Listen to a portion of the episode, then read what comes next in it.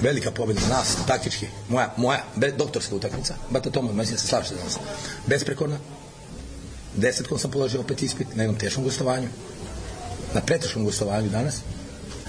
Doktorat Nenada Lalatovića, doktorat sa desetkom. Ponosan sam na sebe, jer ovo je posle finale kupa bila moja najbitnija utakmica u karijeri. Za mene. Zato što bi ispao iz lige. Ja bi ispao iz lige, danas nisam pobedio. I zato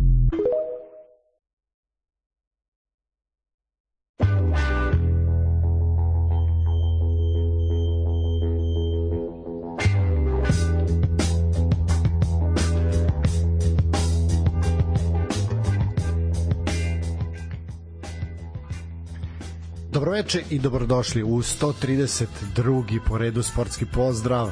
A, nikad a, više ljudi, nikad više kvalitetnih ljudi nije bilo u ovom studiju kao večeras. A, mnogo osoba je bilo, ali nikad ovoliko kvalitetnih ljudi a, kao što večeras. Večeras su sa nama naši drugari koje ste imali prilike već da već da slušate, a eto okupili smo se danas na ovaj najtužniji datum uh, koji eto prati fudbal od svog osnivanja danas je 29. maj danas je godišnjica velike tragedije a to je osvajanje kupa šampiona od strane Crvene zvezde 91. u Bariju šalim se naravno u pitanju je uh, nesreća na Heyselu koja se dogodila ovaj na današnji dan uh, sa mnom u studiju večeras su pored mene Vuk koji je tu spreman da a, priča o a, prvoj utakmici finala Kupa Evrope, no i sad je bio prestonica rukometa, evropska prestonica rukometa za vikend i sve ono što čeka ovaj rukometaše Vojvodine u subotu u revanšu.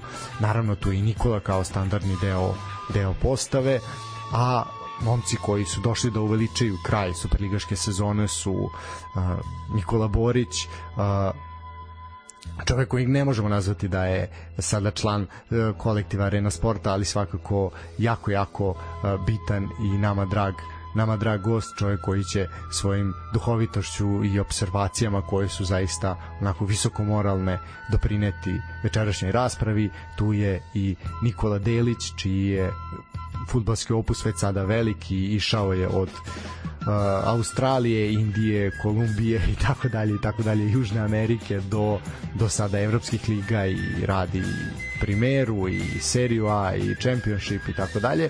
I na kraju uh, Đorđe Gvero koji je svakako najbolji komentator HNL-a na ovim prostorima i ljudi ga obožavaju zbog toga zato što je uneo živost u HNL HNL prenose, tako da ljudi uživajte večeras, večeras sa nama, biće zaista, zaista dinamična, dinamična rasprava. Nekako onda čovjek dodatno zavoli ovaj posao kad vidi koliko tamo neki ono Pablo u Argentini ili neki ko zna ko u Brazilu, koliko doživljava to, onda moraš ti... Isto Pablo. Sam u Brazilu. Onda moraš ti... Ili Pablo u Kolumbiji. Ili Pablo u Kolumbiji. Dobro, to još nije na našim kanalima, tako da, ovaj, ali što da ne jednog dana. Ovaj, tako da eto, malo ozbiljnosti. A, samo da molim te mikrofon usmeri između vas dvojice pošto ste pojačani ne morate biti blizu ovaj a tu ćemo biti Vuk ja ovako da ja sam ako pričam sve se čuje e, da da znači slobodno možeš još malo ka sebi da hoće biti ovaj kažem tehnički najizazovnija do sada emisija a kao što smo rekli znači još jedan put Vuk Nikola i Nikola i Nikola i Đorđe sa nama da, da, ovaj Uh, šta ćemo prvo, momci moji, hoćemo se pozabaviti kratko rukometom, da to ispričamo pa da se onda bacimo. Bojim se kuplivamo u ovaj domaći futbol, da će to se jako teško. Pošto je, da. da, pošto je blato poprilično, da ne kažem govna, ali dobro. Pa ne, ja sam za to jer stvarno zaslužuju veliki respekt momci. Tako je, da. Znači, u, nedelju od 20 časova Vojvodina je ostvarila značajnu pobedu, sedam razlike, ovaj u odnosu na norveškog predstavnika i branioca titule, je tako? A, Vuče, ajde tvoje utiske, ti si bio tamo zvanično, ja sam bio nezvanično. Ništa, ja prvo moram da kažem da i dalje niko ne može sa sigurnošću da tvrdi kako se zove taj klub. Znači, bilo je toliko varijacija, Sreten je govorio Nearbo, Nirbo, Noerb. Ja koliko sam čuo najpravilnije je Nerbo. E sad opet kažem, ne mogu, ne mogu da tvrdim.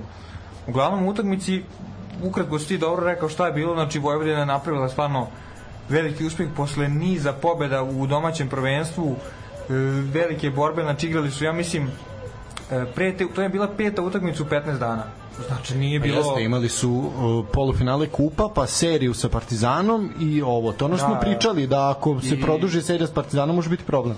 I na kraju šta je ispala Nije priča? produžila. Kasnije se kasnije se saznalo da su da Arkus Liga nije izašla u susret Vojvodini, da je e, drugi meč s Partizanom, znači koji igram sad u sredu, ako se ne varam, treba da igra treba da bude igran 8. juna.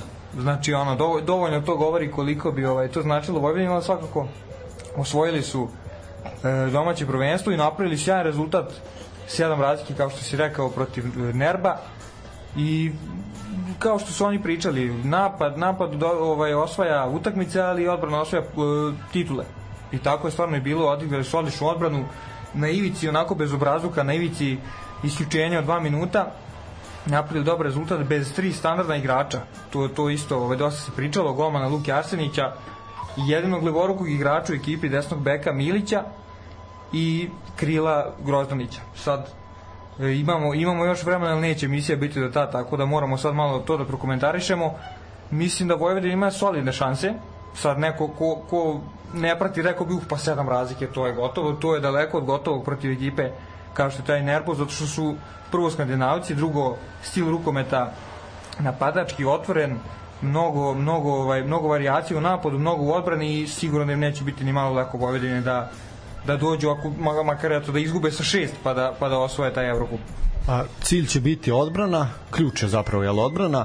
Ovaj ono što treba reći da je Fran Lučić imao fantastičnu utakmicu, znači čovek Bilo bi je lepo da je Lučić, ali Lučin je. Lučin, izvini. Da, ovaj Fran da Lučin, bilo bi se aj sad.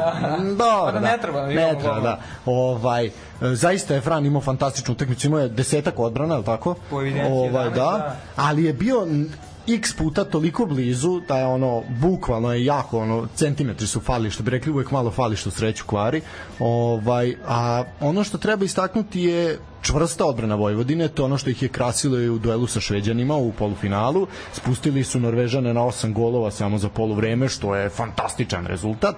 Na kraju, poslednje par minuta ostaje žal da se moglo otići sa 10 razlike ovaj u Norvešku, ali neki ishitreni udarci, onako, baš je bez veze je to malo bilo po tih poslednjih dva minuta, ali dobro pobedi se u zube ne gleda, pa makar to bilo i sedam razlike, ali što kažeš, ništa nije gotovo i to se dobija. Ta utakmica se lomi od 37. do 52. minuta u drugom Pa polovremenu, ne, to, to je, biti. to je boljka Vojvodine cele sezone da tipa od nekog 45. 50. minuta do 52. trećeg ozbiljan pad, jednostavno umor, e, važnost utakmice, nervoza, mnogo je, mnogo je ovaj mnogo je stvari tu, tako da i sad se opet to desilo. Imali su, ja mislim, 9, 9 golova prednosti pred ulazak taj u poslednjih 20 minuta i onda pad, šest prednosti samo ipak uspeli su, ajde da kažemo da izvuku, znači nisu, nisu pali na ispod, na primjer, pet golova, tako da ne, ne može, to je i Rojević rekao na konferenciji, ne može da bude nezadovoljan. Znači, ne može da bude nezadovoljan kad pobediš sedam razlike, ali bio bi mnogo spokojniji da su, da su napravili dvocifrenu razliku i mirnije bi putovali u, u Norvešku. Idu u četvrtak, verujem da stižu, na primjer, tamo, ajde, ili, ili četvrtak ili petak, tako da imaće vremena i za jedan, verovatno, ili ako ne i dva treninga iskreno mislim, ne, ne navijački i patriotski, ali mislim da Vojvodina sa ovim rostorom i bez tih nekih igrača možda napravi rezultat, možda ne da pobedi, ali da izgubi sa jedan, Pa dva ima gola. lepu šansu, ima lepu šansu. Jedan, dva da, gola da. razlike da izgubim, što da ne i da pobedim, nek pobedi ako može. I evo da donese posle Jugovića prvi put taj Evrokup, treće, treće po snazi takmičenje. Pa odnosno bilo kakav evropski trofej. Da, da, naravno. A, da, evo odmah pitanje, ali to svakako je pitanje i za naše goste. E, javni servis nije prenosio ni jednu utakmicu Vojvodine u Evropi, prenosili su finalnu seriju sa Partizanom. Sehali u Uh, pre, dobro, prenosili smo. A dobro, ne, ne ovaj kup Evrope. Da, da. Ovaj, a Arena je prenos, prenos je bio na Areni 4. Sram vas bilo. Sve ćemo to kako je tako nisko. Ne, šalim se, ok, tog dana je bilo zaista mnogo prenosa Pa, i to sve, ali... završavala se sezona manje više Da. u Engleskoj, Španija je tu pred kraj, mislim. Da, je stvarno bilo zgusnut raspored neke baš dobre futbalske utakmice sadržaj nisu bili, ali Vojvodina je bila, mislim bila je na četvorci i nezgodan je revanš, eh, termin revanša isto.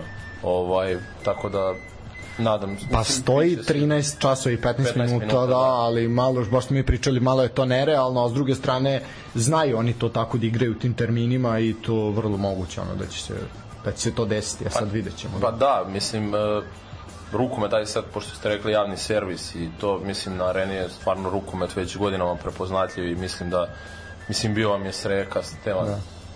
Vojin, Uroš, svi rade ozbiljno, mislim, da se ne lažemo, ono, krem de la krem. Dobit će 10% na platu sad.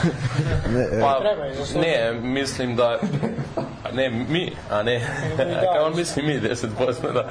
Ovaj, ne, mislim stvarno, bez sada šale, oni momci su bukvalno ono doktori i sad pre neki dan sam sedeo baš dole u redakciji sa Stevom i s kojom pasijom čovjek priča o rukometu, sportu, kada mi izvadio neki podatak za, ne znam, finale neko od 2012. 13. Lige šampiona Draška Nenadića i i kad vidiš s kojom ljubavlju priča ti imaš, iako ja nisam neki ljubitelj e, rukometa, pogledat ću, naravno gledam svako prvenstvo i to, bio sam u fazonu čoveče, daj na YouTube-u da, ono, da, da pronađem, da vidim, da se, ono, da uverim, jer kad neko sa toliko ljubavi radi te prenose, onda bukvalno to mora da prenese na publiku, a oni to rade već godinama i evo vidimo i Vojvodina, mislim rade i Vojvodinu sad, što mi je drago i nadam se, evo da kažemo, će Vojvodina osvojiti onako dosta zdrav kolektiv za razliku od mnogih sportskih u Srbiji, tako da. Da, do, sad ćemo se dotaknuti ovaj, svega. Evo, ja, javio se Sreten, pozdravlja sve i kaže da se izgovaraju oba glasa da je Naerbo. A mislim da je tako kad smo oni igrali futbal sa Norvežanima da je te glasove tako i izgovarao i ovaj samozvani lektor Vladimir Novaković dok se nije preselio u evropsku predstavnicu kradenih dijamanata, odnosno Antwerpen pa mislim dok je bio na sport klubu da je da je ovaj Koji je na izgovarao pragu titule inače, posle koliko godina. Tako. ovaj, da je rekao Dobrodošli u Balkan Info. da, da, da, da, ovaj, inače, kineski zid je sazidan na lešima srpskog naroda, ovaj, tako da. Elon Musk iz Bosne. I sela odakle i Luka Jović. ovaj, do, dobro. Kad smo kod Luka Jovića, znate kako on zabeležio jednu od svojih povreda tokom mandata u Real Madridu? A, menjao je krov, ne, nešto su krov se radili. Tata ga poslao na krov. Šta ti je do sada? Ovaj, imaš još nešto da dodaš za rukomet da se možemo baciti u fudbal? Bacajmo se. Da, E, ja uzela, da, titulu. rukomet da su naši reprezentativci uzeli drugu po redu takmičenje Marsenić i golman Milosavljev. Uh, osvojili su, pobedili su u finalu Granoljers. Fukse Berlin. Tako je, da. Da. To je EHF kup, je li tako? Ne, Vojvodina, to je u stvari... Ovo je Evropa, Liga Evrope. Da, da, Da. Drugo po redu takmičenje. Pa, to je nekadašnji EHF kup, onda da, to je, to je sad Liga Evrope. Da, mislim, ono, totalno konfuzu, sad, ono, svi imaju po osam te evropskih takmičenja, da. Ovaj, šta treba reći? Treba čestitati Vojvodini na 11. ukupno tituli prvaka države 10. zaredom bio je taj dvoboj sa Partizanom pričali smo o onoj prvoj utakmici koja je bila onako poprilično sramotna iz mnogih razloga u ovoj drugoj je zaista sport pobedio i mnogo je to bilo pristojnije i lepše za gledati što se tiče atmosferi. da, da, zaista to što se toga Prepuna tiče banjica, to jeste poenta. prelepo, prelepo je bilo i zaista bez, bez ikakvih ispada i ono, one ružne scene koje smo gledali u Novom Sadu, to se nije ponovilo i to je zaista onako prijatno da je na kraju rukomet pobedio, a i bolja ekipa. Partizan je zaista kao jedna izuzetno mlada Mlada, ekipa. mlada, da. Pružali su otpor i držali se veći deo utakmice, ali na kraju su ih na, na iskustvo prelomili i nema šta, potpuno zaslužena kvalitet pobeda. je tu presudio. ne? Apsolutno, Ne, iskustvo, apsolutno. naravno. Mislim, Iskustvo i kvalitet. Pogledaš da. ovaj godišta igrača Partizana, nema priče. Ali to će Da, da. biti od, od 5 do 7 reprezentativaca. Apsolutno, sigurno. sigurno, To će sigurno, biti stvarno sjajna generacija. Dobro, to je to. E sad, a, momci kupaće gaće, idemo u blato. Ovaj, idemo, idemo u Superligu Srbije. A, ovu nedelju, pa ne, prosto uh, srce mi je na mestu iz dva razloga. Prvo, završava se priča o Superligi Srbije za ovu sezonu, znaš ono koje je olakšanje. Drugo, tu smo da zajedno prokomentarišemo. Ima baraž. Ima baraž, ali fućka mi se za baraž, idemo na odmor, gotovo. Šalim se, ispratit ću naravno i baraž kad smo sve pratili. A, nedelja je počela sa Kolubarom i sa bodovima, ali to ćemo ostaviti kad dođemo do priče o Kolubare, pa ćemo pričati o finalu kupa. A, finale kupa se na kraju igralo u Beogradu pod e, pričom da bude lakše jednima i drugima, lakše organizaciji, policiji, više će ljudi doći, više ljudi može da stane, pa na kraju nije bilo nešto puno ljudi, doduše bilo je poprilično ružno vreme, ovaj, ali je zaista onako organizacija po tom ovaj, pitanju podbacila i meni je zaista žao što se finale kupa nije igralo u ne, na nekom od ovih stadiona koji su licitirani tokom, tokom ove polusezone. TSC najviše, ono, arena je bila kao...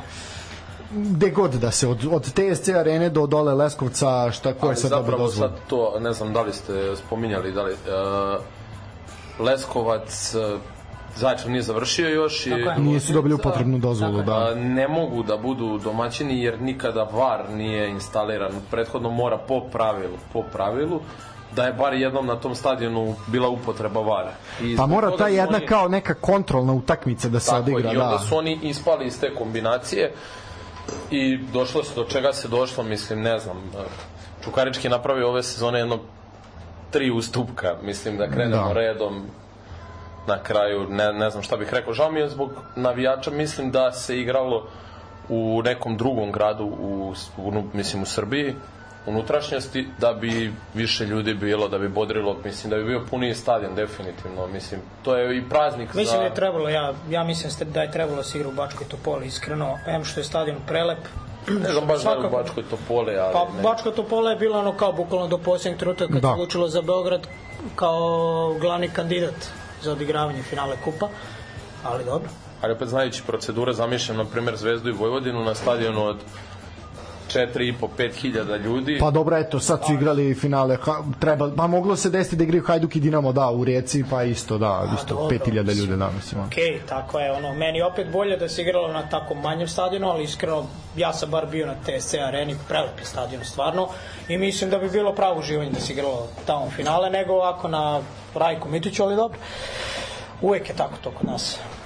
Pa eto, zaista onako odluka koje FSS onako treba da se srami, ali to nije jedina odluka koje FSS treba da se srami ove nedelje. E, što se tiče same utakmice, fantastičan gol Marka Docića, direktno Yes. iz kornera, zaista prelepo. Eto, ove sezone može da se Da li je fantastičan gol ili je katastrofalna reakcija? a svaki fantastičan go je ima i, i, pa, i katastrofalnu Pa jeste, ali prvo, ali Kao realno, uzročno posledično. Zakon da. spojenih sudova. Zakon spojenih sudova, da. ali realno je fantastičan. Realno svaka čast. Mislim, on je njega pogledao, dobro video gde se čovjek nalazi i znao je da to ne može da stigne ako bude Kad ga precizan. video sve mu je bilo jasno. to je to. Ovaj, a vidi, dao je gol Partizanu ono sa pola terena, ovaj, tu Da, isto da, ste, ali to isto greška čista golmana. Čist. To, to nije sme. a, ovaj, a sa druge strane sad si dao gol iz Zvezdi. Pazi, ko je to uradio u jednoj sezoni takva, takve dve? Ne, Docić igra stvarno sjajnu sezonu. Da. Baš je onako... Docić igra pes, očigledno. Ono, Baš je, pa da, i Čukarički, mislim da je. Čukarički ponovio najveći uspeh, jel tako? Ne, Čukarički je osvojio kup. Čukarički je kup kup, da. pre koliko? 2015. 2015. Upravo na Rajko Ovaj, Mitiću. Da, jesu, jel, su tad Partizan beše u finalu? Protiv Parti, Tako je. partizan sa Perom Grbićem na špicu. Da, ovaj, a mislim da u ligi je ovo i dalje ono najveći dome, da su treći bili, ne, ne sjećam se kako Mislim da su bili jedne sezone bili treći, drugi nisu bili nikada, Jel ali tako? treći znači, su bili. ponovili da. su da, ponovili najveći su, da. uspeh, da kažemo, sjajna sezona igraće Evropu, što je stvarno onako... Vidi, samo je sad pitanje šta će ostati od uh, kolektiva, jel? I ono što treba da kažem, mislim da će Čukarički sledeće sezone igrati da li u Leskovcu, U Loznici. u Loznici, Loznici, Ali evropski, Loznici. samo evropske mečeve. Jesi svetu.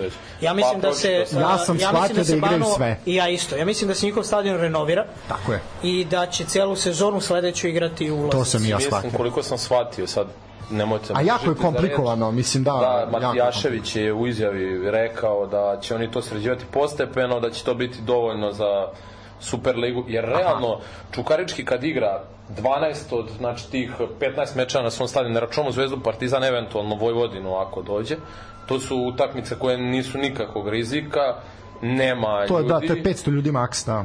i to može da se organizuje i dok su radovi, mislim. Samo, ok, da, veliko je pitanje prvo kakvi su radovi, znači to je ozbiljno pitanje. Dorađuju valjda onu tribinu iza gola, koliko sam ja shvatio. Da, opet. da, da. Iza gola onu tribinu i zapad će da ga kao, Prošire. da ga nafiluje. Da, da, prošire. Napravi stadion, da, od još toga, malo, da, da. Pa to će da ispunjava tih nekih 6, 7, 8 hiljada ljudi da može da stane i opet da to izgleda na nešto. Mislim, do skora kada padne kiša i prilaz istočnoj tribini, to jest onom boksu za gostujuće navijače, to je blato do kolena, znači svinjac, To je baš, da, da. teški. A opet oni njima, ljudima ne može ništa da se zamere, rade sportski, promovišu mlade igrače i daju šanse nekim a, tako legendama, kažem, mislim, Docić je možda je sad kad ste ga spomenuli Evo, Tedić je danas igrao finale. Da, Tedić koji je kod njih ste- stekao afirmaciju, on je Vošino dete, ali je kod njih stekao afirmaciju, je igrao finale Lige 1, koja je sigurno ozbiljna liga, mislim da se ne lažemo. A eto i Docić jedan koji je tu gotovo čitavog života, i svi, kada spomene Docić pričamo o Čukaričkom, je možda najpocenjeniji igrač e, u Superligi. On je majstor, mislim, nema tu šta. Čovjek koji kvalitetom sigurno može da igra i u Zvezdi i u Partizanu. Apsolutno. I da pravi razliku. I da pravi Da, da, razliku da. na terenu, ali ono, što bi išao više, negde da ima status, sigurno to je to. Pa, ali vidiš, Čukarički, otkako je sad ta era Matijaševića počela, uvek su imali tog jednog igrača koji je pre njega bio Igor Matić. Jeste. Sjeti se Igora Matića, bio Nenad Mirosavljev, Nenad Mirosavljev, da uvek si imao tog jednog majstora koji ono je kapiten, ono, Pa eto, to je možda. Luka Stojanović, ako, mislim, ako Docić odluči nekada ode, Stojanović sad Pa, vratio i... Pa evo, mislim i to ima ozbiljan čak i golgetarski učinak ono, od kako se vratio. Pa, mislim, to je igrač koji je prerastao isto. Isto što smo rekli za Docića, možemo da kažemo za njega da je prerastao našu ligu i da može da igra u Zvezdi i Partizanu. A isto dao gol zvezdi s terena, da. Da, da, Jeste. Pa, pa, I to je nek, pred kraj. Pazi ono, To je bilo stvarno golčina. Uh. Da. Ali majstor isto je on mislim nema nema greške da kažeš takvog igrača možeš da dovedeš i da ti pravi razliku u svakom momentu na terenu. I oni Docić, sigurno dvojica fudbalera.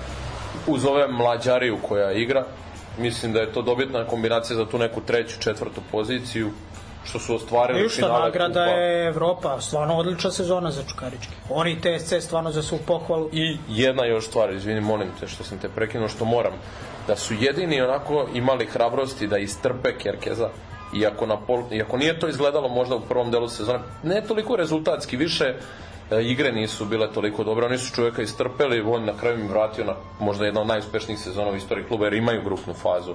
Da, da, da, da. Kako da. vam zvuči informacija da samo tri kluba od 16 nisu menjali trenera? Pa bed. A, ne, a neki Pa su menjali Partizan je po koliko, 3, tri puta? 4, da i ne kažem više, da. Šta reći?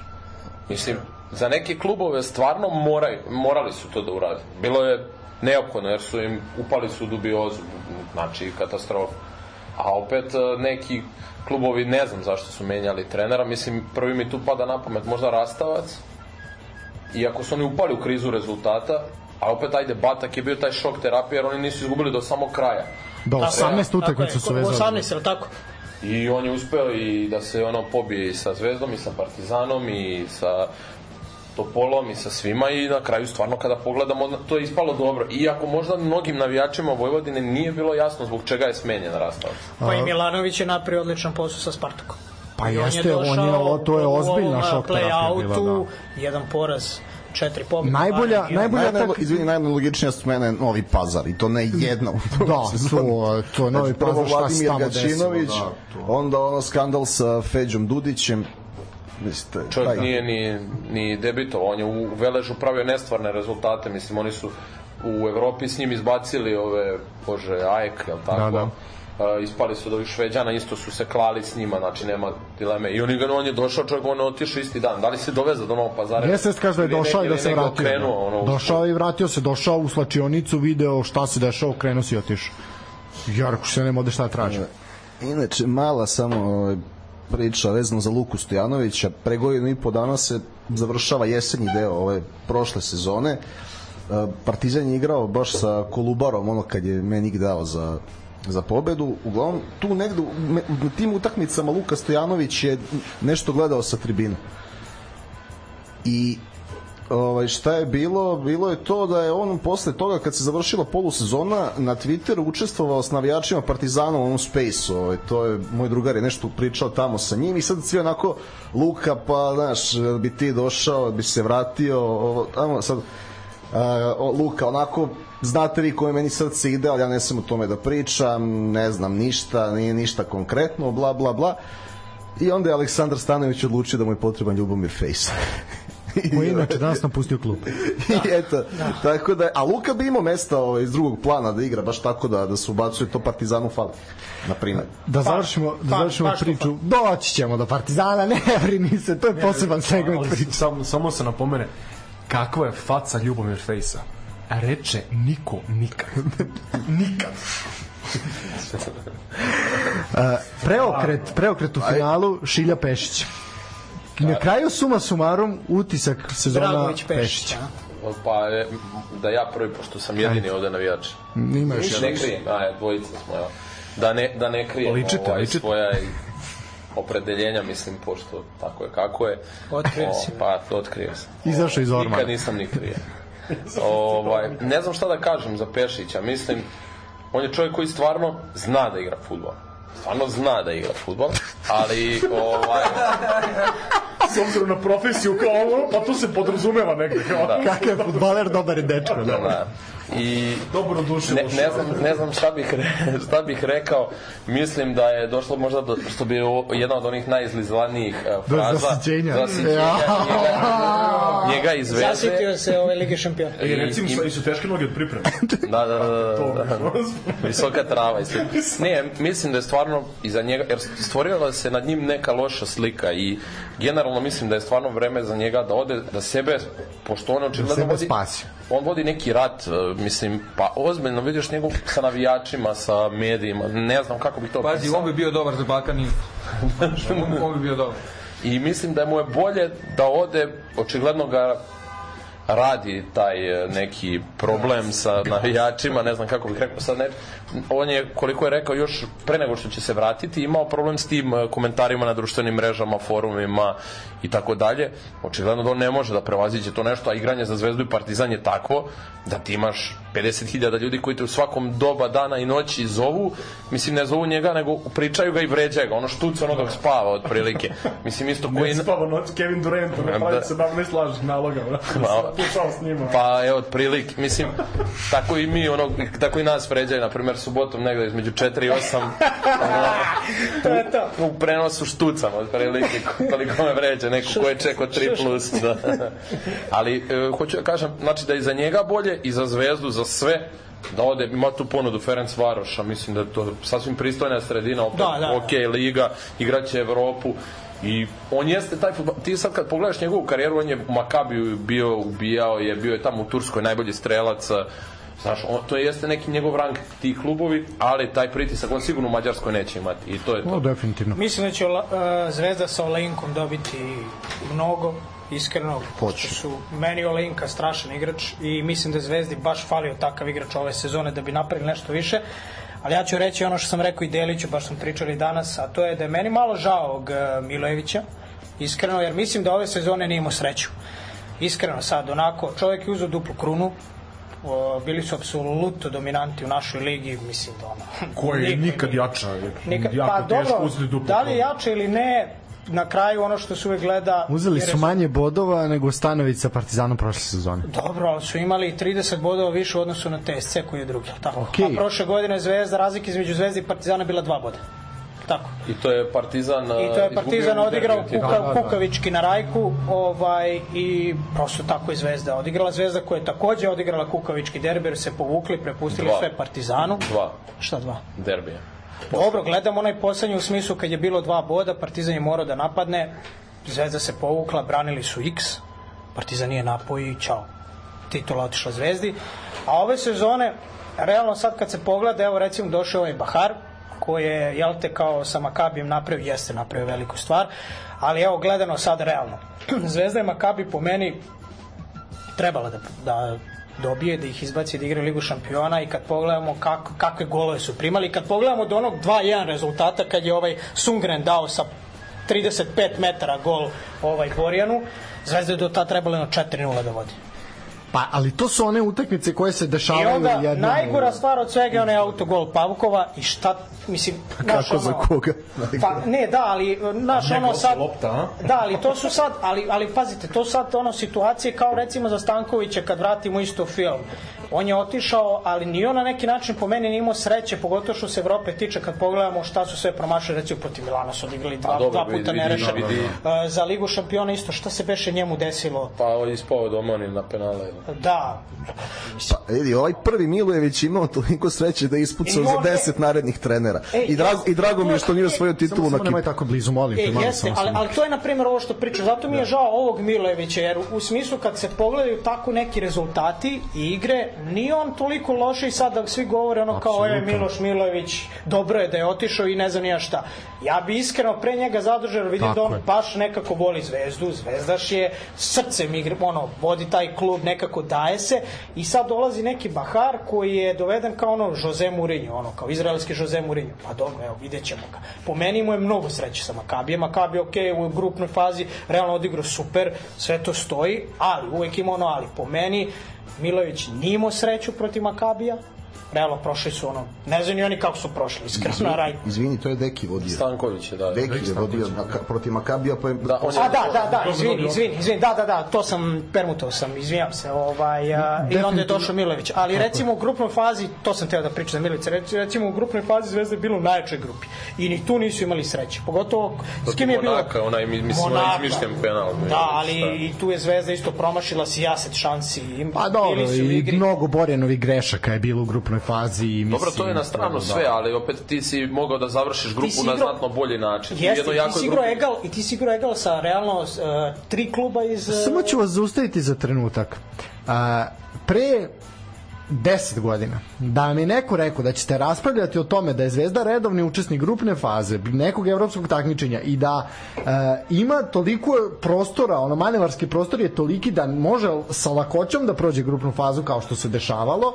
Znači ono kao ajde malo da bude, znaš kao, malo su nama apetiti porasli, vidi, Tako ok, je, da. ušli su, realno jako teška grupa, mi smo ovde pričali o tome x puta, svaki put, ovaj, od kako je Milović trener i od kako se povela ta priča o smeni, apsolutno je čovjek ko trebalo dati šansu naredne sezone, apsolutno, Jer se on izborio za Ligu šampiona. apsolutno. Sad, Mislim, što mu ne daš, ok, da tu kiksen, da sledeće sezone Zvezda kikse dođeš kažeš, pogrešili smo, nema veze, ali zaslužio si. Da, poenta ovog, znači ipak je, ipak je naš klub je podignut na neki, na neki novi nivo, znači sad eto više o čemu mi sad raspravljamo. Znači to je bilo za e, 10 godina, pre ali- 10 godina bilo nezamislivo. Ali vidi, pazi, vidi, tu ti vidi. je sreća, nam, izvini što te pregledam, tu ti na primjer sreća isto kad gledamo ono bodovi, jel te, koliko su i Partizan i Zvezda sakupili bodove, pa evo Partizan mislim kako god, da je treći rang takmičenja, ali opet se i tu skupljaju bodovi, dva puta su prošli tako grupnu je. fazu, skupili su se bodovi Zvezda sa prvim Vladanom Milovićem imala mnogo sreće, realno kako su dva puta ušli u Ligu šampiona, kako su ušli u Ligu Evrope krasodar, ono kako su izbacili i svašta se i tu isto izdešavalo. Znači, potrebna je ta malo sportska sreća da bi se došlo do, do nekih većih rezultata. E sad kad se to desilo, vidjet ćemo kako će dalje da se razvija. Mene baš onako interesuje i sledeća sezona, mislim da će biti dosta zanimljivija, jer će imati sigurno tri kluba, potencijalno četiri u Evropi. Pa i pet. Jer realno Partizan, ja mislim, fa, uh, Partizan je polašćen do kraja, tako, kvalifikacije. Mislim da je u trećem i četvrtom da. kolu su Jeste, polašćeni, jeste. što realno je očeki, trebalo, trebalo bi očekivati da Partizan igra tu ligu konferencija, iako ne znam, Ako izvučeš Aston Villu, Aston Villa nije nosilac, znaš. Da. Sad i to i možeš da budeš Baksuz, možeš da igraš E pa Aston to Villa. je to, možeš ajde, Sandro. eto, ovaj, šta, ali, ajde No, pričamo kao... poznavajući klub iz Humske, A, nije Pa, vrlo, da, Da, nego ja sam samo htio da se nadožem to Da na zvezdu, na penal. što si rekao pre, da li smo mogli da zamislimo pre 10 godina. Ja kao čovjek koji ono 15 godina ima skoro sezonsku kartu za zvezdu. Da mi je neko Opet pre si se izvanuo. 15 godina rekao ovaj, da mi je neko rekao tad da će Zvezda sada igrati Ligu šampiona, biti redovni učesnik evropskih takmičenja, da će za tih 5 godina imati takve skalpove kao što su Liverpool, kao da si bio bolji u dvomeču protiv Milana, na primjer, da si ih realno morao, trebao da prođeš. Čekaj, hoće stvarno neko još uvijek da spominje taj Liverpool. Dobro vidi. Da, Ta- ne, ne, stoji pobeda, ali brad, jel neko može stvarno da kaže da, da sad da je Liverpool odigrao sjajno, a Zvezda odigrala vrhunski. Pa ne, nije bitno u tome, bitan je rezultat na Upravo kraju. to, upravo znači, to. Slažem Zvezda je ali- kupila Pazi, Liverpool nismo 2-0 i da ni, I to je i Liverpool penal koji da je šampion Evrope te godine. I, Pa znam. i, I Zvezda je trebala da dobije penal za 3-0, što bi bilo onda epska pobeda. Mislim, realno, mi prepričavamo pobede iz 70. godina, i Zvezda i Partizan, Radnički Niš pravi proslave, ono, polufinale Kupa UEFA. i- Jedan od problema ali, naroda generalno. ali nije, ali ti si pobedio si prvaka Evrope, naravno da ćeš da se hvališ time, pobedio si Liverpool koji To je lepo, treba- momentu, treba mislim, se- isto ko što ljudi se sprdaju na Remi Partizana protiv Real Madrida. Pruže, u tome treba da se prvi Partizan ih je ubio. To pre, vraćamo se na Galacticos, Da. 2003. Vraćamo Saša se na to. I naravno, da, naravno da će o tome da se priča, jer, brate, ubio si ono Ronalda, e, Zidane, ko je bio Beckham, Roberto Carlos. Roberto Carlos? Figo. Da, koja plejada igrača. Ko što je Zvezda ubila Liverpool, koji je bukvalno te godine, ne znam, ono, izdominirao. Ja Ligu mislim da je jedini, jedini poraz ovaj, Liverpoola te sezone u Ligi šampiona. Imali mislim su da jeste, Imali da. su pobe, ali nijedan, Ne, ne, nijedan poraz. izgubio je Liverpool PSG-a u gostima isto. Pa dobro, ali eto, znam, Ajde, dobro, nemoj sad da se sećaš. Jeste, jeste, jeste. ali eto te godine... Za potrebe programa nije izgubio. Nije, nije, nije. Te godine Zvezda je u takvoj grupi imala četiri boda. Znači igrali su nerešeno protiv Napolija. I to je realno, kad da, pogledaš prva tekma grupa da. PSG, PSG, onakav PSG, Napoli i Liverpool. Četiri boda. PSG s Tuhelom, ne ovaj... Da. Dobro, ali PSG to ti sa Neymarom, je- Mbappé, a to ti kažem, Cavani, ne, ne, Jose Cavani. Jest. To i Tuhel na klupi najbolji PSG. I ti na 2-1 imaš šansu tamo za 2-2, ne znam. Mislim, svašta tu može da se priča. Što za dva, dva, gde? Pa Gobeljić kad je dao gol u Beogradu, mislim, Gobeljić kad je Bufona probušio. Aha, a ja kad si rekao tamo. Ne, ne, ne, da, ali to je jedan od najtežih i najubedljivijih poraza. Ali opet ti realno sa ne, neka velika je disproporcija timova u Evropi. Znači Zvezda i Partizan mogu u Beogradu, ja mislim da igraju sa 95% evropskih timova. Da igraju na navijače, da igraju na ovo, na ono. Ne, ne, ne da igraju da oni sad pobeđuju, mogu da igraju na 0-0, na neki taj rezultat. Zvezda se realno obrukala za ove godine u Ligi šampiona i svim evropskim takmičenjima na svom terenu samo po meni protiv Tottenhema i ono protiv Bajerna je bilo, ajde. A, to je baš bilo da. kantanje. Ali sve ostalo, ti si igrao sa velikim timovima i nigde se nisi obrukao. Isto Ali meni mislim, opet to nije bruka u smislu igraš ligu šampiona, nadmećeš se za Bayern. Mislim, to je prosto ono kao, okej. I ti u, ti u, Stepenik. ti u Minhenu gubiš Trebaš da budeš tu. Meni- e, 1-0 zato- do 75. imaš šansu ne daš, ne iskoristiš, izgubiš 3-0. Brate, meni je to ponos. Mislim, ti si pokazao nek, negde da možeš da igraš A sa pa, tim ali, timom. ali ti, a čekaj, evo ti Ajde, Boriću, ajde, pazi ajmo, ovo, pošto ti sad, ti, ajde. ne, ali ti sad govoriš kao, vidi, slavi se Liverpool, Toman Miljković ne znam baci ja mata šta. na replici. A, pa, a šta da kažeš navijačima Partizana koji slave neki kel? U trećem po rangu takmičenju Koji Keln? Nemački. Ko slavi Keba, dobro znam, nisam ni mislio Pa Dobro, francuski. ti ne, ali kažem ti, znači ono, hvale se- ja ne ove sezone ti ovaj ono kao neverovatno, A- Ali šta neverovatno. ti očekuješ? Šta očekuješ? Da Zvezda i Partizan budu kao reprezentativni, da mogu do kraja da dođu, ne znam, sa tim budžetom. sa Zvezda tim ima sad lepu priliku, ti sad možeš da planiraš, igraš sigurno ligu šampiona, igrači Možeš hoće da da igraju. napraviš evo, ekipu ja- za treće mesto, ali ne možeš, upadneš u grupu sa Realom i Manchester City. Dobro, nikad ne znaš, pa otkud znaš, možda ti zapadne neka možda Je. malo slabija grupa i možeš možda da prođeš, možda Ali- zapadne Porto. Sporto možeš da igraš. U Beogradu opet tamo teško, ali a, možeš. Dobro, ali možeš da igraš, možda izvučeš neki bod. A to ti je sve opet kalkulacija, znaš, zato ja kažem da je ovo veliki uspeh, sve što naši timovi rade, jeste uspeh, jer koliko god mi pričali, kakva god da je liga, kakva god da su klubovi, ko dolazi, ko, sve to ako uzmeš u obzir, velika je, da, divno je da igraju u Evropu, bilo koje po rangu takmičenja da igraju je sjajno. A pazi, imamo šansu, a realnu slažem šansu posle, posle x godina Ja imamo ne realnu nije šansu da imamo... igrati Evropu. Jeste. Evo, kao ja sad, U na našem primjer, klubskom futbolu, apsolutno. meni, Ne, ne, ne, Dobro. stani, stani, vidi, samo mala distinkcija, obojica ste delimično u pravu. Nije uh, uspeh igrati samo Evropu za Zvezdu i za Partizan, oni moraju da prolaze grupnu Moraju. fazu, bila to Liga konferencija, Moraju Liga da Evropa, moraju da ciljaju, jer oni moraju. A uspeh je za TSC, za Vojvodinu, za Radnički, za. Čukarički da uđu u grupnu fazu. Tako je, to ne da Pa nek budu topovsko meso, a okej, nek ulaze u grupnu fazu. Ali evo, evo Ok, sad imamo, imamo takva dva kluba sigurno u Evropi. Znači, TSC će igrati sigurno najmanje ligu Evrope, Tako je. ovaj, a Čukarički najmanje ligu konferencije.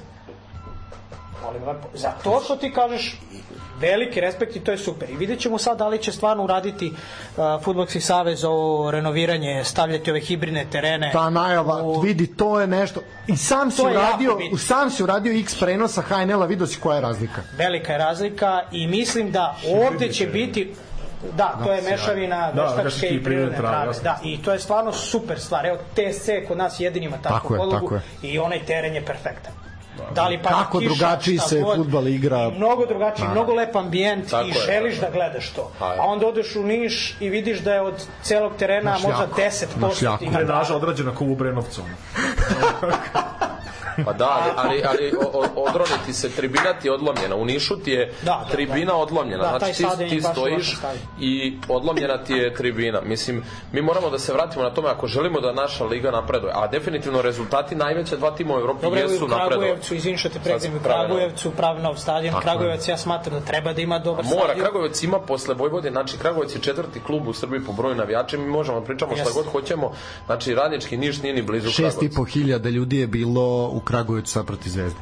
I od tih šest i po hiljada, četiri hiljade je navijalo za radnički. I oni da imaju, i oni, radnički. Ne, ne, više, više bilo, više. I oni da ti imaš Ti- stadion oko ti kada- desetak hiljada, izvini Njima što je to prekidam, to ti je, evo ti ga, treba, polupun to je stadion. to, to je taj kao test 5, 6, 7 hiljada, 8, 10, to. 10, 12, jer ipak Kragujevac je veći grad, ima veći navijački potencijal i radnički kao klub ima navijačku grupu Crvene đavole koji ima minimum 500-600 po svakoj tekmi. Tih ljudi ide po 200-300 na gostovanje. Izglednici iz Manchestera, kao koji su došli tamo u Fiat da rade, pa kao ostali ono. O, samo, za, mislim, radnički je velik tim i stvarno jedini grad u Srbiji koji je je... bila loša, ali ne, znam, prethodno je bilo bolje. Radnički je jedini tim u Srbiji koji stvarno ima navijačku bazu Zvezdu i Partizan i da kažemo Vojvodinu. Ne može se porediti u Kragovicu, evo probajte da prošetate u, i u Niš, Zvezdinoj i kažeš, Partizanovoj majici. Da, ali, ali ti u Nišu ti e, dva najveća gradska naselja ti u Jeste. Zvezdinim grafitima. Jeste, jeste, A ti u Kragovicu probaj da prođeš u Zvezdinom dresu kroz grad. Nećeš 20 metara proći. A u ono, Partizanu?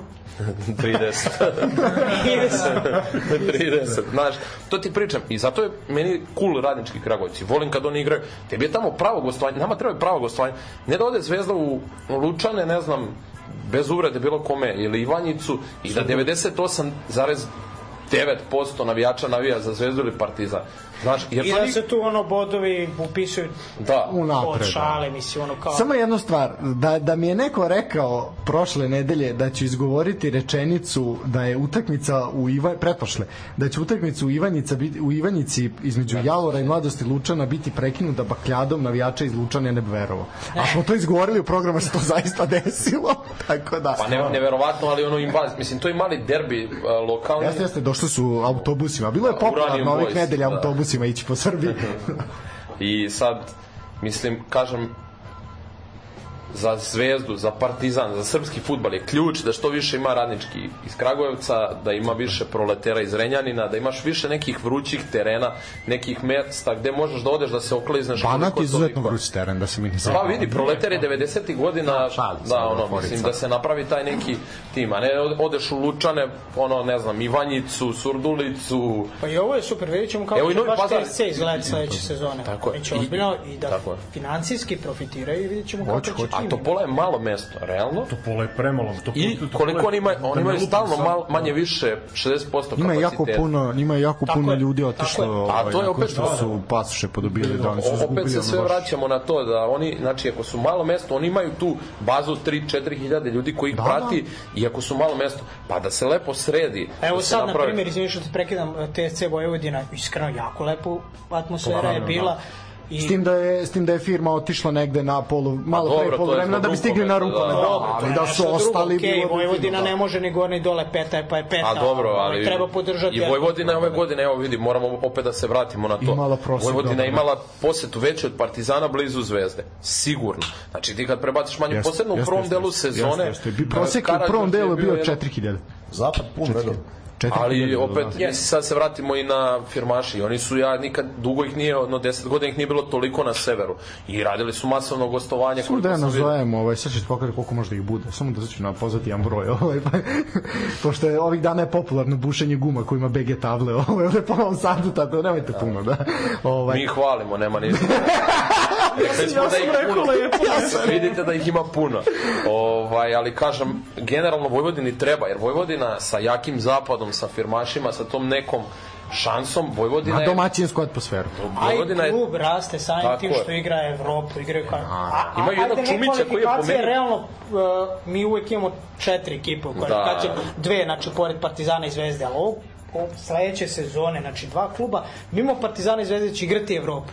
Znači, mimo kvalifikacija sigurno će igrati Evropu. Ja smatram da će to baš tim klubovima, aj Čukarički, ne mogu da kažem u svo poštovanje Čukaričkom, ali ono, nema neke navijače. Ali vidi, ako će Ovaj, igrati u Loznici, mogu da animiraju ljude iz Loznice. E, na primjer to, e, na Znaš, primjer ono, to, to može mi smo dali, mi smo dali primer Partizan iz Fonle Brade, može biti Čukarički iz Pazi, Loznice. lozničke pečenjare će se obradovati Đorđe Ivanović. To A ne, je- ne, Ali vidi, vidi, vidi. Ne, okej, jeste, svemirska godina je udaljenost, ali u suštini to je to. Ali čekaj, evo sad mi da složimo nas koliko je.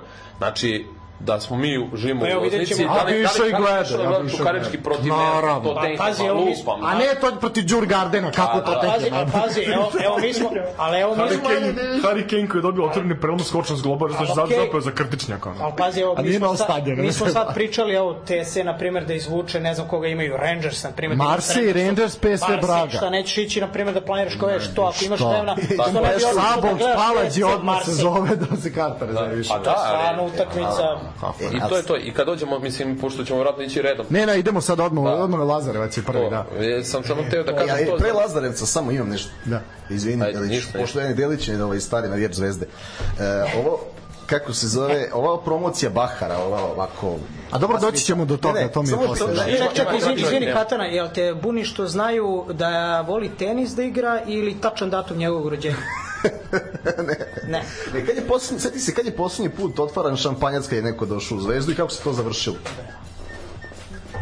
Ne znam, Gde je taj čovjek sad? Ne, ne znam, imam svoje mišljenje, neko zadržat ću ga za sebe, neću ništa reći. Aludiram na Samo- to kako se klanjamo stra, nekom strancu bez potrebe. Ja ću E, spomenem Matea Garciju, to, što se sam pričao. šampanjac za nekog anonimusa. Vidi, dobro, Mateo Garcia je doneo Zvezde ligu šampiona, to tu, a sem toga nije ništa, on je protiv Young Boysa odigrao vrhunski taj i to je, to je I okej. nakon tog jedan boj, Bojsa za dve nedelje bio preko brojni stranac u derbiju. Jeste, ali on je tad pokidao. Mislim, bio sam u Bernu na toj utakmici, znam Pokidao šta je ovo. ukrštene, to je pokidao. da. Tad je bio dobar i to je najva... negde on tu rešio, doneo Zvezdi tu finansijsku, da kažem. Stabilnost. I to on je odradio, on je otplatio sebe. Ja, da nije dao taj gol, bilo bi 96, a ne 76 miliona duga. Ali, Ne, ne, finansijska stabilnost, to doktor Zvezdan Terzić, njemu Nobelova nagrada za ekonomiju i onda da se ukine. Ne treba više nikome ne, davati, da, apsolutno. dobro, ovo baš sam se setio Garcije iz poštovanja prema Milošu Milojeviću koji se korektno ponaša cele sezone i ovako sad E, slaviti nekoga ko, ko još nije osvojio jedan bod za zvezdu, mislim da nije normalno. Milojević je čovek Milojević koji će za ja. 10 godina, evo, ja sam 100% siguran sad, evo Ti pravit će 100%, ga od mogu da stavim, znači, ako ima negde slobodna igra, da stavim jedno, Snima ovo, Da, da, da. dobro da ga vratimo za 10 godina. da, ne, ostaje. obavezno da, a, da će imati za 10 godina će biti srpski trener koji će raditi u najboljem klubu sigurno, znači ja to sad mogu da potpišem, da garantujem sigurno će raditi u nekoj ozbiljnoj ligi u ozbiljnom klubu 100% Ajde, daj neku predikciju, šta je ozbiljna liga? Top 5, 7, 8, 9? radit će u Francuskoj, Portugali ili tako negde. Čovek ima, ima neki sistem, mislim, koliko mi imamo trenera u ligama petice?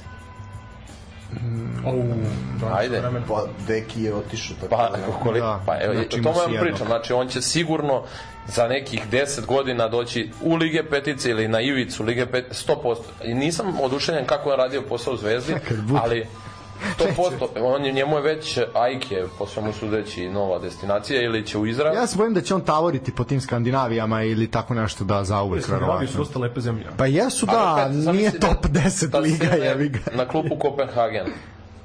Ili Brondby. A jebi ga, to nije top liga, nemoj zezati. Dobro, ali odatle ima odskočnu dasku, on će Ima, pre, on će okej, pre iz. Kopenhagen, on će pre otići iz tog Ajka u, ne znam, Englesku, Francusku, Škotsku, nego sa klupe Zvezde ili Partizan. to je istina. Koliko je ljudi a, da je otišlo? ostao, a da je ostao na klupi i da igra ligu šampiona i da napravi neke... To možda da, ali ovako, preći, pa koliko je igrača otišlo iz sad poslednjih I onda godina iz naše dolazimo do ovog lige? što, što si pričao, znači prećemo da damo i da verujemo nekom Izraelcu nego našem. Ja nisam je- kako je- vodio Zvezdu ove sezone, ali mislim da čovjek ima potencijal, da ima viziju i da ima dobro razmišljanje o futbalu i generalno kako treba ta igra da izgleda. I on je uradio dobre re- rezultate pre toga sa Zvezdom i sa Zvezdom je osvojio on duplu krunu. Njemu u CV-u stoji dupla kruna. Uh, na šta je najveći problem? Uh, ok, uh, zamera se Milojeviću, nije držao slačionicu. Mene zanima kako će Bahar drži slačionicu ako Milojević nije mogu da je drži. Na, što će biti... E, pa, tako je. Uh, ja bi prošao dalje. Mislim da do, doći ćemo do zvezde. Mislim, svako Do- ima i dosta to- ove depresije. Da, da, da. Idemo u Lazarevac. A, da, uh, ajde ovako, što se tiče utakmice, Kolubara je dočekala radnički Niš, uh, radničkom je trebala pobeda da bi opstali u eliti, izbegli baraš, dok je Kolubara zbog devet oduzetih boda već ispala u niži rang, to ćemo sad posebno prokomentarisati. Uh, Kolubara jeste bolje počela meč, već u četvrtom minutu je Vukušiću poništen pogodak zbog opravdanog zaista ofsida. Uh, radnički dobija penal, Pejović promašuje, odnosno Stani Vuković brani koji se vratio na gol nakon one suspenzije. I onda uh, golovi Đuranovića i Mehmeda Ćosića, ovaj opet na asistenciju tog Đuranovića koji je zaista tamo neprikosnovena legenda, ovaj donose donose jako bitna tri boda za Kolubaru u smislu nekog neke časti, čojstva i junaštva koje i nekog sačuvanog obraza. Ovaj a radnički ide ide u baraž. E sad uh, Kolubara je Kolu... bi sve odjednom da ono kao sve ćemo, da. Uh, Kolubara je, mislim što se tiče Da same utakmice, da, što se tiče same utakmice tu nešto posebno nema šta da se kaže, mislim ok, Pa nema šta. bili su bolji, tu nema šta.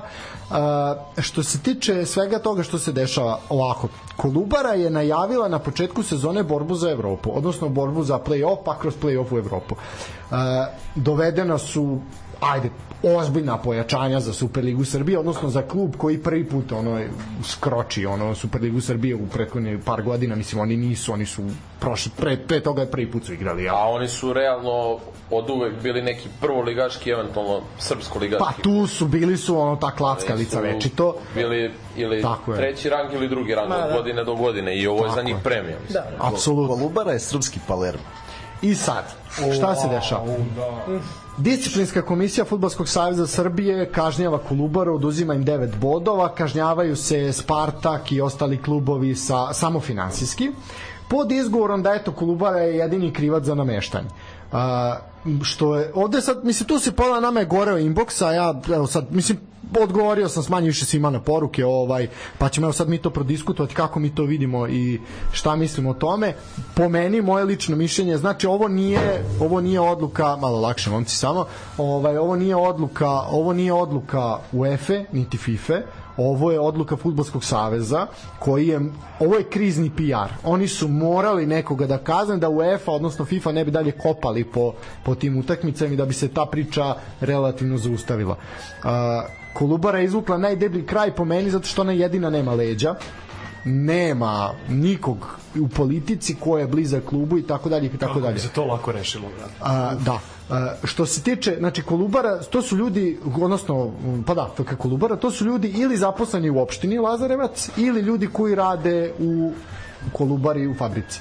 Znači, Kolubara je ove sezone ostala na negde na polovini sezone ostala bez financija, odnosno bez sponzora.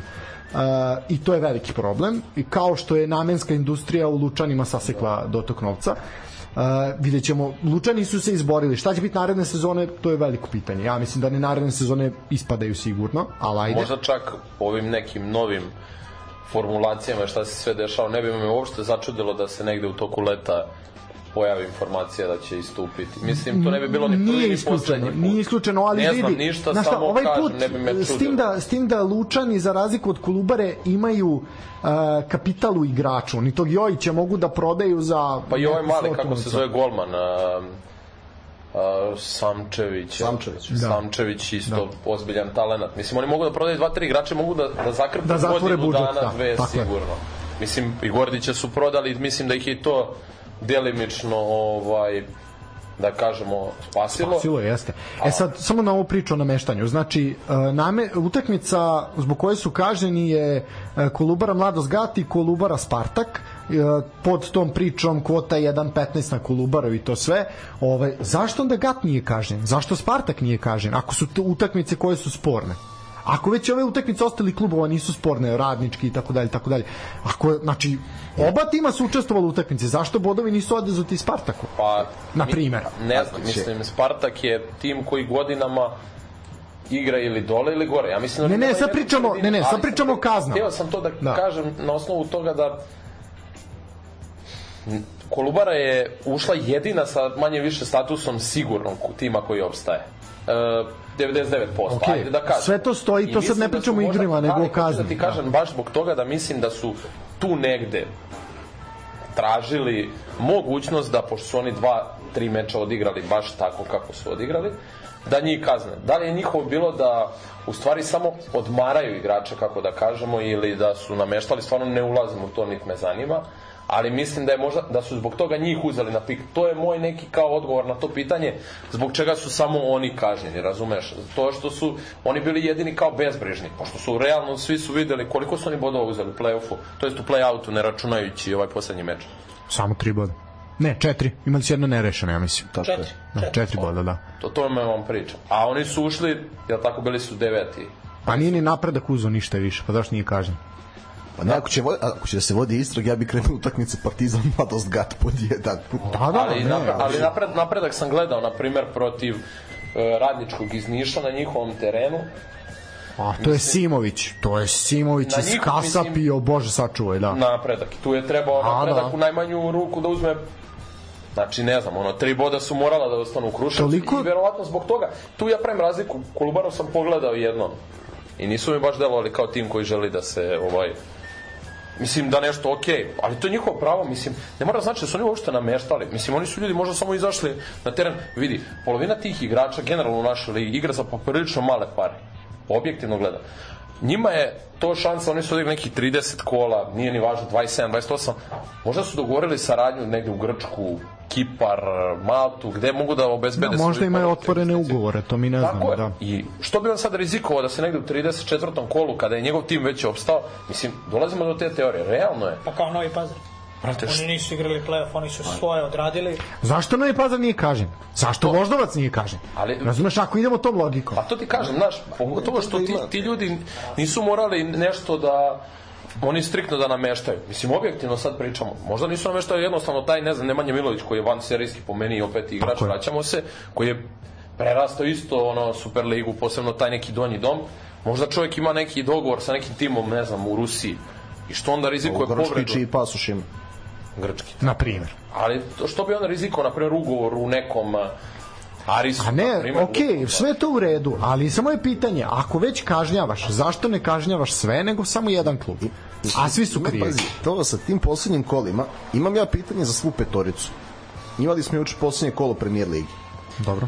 I sad znamo da je bila ovo borba... Southampton izdominirao. E, ne, baš, e, baš to. E, znači, bila je borba da li će Liverpool uspeti ipak da bude četvrti ili neće. Da li mislite da je, da je, da je pobeda Liverpoolu garantovala četvrto mesto Nije. da Liverpool, ne, da, u teoriji, da se Nije, desi... nije, nije, nije. Oni su pred poslednje Ne, kolo... ne, ne, kaže, ne, ne, da, ne, u teoriji da jeste. Pričam Znači, u teoriji da je da je u teoriji, ako, znači Liverpool u teoriji da je dobio Southampton i da je četvrti. Da li mislite da se to ne bi završilo ovakvom dvojkom? Znači, ja bih svi to rade u poslednjim kolima, nikada ne bi bilo 4-4 da je Liverpoolu zaista trebala pobeda. Evo, znači, ne može me niko ubediti, zato što znam, pazi, Liverpool i onda kad je pre 2021. je dobio poslednjih devet kola 4-2 isto i baš na Old Traffordu i ona dva su bila neka smešna i završio je u top 4 iako je rano bio sedmi. E sad nije uspeo da izvede istu stvar i onda poslednje kolo igra 4-4 sa klubom koji ne može da pobedi niko sad da se neko iživljava na Kolubari na, na našem nesrećnom Dragiši to je meni zaista ovaj, smešno mislim. ali sam shvatio da je Dragiša Urošević srpski Mauricio Zamparin za one koji se ne sećaju podsjetiću da je to kontroverzni predsednik pa, futbolskog kluba Palermo čovek koji recimo evo da, da pravimo malo analogiju kao što je Cavani bio velika zvezda na Siciliji tako je ovde Ante Vukušić realno igrač velikog renomea za Kolubaru ili Nemanja Milojević.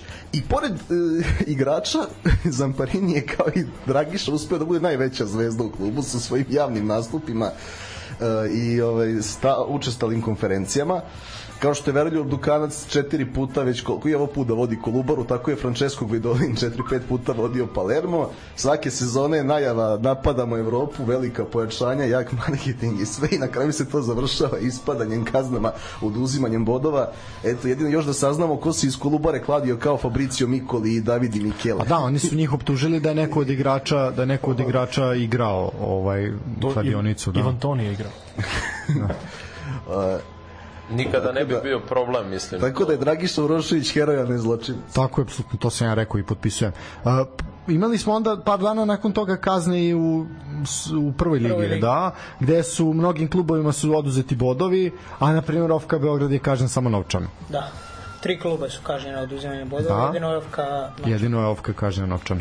Na, malo to, malo nije u redu, malo je ovo zaista onako sporna odluka u najmanju ruku sporna ovaj, jer ako kažnjavaš onda kažnjavaš sve a ovde. Ovo je jasno da je ovo opet taj čuveni krizni PR gde ono smiruješ evro, evropske ili dobro UEFA ili FIFA ili svetsku organizaciju da kaže ok evo mi smo kazni. Mi znamo to da hendlujemo jer tako UEFA funkcioniše. UEFA te uputi ok ovo je problem ako vi nećete da rešite i ne možete da rešite mi ćemo rešiti za vas. Mi smo pokazali da možemo kako tako i oni su rekli ok možemo nastaviti dalje ovaj možemo nastaviti dalje. E, znači Kolubara je drugi tim posle Gata koji ispada, a što se tiče upravo Gata, oni su svoju poslednju utakmicu, a i Nenad Latović je to prvi put čovjek ispao iz Superlige Srbije, odigrali u Lučanima, gde su Lučani zaista posle preokreta ovaj vodstva Gata okrenuli na 2-1, veoma uzbudli meč, pogotovo u drugoj 45 minuta. Momci iz Lučana, eto, nakon dolaska Tomislava Sivića, zaista potpuni preokret i onako i čak su i sva pojačanja proradila. Marko Mirić je bio ključan, može se reći, u ovom playoutu zaista. Uz mladog Nikolu Jojića, eto, doneli su opstanak Lučanima. Iako si ti Deliću glasao da će oni ispasti, ali eto. Da, ja sam bio ubeđen da će oni ispasti i negde... Svi smo, vidi, nisi bio jedini. Ne bih, ne bih bio čak ni preterano tužan da se, mislim, ne mogu da kažem da, mislim, pa ne objektivno. Zašto mrziš Lučani, vrati? Ne, ne, ne, ne mrzim čak šta više, ono, ja obožavam ovaj, taj kraj, žena mi je odatle, mislim, porekla. A, to je, ja sve, ja sve u redu, sve u redu, ovaj, sve jasno. ali, znaš šta je fora, što godinama nisu hteli da napravi iskorak, a ni da nisu imali prostora, znaš. Tako je, tako je. I malo ajde promenilo mi se mišljenje, danas sam pričao baš sa nekim kolegama dole u starijim, iskusnijim u redakciji i rekli su mi da, na primer, svi futbaleri imaju samo reči hvale manje više za Sivića.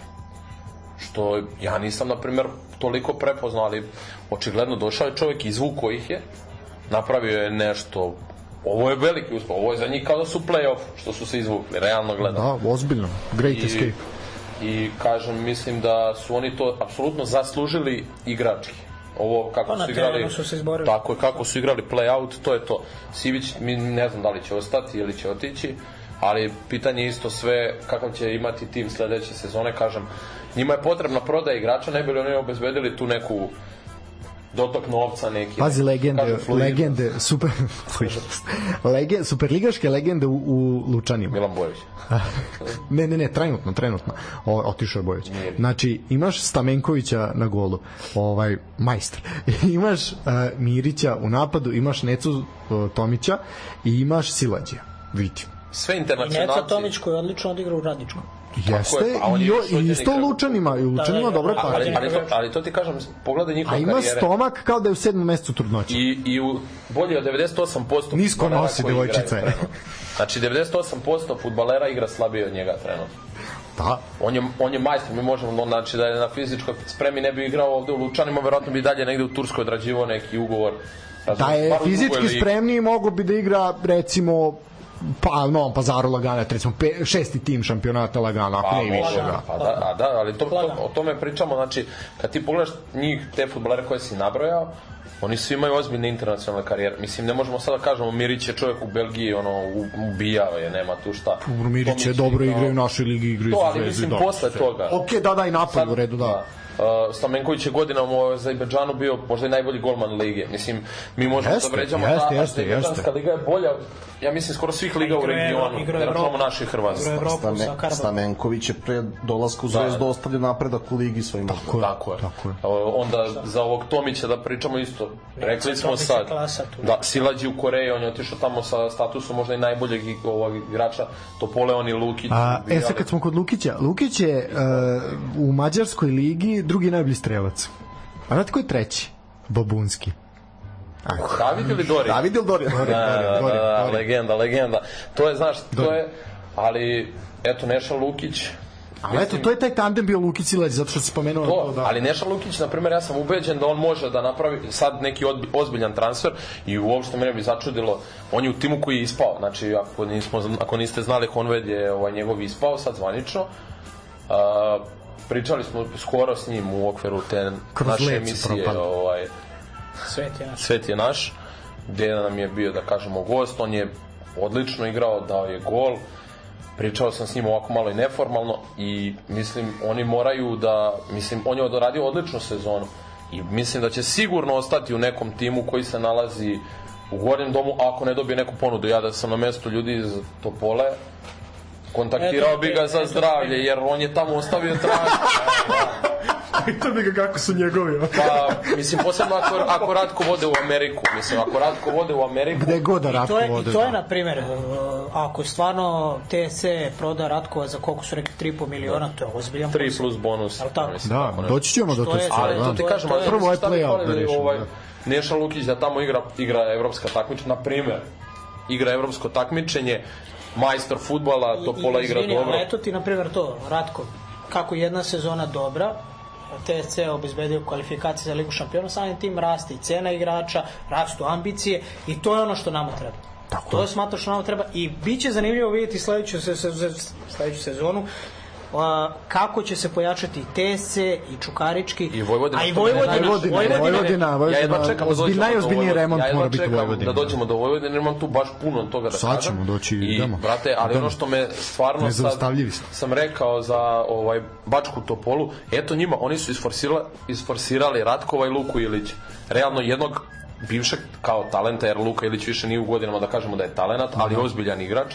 I isforsirali su Ratkova, obojicu mogu da prodaju, da zarade ozbiljan novac. Nemo. Sledeće godine mogu na tim pozicijama možda da dovedu neke starije, iskusnije igrače koji će doneti kvalitet kao što je Lukić, a mogu na primjer na nekoj drugoj poziciji nekog klinca opet da bace u vatru. E, I ono Na što je super, i ono što je super, kako godine su kako su isto sjajno sjajan posao uradili ta njihova akademija, kako su napravili sve to, koliko ulažu u, u mlađe kategorije.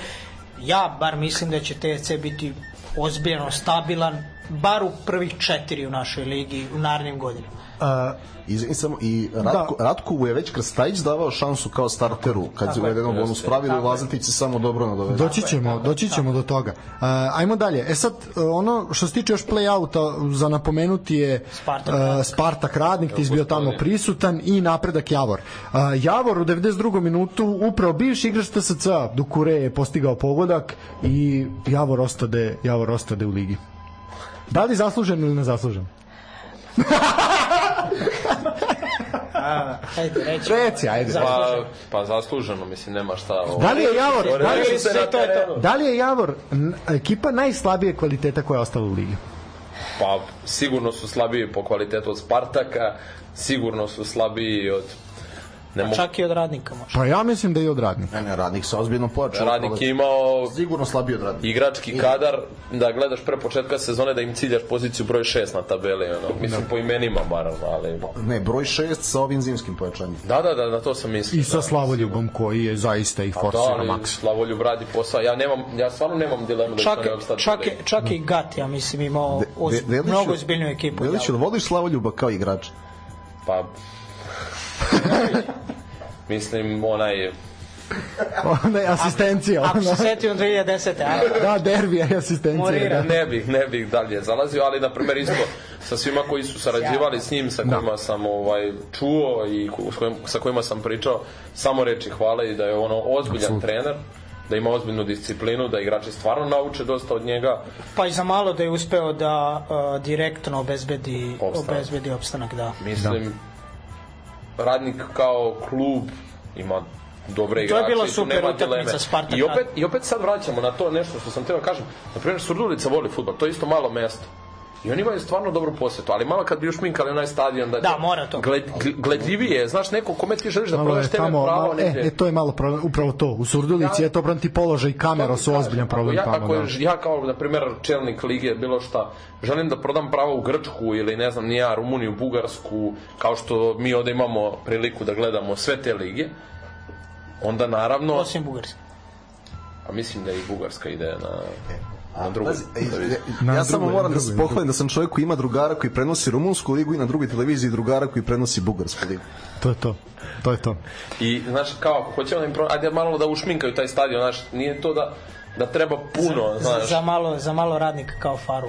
da, da, da, da, da, mislim. Malo je falilo, da. Mislim, vidi, Spartak je poveo sa 2-0, radnik je... Radnik je baš Izjednačio, izgledao da. onako loše u prvom poluvremenu. Bukvalno si imao osjećaj ono kao Spartak još jedan gol i to je to, ali... Todoroski je poveo, ali kako- dao gol za baš, baš lepo dva da. gola na, na startu drugog poluvremena. A, Za Tod- Radnik. To je za Todoroski dva, je, ja mislim da mu je to treći ili četvrti gol u play-outu uh, i onda je penal, je tako, za Spartak. Uh, Srećković koji inače izvodi penale je prepustio Hris, Tako je. Hrstiću koji je dao gol i onda drugo polovreme mnogo kvalitetniji radi. Ono što se očekivalo. Ali to je njihov trener, baš u, u pomoćni trener u izjavi kod Đoleta rekao da je njih taj put ubio. Mislim, realno od Surdulice do Subotice. To je najdalje Da, gostovanje, da. da, da, ono, i- i pola uticalo- sveta prođe. Jeste, jeste, Pola jeste. Evrope. Kao, kao, što oni Jeste, kažu, najdalje, stvarno, najdalje, stvarno da. utiče na... zamisli, sediš u autobusu, Pa da. ne znam, Ali čekaj, sati. zar oni ne dolaze dan ranije? Ja mislim da su oni došli na dan utakmice. Sad, A pljuvao se Miroslav A Đukić čekaj, kad je ali rekao iz, da... ali iz, mislim, malo mi je to sad i, i, u ekipe iz Beograda za Novi Sad dolaze dan ranije, ne znam, Voždova, Čukarički, svi dođu dan ranije da bi bili u, u ovom u internatu. ja bi karantinu. posledice. da bi bili da, da bi u interkontinentalu da bi bili u karantinu ovaj a sad ono prelaziš jebo koliko 6 km ima ko nešto tako malo jače Ma, verovatno to je 6 naj, najsevernije, najjužnije. Pa jeste, to je to su to je najdalje gostovanje, da. Ljudi su se smejali Da, Miroslavu Đukiću kad je rekao da je, da je put u Surdulice težak nakon evropskog četvrtka na 40 stepeni u julu.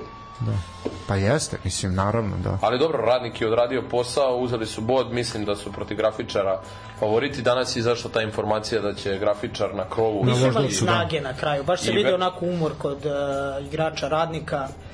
Uh, I eto, na kraju je Spartak imao onu veliku šansu 3 na 1 kontra, bukvalno u posljednjim minutima, kada su sva trojica inostranih futbalera učestvovala i kada su se jako specijali.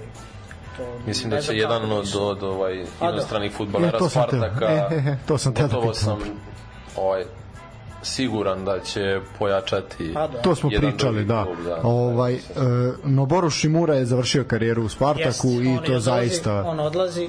Legenda, ovaj, mislim, nemamo šta legenda. Rekli smo mi, veliki aplauz jeste, je čovjek odigrao preko 100 utakmica za Spartak, zaista, ne, nema šta reći. A on je pre toga bio ovde na našim prostorima, mislim da on za Rudar iz Pljevlje, Pljevlje igrao pre nego što je došao u I- Spartak inače, ili... inače, inače zanimljivost kad su igrali ovaj Spartak i Partizan uh, i sad uh, Šimura bukvalno onako jedva se pozdravio sa Asanom i kao pitali ga kao pa što kao ali imate nešto protiv ono kao se nešto nešto kao puno je kao sam ono kao ne bite to je to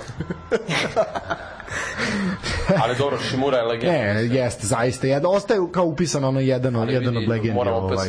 da pohvalim Kad budemo pravili Hall of ovaj. Fame, onda ćemo ga uvrstiti Da, sigurno. Pa, Spartakov uh, scouting, oni su jedne sezone imali izvesnog Choa, koji je došao, on je inače igrao za reprezentaciju kineskog Tajpe.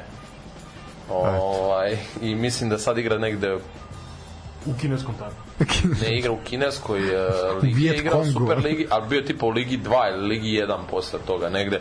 Znači ne znam gde su iskopali tog čoveka, ali ono, futbol menadžer. E sad, što se tiče Adoa, ovaj, da li vaš utisak, da li on zaista pojačanje za Crvenu zvezdu po kvalitetu? Pa, em, ako ću ja ovako po kao ome što je, ali po ome što je pružio u Spartaku. ti ti ti imaš A, pa nije mi pokazao puno ovo što sam gledao Spartak na par mečeva samo mislim da ima i do toga što on baš dugo nema takmičarske mečeve. Znam da je lično sad je po godine već u... da da ali mislim da je ovo bilo samo pro forme da se on ovaj uvede da se pomalo vrati Upravo u formu i isto I mi pitanje, I pitanje, izvini što te prekidam, koliko je on bio, koliko je želeo da igra isto ono da što se, što se vraćamo na onu priču za Ima. Kolubaru znaš Ne samo zanima da li će mu Gaga Antonijević u Zvezdi plaćati platu ili... To, to je vrlo dobro pitanje. Vrlo, Ovaj- vrlo moguće da, da, da će on biti onako... I, i pravo sveženje, ako niko sad ne očekuje od njega nešto, baš poučeni Da, tim što je on da. pokazao u Spartaku, mislim da bi on baš mogao da eksplodira u tom klubu gde će preći i ovaj i mislim da je njegova prednost to što je imao tih šest meseci da se privikne na ligu kakva god da je, treba ti malo vremena da se privikneš, Pazi, znaš, na... Tako je, aj, Treba ljudima pitan- na premier ligu treba vremena da se priviknu, a ne na naš futbol. Jeste, Tako je, pa jeste. jeste. I, I pitanje je Ali fizička kondicija. A i opet bez, bez uh, uvrede bilo kome i bez ono, ne želim nikog podsjećam, ali nije isto kad igraš, ne znam, pored Kataija i Ivanića, na primer, i kad igraš u nekom Koji su drugom veliki klubu. Kakav pogled. Pogled koji ubija. Ne, ovaj, ne, vidi, ali vamo u Spartaku, ja se izvinjavam, Voju bi Parip i Janko Tubasević.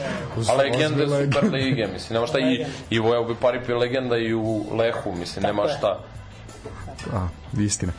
Uh, završili smo play-out, uh, ajde da kratko samo, znači zbirno, direktno su ispali, rekli smo, Gati Kolubara, baraž, uh, braća Tončevi idu u baraž, Mislim da će radnik i radnik radnički. sa Da. A, sad ću ti reći, Jeste, jeste, tačno. Da, i grafičar, radnik, Indija, radnički Mislim da niš. još nisu izašle zvanične, ali da će se... I to će, 30 na primjer, biti interesantno. Mnogi pocenjuju Indiju, ali ja mislim da Indija ima šanse. Indija, ako neko može, može Indija da, Da. zvekne. Od Da. grafičara ne očekujem ništa, prvo što radnik igra dobro ovo proleće, nego imao samo Igra. 8 bodova na jesen, pa je završio gde je završio na kraju. Radnik je, pa radnik je Ali- Spartak osvojio najviše bodova u play-outu. A tako je. A Indija ima ambiciju da igra i to će to treba gledati radnički niš. Sutra su Pa dobro, prvi mečevi. iz futbolskih krugova baš poštuju Indiju. Sutra preko Da, sredu. da, da. Generalno kao poslovanje tog kluba. U sredu. U sredu su prvi mečevi, domaćini su prvoligaši. Vrlo korektan klub od onog e, naj, znači radnika na blagajni kojeg zoveš za karte ono kad dođeš na gostovanje do predsednika igrača I čak i korektan. stadion za uslove tako Superlige. malo. I eto ti, i eto ti, na primjer, sad dolazimo, sami sebi su na neki način prave problem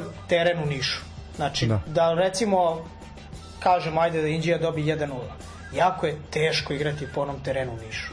Jako je teško da. stvoriti bilo šta. Ako se ovi povuku, odigraju dobro. Da, bit će dobro nabijača, ono, da. Teško je bilo šta napraviti, jer lopta, ja mislim da ne može 5 metara da ide Nema pravo šanse, da. Znači po terenu. To odskače i jako je teško igrati po takvim terenima. E, zato je, se nadam da će ovo leto stvarno ono, pošto je jedan od terena koji bi trebao da dobije u tablu, Nišu, da. hibridni teren ovaj Niš. Ja mislim da tamo baš, baš onako A i goriča neki. rekonstrukcija Tamo zvoni sve, sve Ajde zvoni, da krenemo, ajde slačionice da se krenemo ruše, ono, jezivo je. ok, rekonstrukcija realno te celog stadiona mora da se da se napravi, ali ajde da ako bar nešto da bude, onda bar teren da se popravi, jer onda bar ja smatram da bi možda čak i radnički igrao mnogo bolje. Pa da svakako, pa naravno. Dobro, evo, evo Katana ih prati sigurno. Znači, gledao si ih koliko puta ove sezone isto, naravno, i za tebe. Mislim, kažemo, bojica svi mi. Oni imaju dobre igrače, njihov igrački kadar je generalno dobar. Oni, Pejović mislim da je igrač koji je Pejović šta je ono najviše najviše najviše na sad ću vidjeti nešto to mi je neko poslao bio za Pejovića da li čovjek naj, najviše osvojenih lopti Najviše tipa ili osvojenih najviše lopti osvojenih imaju lopti oni i da. Kristijan Belić. da da Ali to je ozbiljan igrač koji isto ima neki ozbiljan futbalski CV, on je tamo igrao u Bosni, u, mislim, Vidi, ozbiljan futbal je igrao. Za, za, za radnički niš Pa da, Jeste, generalno jeste, igrao je jeste, za. Sarajevo, jel, mislim, Jeste, jedan od jeste, redkih timova koji može da se nazove Ja sam stava da, da radnički Niš i Everton moraju da ispadnu da bi se reorganizovali i spasili. to smo pričali Nema da, Everton da. da ispada, ostaje veliki Everton. E, inače, isto, istog vikenda su iz Lige po prvi put ispali Nenad Lavatović i Semo Lardeš. da Smo- kad smo kod Evertona jedna Everton ovaj, je jedini klub koji nikada nije ispadao iz nije jedini. Uh, i Arsenal isto nikad nije ispadao. Arsenal. Čisto, čisto da se razumemo, trenutno nas sluša jedan naj, uh, čovjek koji najviše mrzi Everton svih vremena, samo želim da ga pozdravimo. A Everton Znamo je, je. imam jednu anegdotu za Liverpool. koju mi je pričao jedan čovek, ovaj, kad smo kod toga Liverpool, vidi, ali to je kad smo kod priče za Liverpool i Everton, jedan čovek koji pravi jedan ozbiljan serijal, ovaj, podeljeni gradovi koji mi je pričao, Šaranović dobro. Ovaj, i da je našao nekog navijača Evertona na ulici u Liverpoolu i da je rekao kao pa dobro koja je razlika između vas i navijača Liverpoola? I sad ono parafraziram on mu je rekao pa dobro mi smo kao da stanovnici Liverpoola oni su danci. Mislim što dovoljno govori da u stvari ljudi kao ovaj Borićev kolega generalno iz celog sveta navijaju za Liverpoola da tamo u tom gradu verovatno mnogo više ovaj su ste plave Uh, ne bi se složio, jer ja imam drugara koji je baš okorili navijač Liverpoola i on ne priča baš tu priču. pa ne znam Mislim da ima ipak dobro, više je- navijača Liverpoola u samom Liverpoolu. To je ima ona- dosta da, navijača da, da, da. Evertona, ali mislim a to je da ona priča ve, koji svaka i ono da svi svi će reći da je Jedino je što su dve činjenice 100% da u Torinu ima više navijača Torina i da u Minhenu ima više navijača Minhena A to nego ti je Bayerna ko- i a To smo saznali gledajući KCN Sport. da. Da, to ti je kao i u Rimu, kao naš ono, uh, većina navijača i kao pravi rimski klub i Lazio u stvari, a ne Roma u stvari. Ja slažem. I nije baš tako. A, to je to što se tiče playouta uh, ovi timovi koji su direktno ušli IMT ovaj prvo su prijavili prvo su prijavili da će igrati na stadionu Čukaričkog to je bilo ono za licencu sad se ispostavilo da će igrati ipak uh, na Voždovcu na krovu tržnog centra E sad kažu i grafičar će igrati na Voždovcu, pa malo je tri ekipe puno Pa na srpski Voždovcu, da, da, da, malo je Srpski previše. Wembley, imali Da. smo Vračar, sad ćemo imati Voždovac. Pa i dobro, u Karadžođe su orale četiri ekipe u jednom momentu. Srem. Da. I to mi je, na primer, taj stadion jako je lep iskreno, ali na primer pošto je specifičan na krovu tržnog centra je i samim tim nikada taj stadion neće moći da bude A znaš zašto, Pun- znaš šta je problem, zašto Zbog- ne može? Znam, Protiv zbog- požarni izlaz. U Da. tržnom centru ne može da kupiš kopačke. 50, To je samo, samo problem. 50% kapaciteta. Da, da, nema protiv požarni Ali evo, izlaz. evo, Ne može, ne može, da, zbog, zbog bezbednostnih... uh, A imam informaciju, znaš zašto Zaječar nije dobio upotrebnu dozvolu još uvek? A, nisu dobro urađene instalacije, struja nije dobra. I zato svi, svi ovi će dobiti, Zaječar će se malo načekati. Pa dobro, Da. pošto su ispali u zonu i nije ono neka šteta. I to je, Znaš šta kažu ovi iz tehničke regula- regulative kad dođe da prve? Ko ti je ovo radio? E, jedno pitanje za sve ovde, ko je najpoznatiji bivši predsednik uh, Timuka iz Aca? Lukas. Aca Lukas, veliki. Tako Ali mislim da on nije bio samo Timoka, nego i Zemun. Kakvog je ukusa taj sendvič, ono, reci, molim. Strašno. E, dobro, u suštini Uh, jako puno se licitiralo s tim stadionima. Na kraju koliko sam shvatio Niš će igrati u Leskovcu ili tako, to smo rekli. Uh, radnički na kraju igra u Donjoj Trnavi. Mislim, to je vrhunac Ali, budalaštine ali imaju, imaju, da se ovo... to je, imaju par, taj, taj centar je ono super srednji i sve to, ali ne može da bude stadion od 400 500 ljudi, koliko? koliko 500 već. ljudi, da. Mislim da oni dalje nemaju ovaj... Uh, Ali imaju Badnjavac tu koji im je... E, to je, to je Badnjevac se oni spominjao. ali da li A to Badnjevac- su oni toponimi što sam predsednik zna. Znači, gde se nalaze. Ali Badnjavac je tipa na, ono ne znam, koliko kilometara od Kragujevca blizu je, otprilike kao i ta Donja Trnava, možda malo više nek me ispravi neko, ovaj, ko je tačnije. Sad predsednik će se javiti, on zna tačno Da, kilometar koliko je. Zove lik. I, ovaj, I taj stadion ima reflektore, ima sređene tribine, veći kapacitet. Mislim da su mogli da bukvalno srede to da koriste u budućnosti za svoj neki centar ili šta god, ono, ne znam, da im neka filijala tu igra, Badnjav da napravi filijalu. Šta god, mogli su to mnogo bolje da iskoriste nego da... A šta kažete na uh, obskurnu ponudu metalca da, ih, da im naplaćuju 130.000 evra po meču? Više. 150. 150. Tako. Da, Nije meni je zašto ja sam našao informaciju 130. 150, da. Nema veze, okej, Evo, neki izda, pa- nije, nije. I da je 130, Vidi, pa... ako Ko to urade, 130, ima i 150. Pa da. ako to urade, to je ono strašno. Ne, ne, odbili su, ali pazi, to je dobro, ozbiljan ali- posao, Ali da. čekaj, znaš koja je sad ironija, najveća životna? Da je Metalac kao domaćin igrao na Čikadači, dok igra u Superligi 2010-11. Da, dok su radili svoj stadion. Igrali su u Kragujevcu. Pa. Stadion kojim je bio ustup. Jel, Ali ja znaš u čemu mislim da je, samo izvini, u čemu mislim da je razlika? To ti je kao što se ne pita Vojvodina, nego se pita grad Novi Sad. E, Čikadača je vlasništvo grada, a Metalac je sad vlasnik svog stadiona, jer ga je napravila fabrika. Tako da tu je mala razlika, jel? E, Ne, što se tiče metalca u Kragujevcu, ovaj, pošto znam čoveka koji je bio na utakmici metalac Crvena zvezda 2-1, ovaj, kada je Aleksandar Miljković tada na pozajmici iz Partizana dao gol. Možda jedini u životu. Jedini u karijeri. ono. Nije dao Nije, za dao je- Partizan protiv ne, Lučana. dao je pre nekako. da- Da, i Ovaj Čukaričkom na utakmici koja je overila Pre titul. tri kola je dao gol. Ma za dao i. Lučanima isto Da, tako da. neki gol. U Ivanjici negde. To dao, su da. čari emisije Svet je naš, ako niste još gledali. Magazin Oba, Svet je naš. oba, obavezno svet je naš. Da, Mnogo dobra emisija. Čekaj, Deliću, ti učestvuješ u toj seriji, sve ti naš. Da, Emisiji. on je glavni urednik. Onda neće da Ovaj, Uglavnom, u, kad u, toj, u toj utakmici je ovaj, neko bio u loži i obećao da kad dođe na vlast da će da ugasi Partizan. Metalac Crvena zvezda 2-1, Miljković strelac. Uh, što se tiče play-offa, Partizan pobedio Voždovac 2-1, sablasno prazne tribine, znači bilo je, kažu, hiljadu ljudi, ja ne znam gde su ih nabrojali toliko, ali ajde, nije, nije bilo ni blizu. Sa redarima i policijom. Sa redarima, policijom, konjicom, onim tamo u vojnoj gimnaziji, u internatu, možda je bilo, ali da, ne, mislim, ni blizu. Totalno prazne tribine su bile sem te male grupe na jugu i još manje na, na ovom severo-zapadu gde su bili invalidi.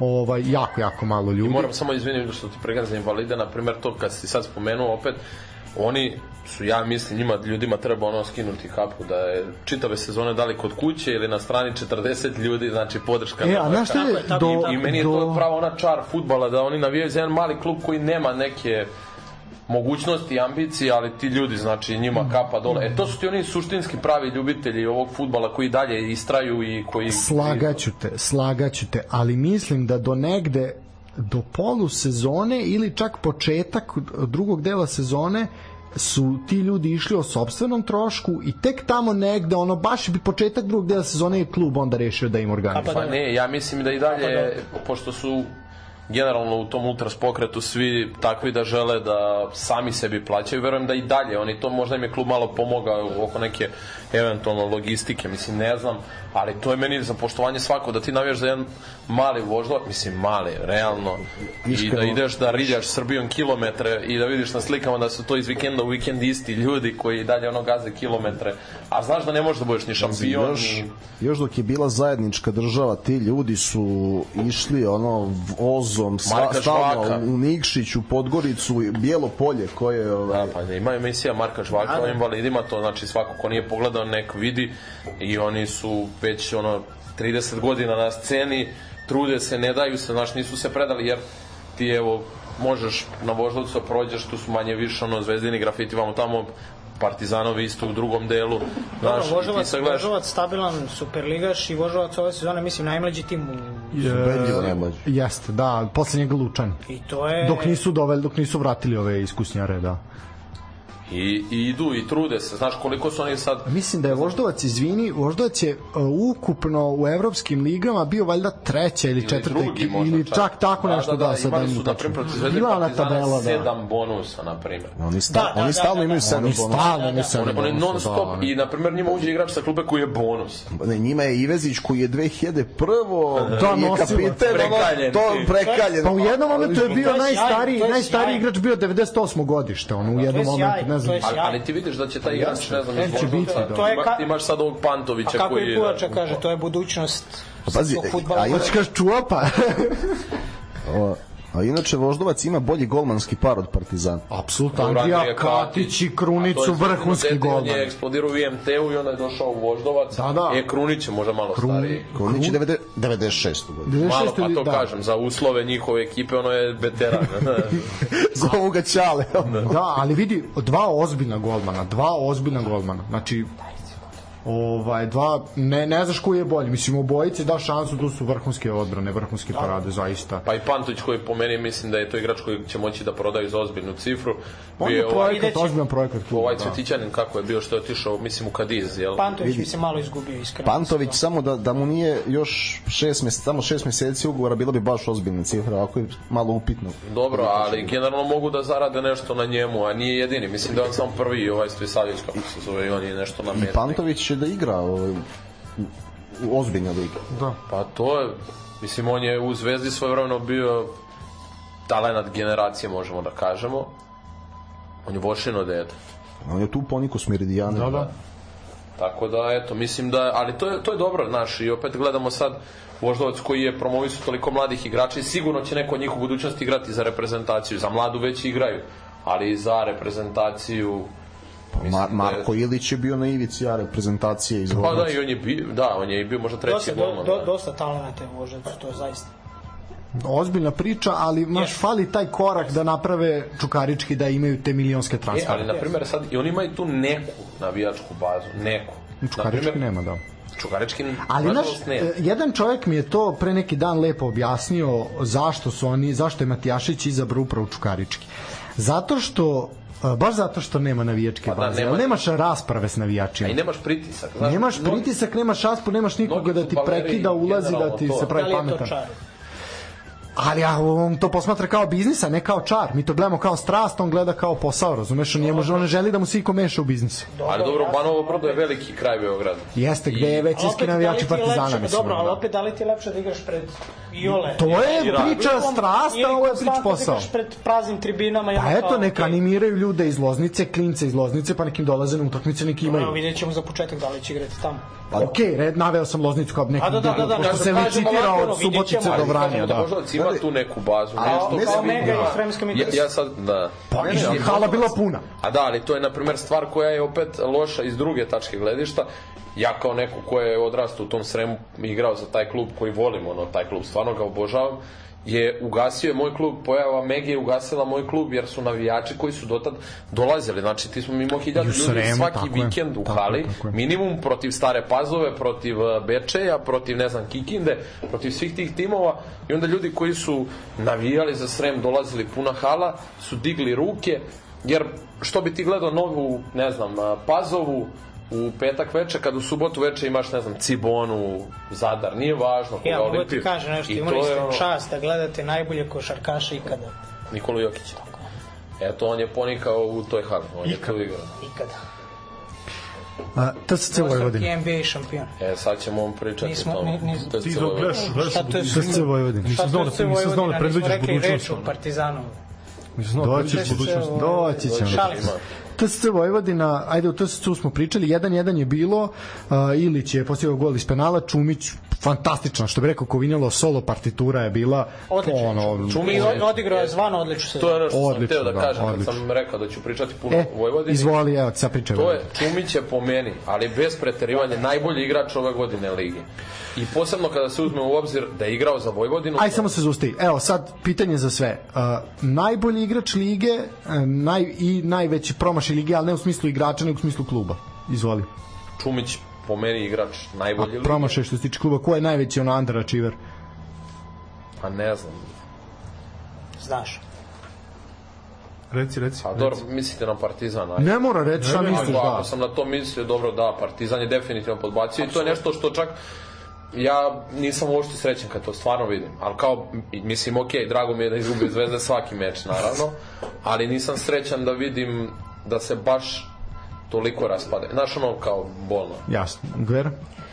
Pa ne znam za najboljeg igrača, baš sad razmišljam. Čumić imao stvarno sjajnu ovaj, sezonu, ali eto i njegov zanimljiv izbor. Ja mislim da je njega baš Partizan tražio i da je Jeste. on odobrao umesto Partizana Vošu. Dobio je I bolje odličan- finansijske i uslove, odličan- da. Ima i tu odličan malo potez. sentimentalnih. Bolje Pa finansijske dobro, uslove. ono, pričamo, evo, na primer, nije Sentiment otišao, prema novcu je vrlo ozbiljan sentiment. Je, je, jak sentiment. Ja. nije otišao u klub da koji igra Evropu, nego recimo u Vojvodinu i stvarno odigrao. Ajde, evo, ajde, ja ću reći Nikola Čumić, jer ne znam sad ono, mislim da je da ima onako do ove sezone, nem, mislim da nije bilo ovde ove sezone nekog igrača koji se baš istakao. Mi smislu, ovaj iz baš da- TSC Jovanović, on je onako bio... E, jest.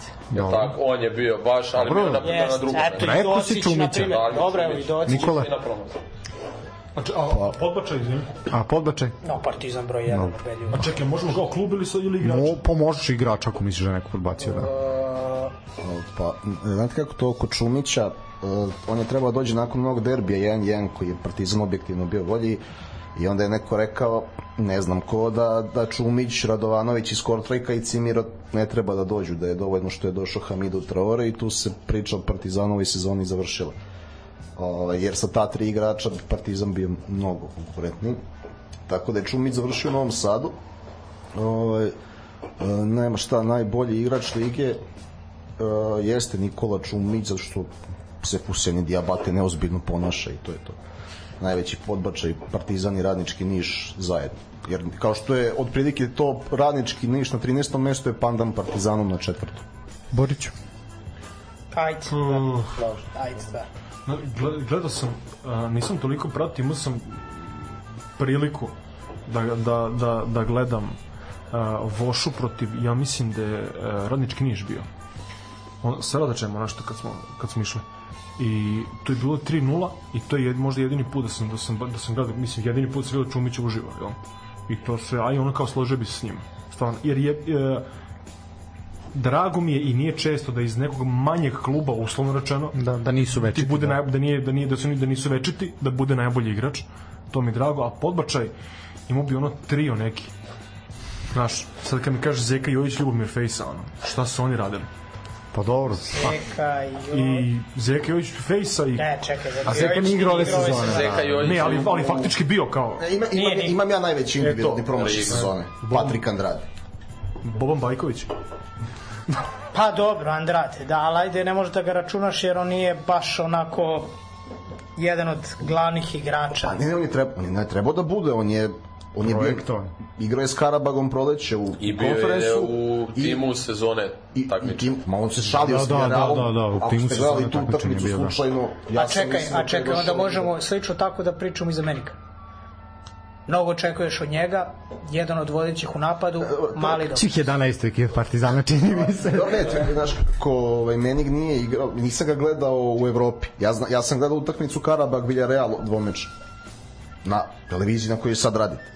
I ovaj, da, da, da. ja znam, ja znam ovaj šta je Andrade radio. Da, da, i da, kad bio je sam video- odličan, imao je sam fantastičnu, video- ne, imao, imao je fantastičnu kad sam, sezonu. I kad sam video ko dolazi umesto Zeke Jojića, ja rekao, Da, to je to, euforija. to je Da, da. to.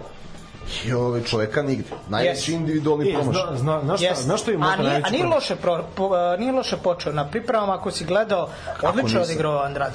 Baš, baš m, e, moguće si u pravu, iskreno slažem A ne, se. to je bilo šta ja sam da očekivao njega baš mnogo. Ne, to je znaš, promena trenera, šta je on, je on 6, je on 8, je on 10 i izgubio se i posle povredio. Ne, Da. da. Zna, znaš šta mi najveće, sad će ono jako bez veze da ispadne, ali znaš šta mi najveći promašaj cele lige, vrat? Uprava Partizana. Može. A dobro, to je već... Bravo, bravo. Cele lige, to je... Bor- Boriću, Boriću, Pa to je Partizan najveći promašaj, Ja nema sam tu- tebe ovaj, zgotivio što ne ispaljuješ opšta mesta, ti si upravo to sad uradio. Što, šta ste trebao sam da kažem, Nemanja Milić? ne, ne, ne, nego, to je opšte mesto upravo Partizana, ako bolna tema. Dobro, Vule. Lazura, za malo da ispadne ko Bekali. Ne, slažem se, ali na, na, znaš, kad, kad pogledaš šta se očekivalo, šta su igrali do pola Čekaj, sezone, podneli su finansijski izveštaj da će igrati ligu- kvalifikacije za Ligu šampiona. Ja, ja, ja ne mogu da verujem. Šta? U finansijskom izveštaju koji su podneli stoji da će dobiti pare od kvalifikacije za Ligu šampiona. Da će biti Da, drugi da, na da, ligi. da, na da. tabeli, Kriminal. da. Pa, mislim, najsmešnija mi izjava, e, to mi je, na primjer, naj, uh, naj, naj, kako je, najtužnija stvar da glavni ljudi u Partizanu kažu bit ćemo sigurno drugi na kraju. Čekaj, znači Partizan je spao na te grane da bude sigurno drugi na kraju. Ne, da kaže da bude i na kraju ne bude. Pa to je još tužnije, to je Da, još da. tužnije, ali ne shvatam, uh, e, to je ono što mi pričamo, na primer, toliko se spustilo sve to, da ti unapred priča u smislu kao prvo mesto je ono, izgubljeno, unapred. A bit ćemo sigurno drugi na kraju. Ne, poenta je da Partizan se bori za prvo mesto. Dobro, poenta je da igraš čekaj, čekaj. kvalifikacije bar za Ligu šampiona. Ova sezona je istorijska bila, znači okej, A Zvezda je dominantna. sledeće će biti. Sledeće ćeš imati šansu za E, dva tima pitanje, Lige pitanje, šampiona. sad, se, sad ide... Ovo, ovo, ovo je treba otišlo u istoriju. Imaćeš, da, Ovo je istorijska baš, ali imaćeš po dva, u Ligi šampiona, A ne ide direktno od sigurno, kluba. ali to još nije sigurno zbog koeficijenta uh, koji će verovatno imati ako Dinamo da bude sle- hrvatski šampion imaće veći koeficijent od Zvezde ako bude Zvezda u Srbiji s tim Ne, ne, pričamo o, o 23-24, ne o 24-25. Znači 23-24 imaš još dva u, u Ligi šampiona. Ne, imaš da, imaš ti, ali šampion ti neće ići. to je Neće ići direktno, pa neće ići direktno. To sledeća Ali sad su promenili to, Ali promenili upravo su to. ova sezona je bila u smislu Jedino jel te, da istorijska. U smislu Znači, direktno. Dva, imaš jedno Da. direktno i ti da napraviš takav fijasko da nisi ni blizu toga. Ali slušaj, ja bi se izvinjao, ja bi se na- na- nadovezao na ono što je on rekao. Viš, još jedan problem u toj tvojoj izjavi koji si ti rekao, koja je istinita. Da mi se kad ti dođeš, imaš klub i kažeš ono, mi ćemo biti sigurno drugi. Znaš, šta ostali klubovi da kažu? Aj što ti treba da napadaš prvo To mesto. ti je večita izjava uprave Vojvodine, Znaš, znam- razdvojit ćemo Zvezdu i Partizan. Da, e, to, to ti kažem. Dobro, jaš, I mi onda pričamo ovde sat vremena o radniku, Doduše pričamo u naredne tri godine, ali o tome ćemo pričati eto sad kad kažemo... Pa dobro, godine. pa dobro, samo pazi, evo radnički iz Niša je bio, radnički iz Niša je bio pre koliko, pet godina drugi. Da, ali E, doći ćemo i do toga. E, Vule, reci, tvoje. Pazi, za to, za ovaj najbolji igrače i promašaj, ko sam ja da se protivim vama da kažem da Čumić nije, mada znate svi da ne pratim toliko, ali eto, ajde, rećemo Čumića. Za promašaj ne mogu da kažem igrača, ali eto moram i tu da se složim, klub, realno moram da se složim Partizan. Znači, s tobom se slažem, to potpuno što si rekao za Partizan, ne mogu oni, čekaj, ti si isto Nikola. Ne, ja sam Đorđe, hvala Bogu. Jedini koji ne, jedini, jedini moram, Ja, ja, e, moram da se složim. Moram da ne, na njega sam mislio. Moram da se složim na, na jedini koji nije Nikola ovde pored mene i Stanislava i da kažem da je ovaj da je u pravu zato što stvarno Partizan meni isto kao zvezdašu najgluplje je kad neko dođe i kaže ej ja navijam protiv ne znam, Zvezde kad igra sa klubom, nije važno kojim. Sa Spartom iz Naravno da Praga navijam. lupio sam. Nisi to, ne, ali sad, naravno da navijam, druž, pa A ne, ali okej, ja nemam ništa protiv vas takvih, takvih ljudi, ali Takvih? brate, ali to je... Pogle, je- Srbijanci, ček, šta? to je, brate, glupo. A dobro, pazi, okej. To sve kad ne, igra protiv nekih ne, ne, Albanaca ili tako Onda sam ja, ne, onda ja ispadam indijanac što navijam, ne navijam za partizan, nego To s... uz partizan sam kad igra protiv nekog stranog kluba, šta? Zašto? Ne treba nam tvoja podrška. Pa boli me dupe da li treba, ali razumeš, brate, nije mi, nije mi to realno. Znate, kao ali, moralno. ali, slušaj, Da, ali, ali da Vratit kao za se. Vojvodinu svim, svim srcem kad igra u Evropi, ali zato za Partizan. ne, pazi, ali, ali da je fora, znači, koja je, koja je, koja je poenta jako, jake zvezde bez jakog partizana? Ok, dobro, to ima smisla, naravno. Znači, da, razumeš, to, to je, ko- ko- tu si zašto pravo. smo večiti, ako je partizan četvrti, razumeš i to. Slažem se, pravo. Ne, mislim, To- i, i, pravo i pravo okej si. da bude, na primjer, Partizan ali četvrti i Zvezda četvrta. Okej, ali, da, ali, da, jedini- da ali da neko su tako zasluži da bude prvi, znaš. Da Ne. stvarno zasluži Vojvodina ta da bude prva ili to pola. Dobro, pazi, I onda je okej da bude TSC je Zvezda potpuno šesta. zaslužena drugi ove godine. Nema šta. Zaslužena je i Čuka treća, ali opet... Jeste. Tako je, tako je. A, gle, o, šta je poenta? Oni su, to, oni su igrali dobro za svoj uslove i nivo, a oni su to ostvarili skromnim procentom bodova i parti, više partizanovim podbacivanjem nego svojom igre. Pazi, evo, Partizan je sad od, za ovih posljednjih šest utakmica, znači od derbija da računamo prvu, odigrao veoma korektno. I sad se ti pitaš, ti kad vidiš ovog Diabatea što mu mama kroji Rezultatski karijeru, korektno. a ne kad ga vidiš, pazi, da se vrati 10 puta da isplati protivničku beka, i onda ga potruže šta si radio pre toga celo proleće. I što se ne pojavljuješ? Pa onda pa- pa, pitaš a još neke pa- druge igrače. A pazi, a tu ti je isto sad možemo da okrenemo, ok, jeste, ali Partizan je imao bukvalno trenera ove sezone. Znači, tri trenera je promenio. Počeo je Stolica, katastrofa. Znači, već u petom kolu, ja mislim, Zvezda bežala na 10 bodova. Tako. Jeste, jeste tako. Ovaj, onda je došao Petrić. e, Petrić koji po meni nije donao ništa spektakularno igri, malo su se rezultati popravili, eto ta Liga konferencija po meni Partizan ne treba da razmišlja o Ligi konferencije jer je to iskreno najnebitije takmičenje. Prevelik zalogaj u ovom momentu. Nije prevelik zalogaj, nego premali iskreno, jer Liga konferencije po meni nebito takmičenje. A I- dobro, ti pričaš o renomeu kluba, ali realno je. igrački je Liga konferencije za nas Čekaj, bila Monteverest. Ono. pa, pazi, i- A mi ono hronično se čekaj, poruća da. čekaj, Pogledaš ko je čekaj. Koji naš... Ko igra finale, Ko da. igra finale, ga. druže. Ne, okej, ali pa, dobro. Ovaj, ali opet kad pogledaš igrački kadar, prošlo- ne prošlo- možeš da kažeš da Partizan nije trebao ove godine gledamo igrački kadar, znači ono Trebali su prođu šerif, to je definitivno. A dalje Ok, šta? ajde to, to, mislim, baš fijasko ovaj, na svom terenu da izgubiš 3-1, ali generalno ok, ja bi pre to prihvatio, izgubi. Nemoj da prođeš grupu Ligi konferencija. Kažem opet, nebito takmičenje, fokusiraj se, moraš da budeš drugi, da igraš kvalifikacije za Ligu šampiona, jer samim tim, ako ne uradiš ništa za Ligu šampiona, igraš Ligu Evrope. Opet, Liga Evrope je ok, drugi po rangu takmičenje evropsko, ovaj, i samim tim, ajde da kažeš ok, znaš ono, za neki rebuilding, za, za nešto ozbiljnije i financijski u ostalom velika je Naravno, razlika igrati jeste. Ligu Evrope i Ligu konferencije. Da ne pričamo Ligi šampiona. Ali evo ti na primjer, znači ti si dozvolio Zvezda je samim tim što je osvojila ligu financijski 30 miliona je obezbedila Minimum, sebi. Znači, to je minimum, bez uh, dodatnih prodatih Ti da dozvoliš da u tako jednoj sezoni ti da dozvoliš da u jednoj takvoj pritom igraš ligu šampiona, znači koliko će tu isto biti A i zarade. privučaš igrača, ta evo Lainka je došao zbog Lige šampiona. Pazi, jedan Nije on došao iz ljubavi ka Priča, pa pazi, priča se i o Radonjiću, Došao priča i se Van. Lapara zbog Lige šampiona, pa Dobro, ali vidi, Varla Para, na primjer. Vala, iskreno, ali- on ne može se porediti sa Olinkom. Po meni. Da, ne može i, i pritom Varla Para je imao odličan scouting kada su ljudi radili analize njegove.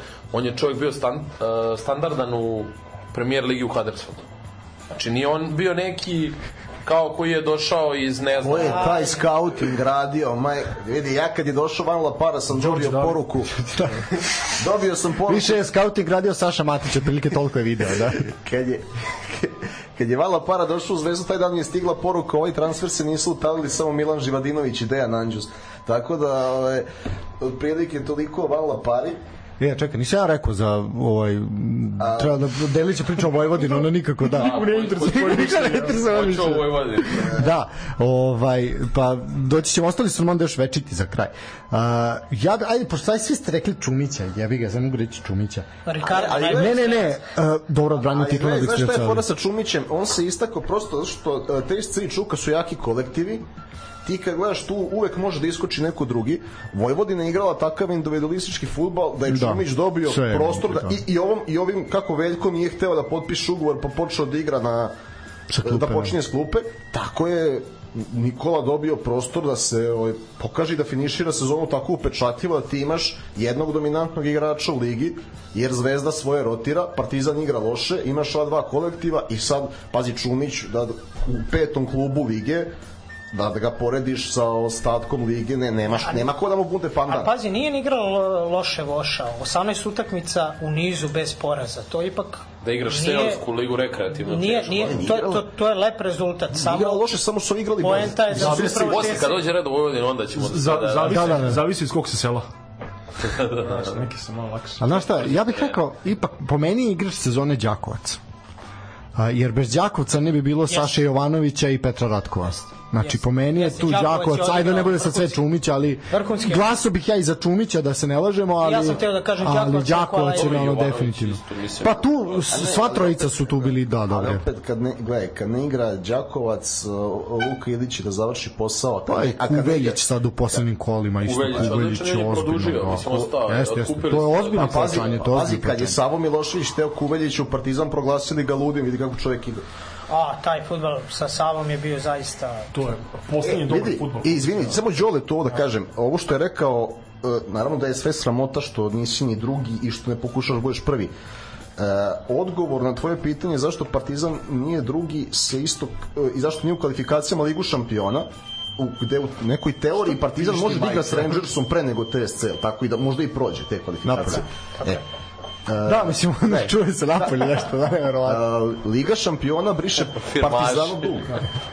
Liga šampiona briše Partizanu dug kao gumicom, kao što je to Savo hteo da uradi prodajama Sadika i Filipa Stevanovića, mnogo većim nego što su one zaista bile. I tu ti se krije sve zašto Partizan nije drugi i zašto je Savo Milošević otišao iz srpskog futbola. Vojvodin. Ajde, Jer ja imam tu čast. Da, ajde, rekao si da želiš, pa ćemo se nadvezati. Evo, odmah moram da krenem sa Vojvodinom. Jedna dobra sezona za njih e, iz perspektive konsolidacije. Znači, uspeli su koliko toliko da se srede, da neke stvari poprave u odnosu na prošle godine kada nisu bili ni ono ni blizu bukvalno da budu ozbiljan rival. Imali su dobre rezultate i protiv Zvezde protiv Dva puta ostali neporašeni protiv Zvezde.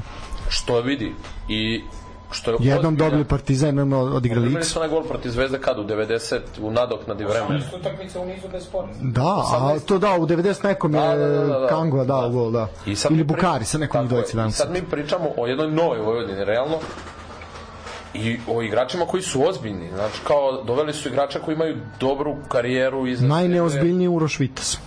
Pa ne znam šta bih rekao, mislim, čovjek je onaj protiv eh, polufinale protiv eh, Čukariča. Obe utakmice bio katastrofalan. Obe. I ti sad gledaš, znaš, odmah je samim tim i ovaj slabiji pored njega, a on, on, on ide od sjaja do oča, ono što smo danas pričali ovako privatno sa Saničanina, znaš, kao odigra jedan meč vrhu, E, naj, moj, naj, moj lični podbačaj sezone je Saničani. Ubedljivo. U, da. Ubedljivo, ubedljivo nego. Ali to- to- to jedan može. meč izgleda kao ono, ne znam, spoj Vidića i Ferdinanda iz najboljih dana, onda Čekaj, drugi kojeg Vidića, pitao sam te već danas, kojeg Vidića, kog Ferdinanda? Ako misliš na Bika Ferdinanda i pokojnog Sašu Vidića, modnog mogula, onda da. Do, dobro. ovo je dobra, ovo je dobra. Ovaj, I kažem, za njih je ovo bila dobra sezona sa te tačke, da su se konsolidovali, da su se vratili. Žao mi je, na primjer, ja sam iskreno se nadao da će oni biti, ako je već e, drugo mesto ostalo, da tako kažemo, neotvoren, ono ostalo upražnjeno s tim da je Partizan loš i da nema šansu da se uključi u borbu za drugo mesto. Nadao sam se, jer grad Novi Sad i generalno Vojvodina kao klub i ta navijačka baza, oni najviše zaslužuju. Ja verujem da bi Karadžorđe bio prepun uh, tokom Ali, izvini, čitave... izvini, Saša, sprega, znaš šta mi je to, na primjer, bilo tužno?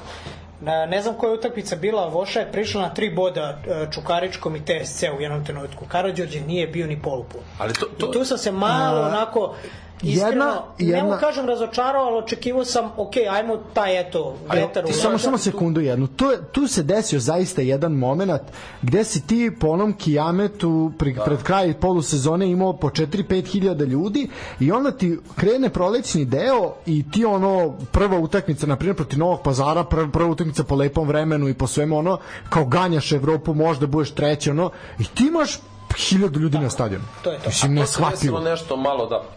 Ne, E, ali to se desilo u nekoliko utakmica, e onda je opet sad kako je bilo Vratilo- polufinale kupa, onda je kraju, porastao. Ispitni Da. rok.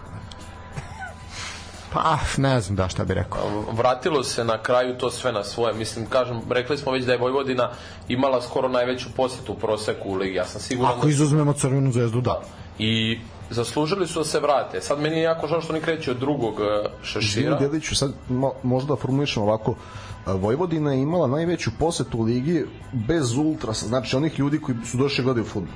Tako je, To sigurno. da, to da, bez Jer, organizovanog. jer da, tebi da. na Zvezdinom stadionu sever vuče posetu, da nema severa na 70%, zapadu, da. na severu, na istoku i zapadu imaš malo više ljudi nego na Partizanu. Više je bilo na severu u finalu kupa nego na svim ostalim tribinama. Što je logično, mislim, ostala je ta Ali eto, ali protiv Pazara nije bilo tako, recimo. A zato što je bio džabe ulaz, što se nešto slavi i to će privući nekog Peru i da... Da, bilo je izvineš, dosta i omladine. na Da, to- i na toj Peru i utakmici. Žagubi. I to je lepo, lepo vidjeti. Da. Pa ne ozbiljno, ti kad slaviš titulu, razumeš, doće svako, ono, svaka šuša koja navija za zvezdu će dođe na stadion. Mislim, Svaki peru i žagubice. A, Ne, meni je od, od one sezone kada je bila poslednja titula kartu dupla, bez dupla kruna, meni je ono najlošija utakmica za mene, ovako i neki ugao proslava titule slučajnjima, jer sezono skupi neko ko cele sezone nije bio prosjek, bio 3-4 hiljade. Ovaj, I onda, kad je je pisalo da si jedan na tabeli, prva sledeća utakmica bila 8000, pa u sredu polufinale kupa 15, na kraju proslava titule 30.000. a to su neke I- druge stvari, da kod nas da- ljudi vole pobednike i Pa tu, to. Da, upravo to. tu se završava... I besplatan ulaz. Da, pa da. I sad kažemo za Vojvodinu... Nije loše za Partizan, na primjer, da razmišljaju u tom nekom smeru iskreno. Šta tačno? Kogu smer. Besplatan ulaz. A, dobro, ajde, ajde završio Vojvodini pa ćemo prokomentarisati cenu karata. I, i Da, sad uh, da. hoću to da kažem da je Vojvodina sad ima dosta prostora da zameni te pozicije koje su bile krizne a realno bilo ih je mislim na, na par mesta na terenu su baš loše stajali da zamene igrača koji će sigurno otići, a to je Veljko Simić pre svega, jer on ima najveći doprinos od ovih koji sigurno u tu ovom On trenutku je tako vukao taj tim da je to Pa da posebno je da delu sezone kad to je to je greh što njega nisu Pa i on verovatno želi da ode u inostranstvo, da se obezbedi, pričalo se o ovim krila Sovjetovim, ne znam, nija o kojim klubovima. ako mu je zaista bolje da ode u krila Sovjetov nego da igra u Novom Sadu onda Pa sa je- financijske Pa strane Da, jeste. da. Pa Ja jeste. Sovjeto je probila na Koromanovu reprezentaciju, šta I otišao u Volim Englesku. miris A napalma ujutro. vidi, vidi odmah ti kažem i mnogo zbiljnija liga. I, evo, Okej, jeste, ali sad- ono kao naš Znaš, je. Ali to je, mi gledamo... Veljko, pa tamo je do maja meseca minus 20, jesi ti normalan? Šta znamo, ne znam, možda ne znam broj do 20. Sad ovaj Milošević mali je otišao u, u, Znaš koliko je tu u Fahrenheit? Nemačku, isto mislim da je i to problem, mislim problem. On On nije tu problem. neku Ulogu. Nemanja Nikolić je podbacio ove godine. Mislim da je on morao bolje. A on je vuko povrede, nešto je Da, tu ali bilo morao, svega. morao je da. bolje, on je doveden tu kao jedan od A i on ne može da igra solo u špicu. E, to je najveći problem. Pošto On nije... neki Ne, playmaker, on je AMC neki zarobljen, ne znam. SS više, nešto da. da. On je što bi Van Gaal rekao On je 9,5. AMSS. Jeste, jeste. A da. Da, da, Shadow Striker je I- više. Da. Njemu fali taj jedan koji će da se koji će da se rve s njima tipa Sad, Žiru. sad da si uzeo na Čumića, da si doveo pravog nekog iza njega. Znači, Zukić ove godine mora da se, moramo da ga pohvalimo. I Topića i Odigrao je odlično, Zukić je odigrao sezonu i ono što je bilo totalno atipično za njega, ovaj drugi deo prolećni sezone, je toliko preuzeo odgovornost. Obojica i Topić i Zukić, obojica su bili na i Topić, ali fantastični. ono Zukić je, gledam iz te napadačke opcije.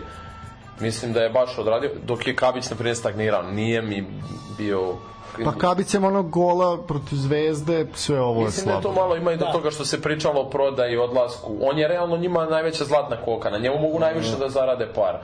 I sigurno da i to malo utiče na sve to. S obzirom na to da znam dete ceo život, to ćemo posle emisije šta je. Da.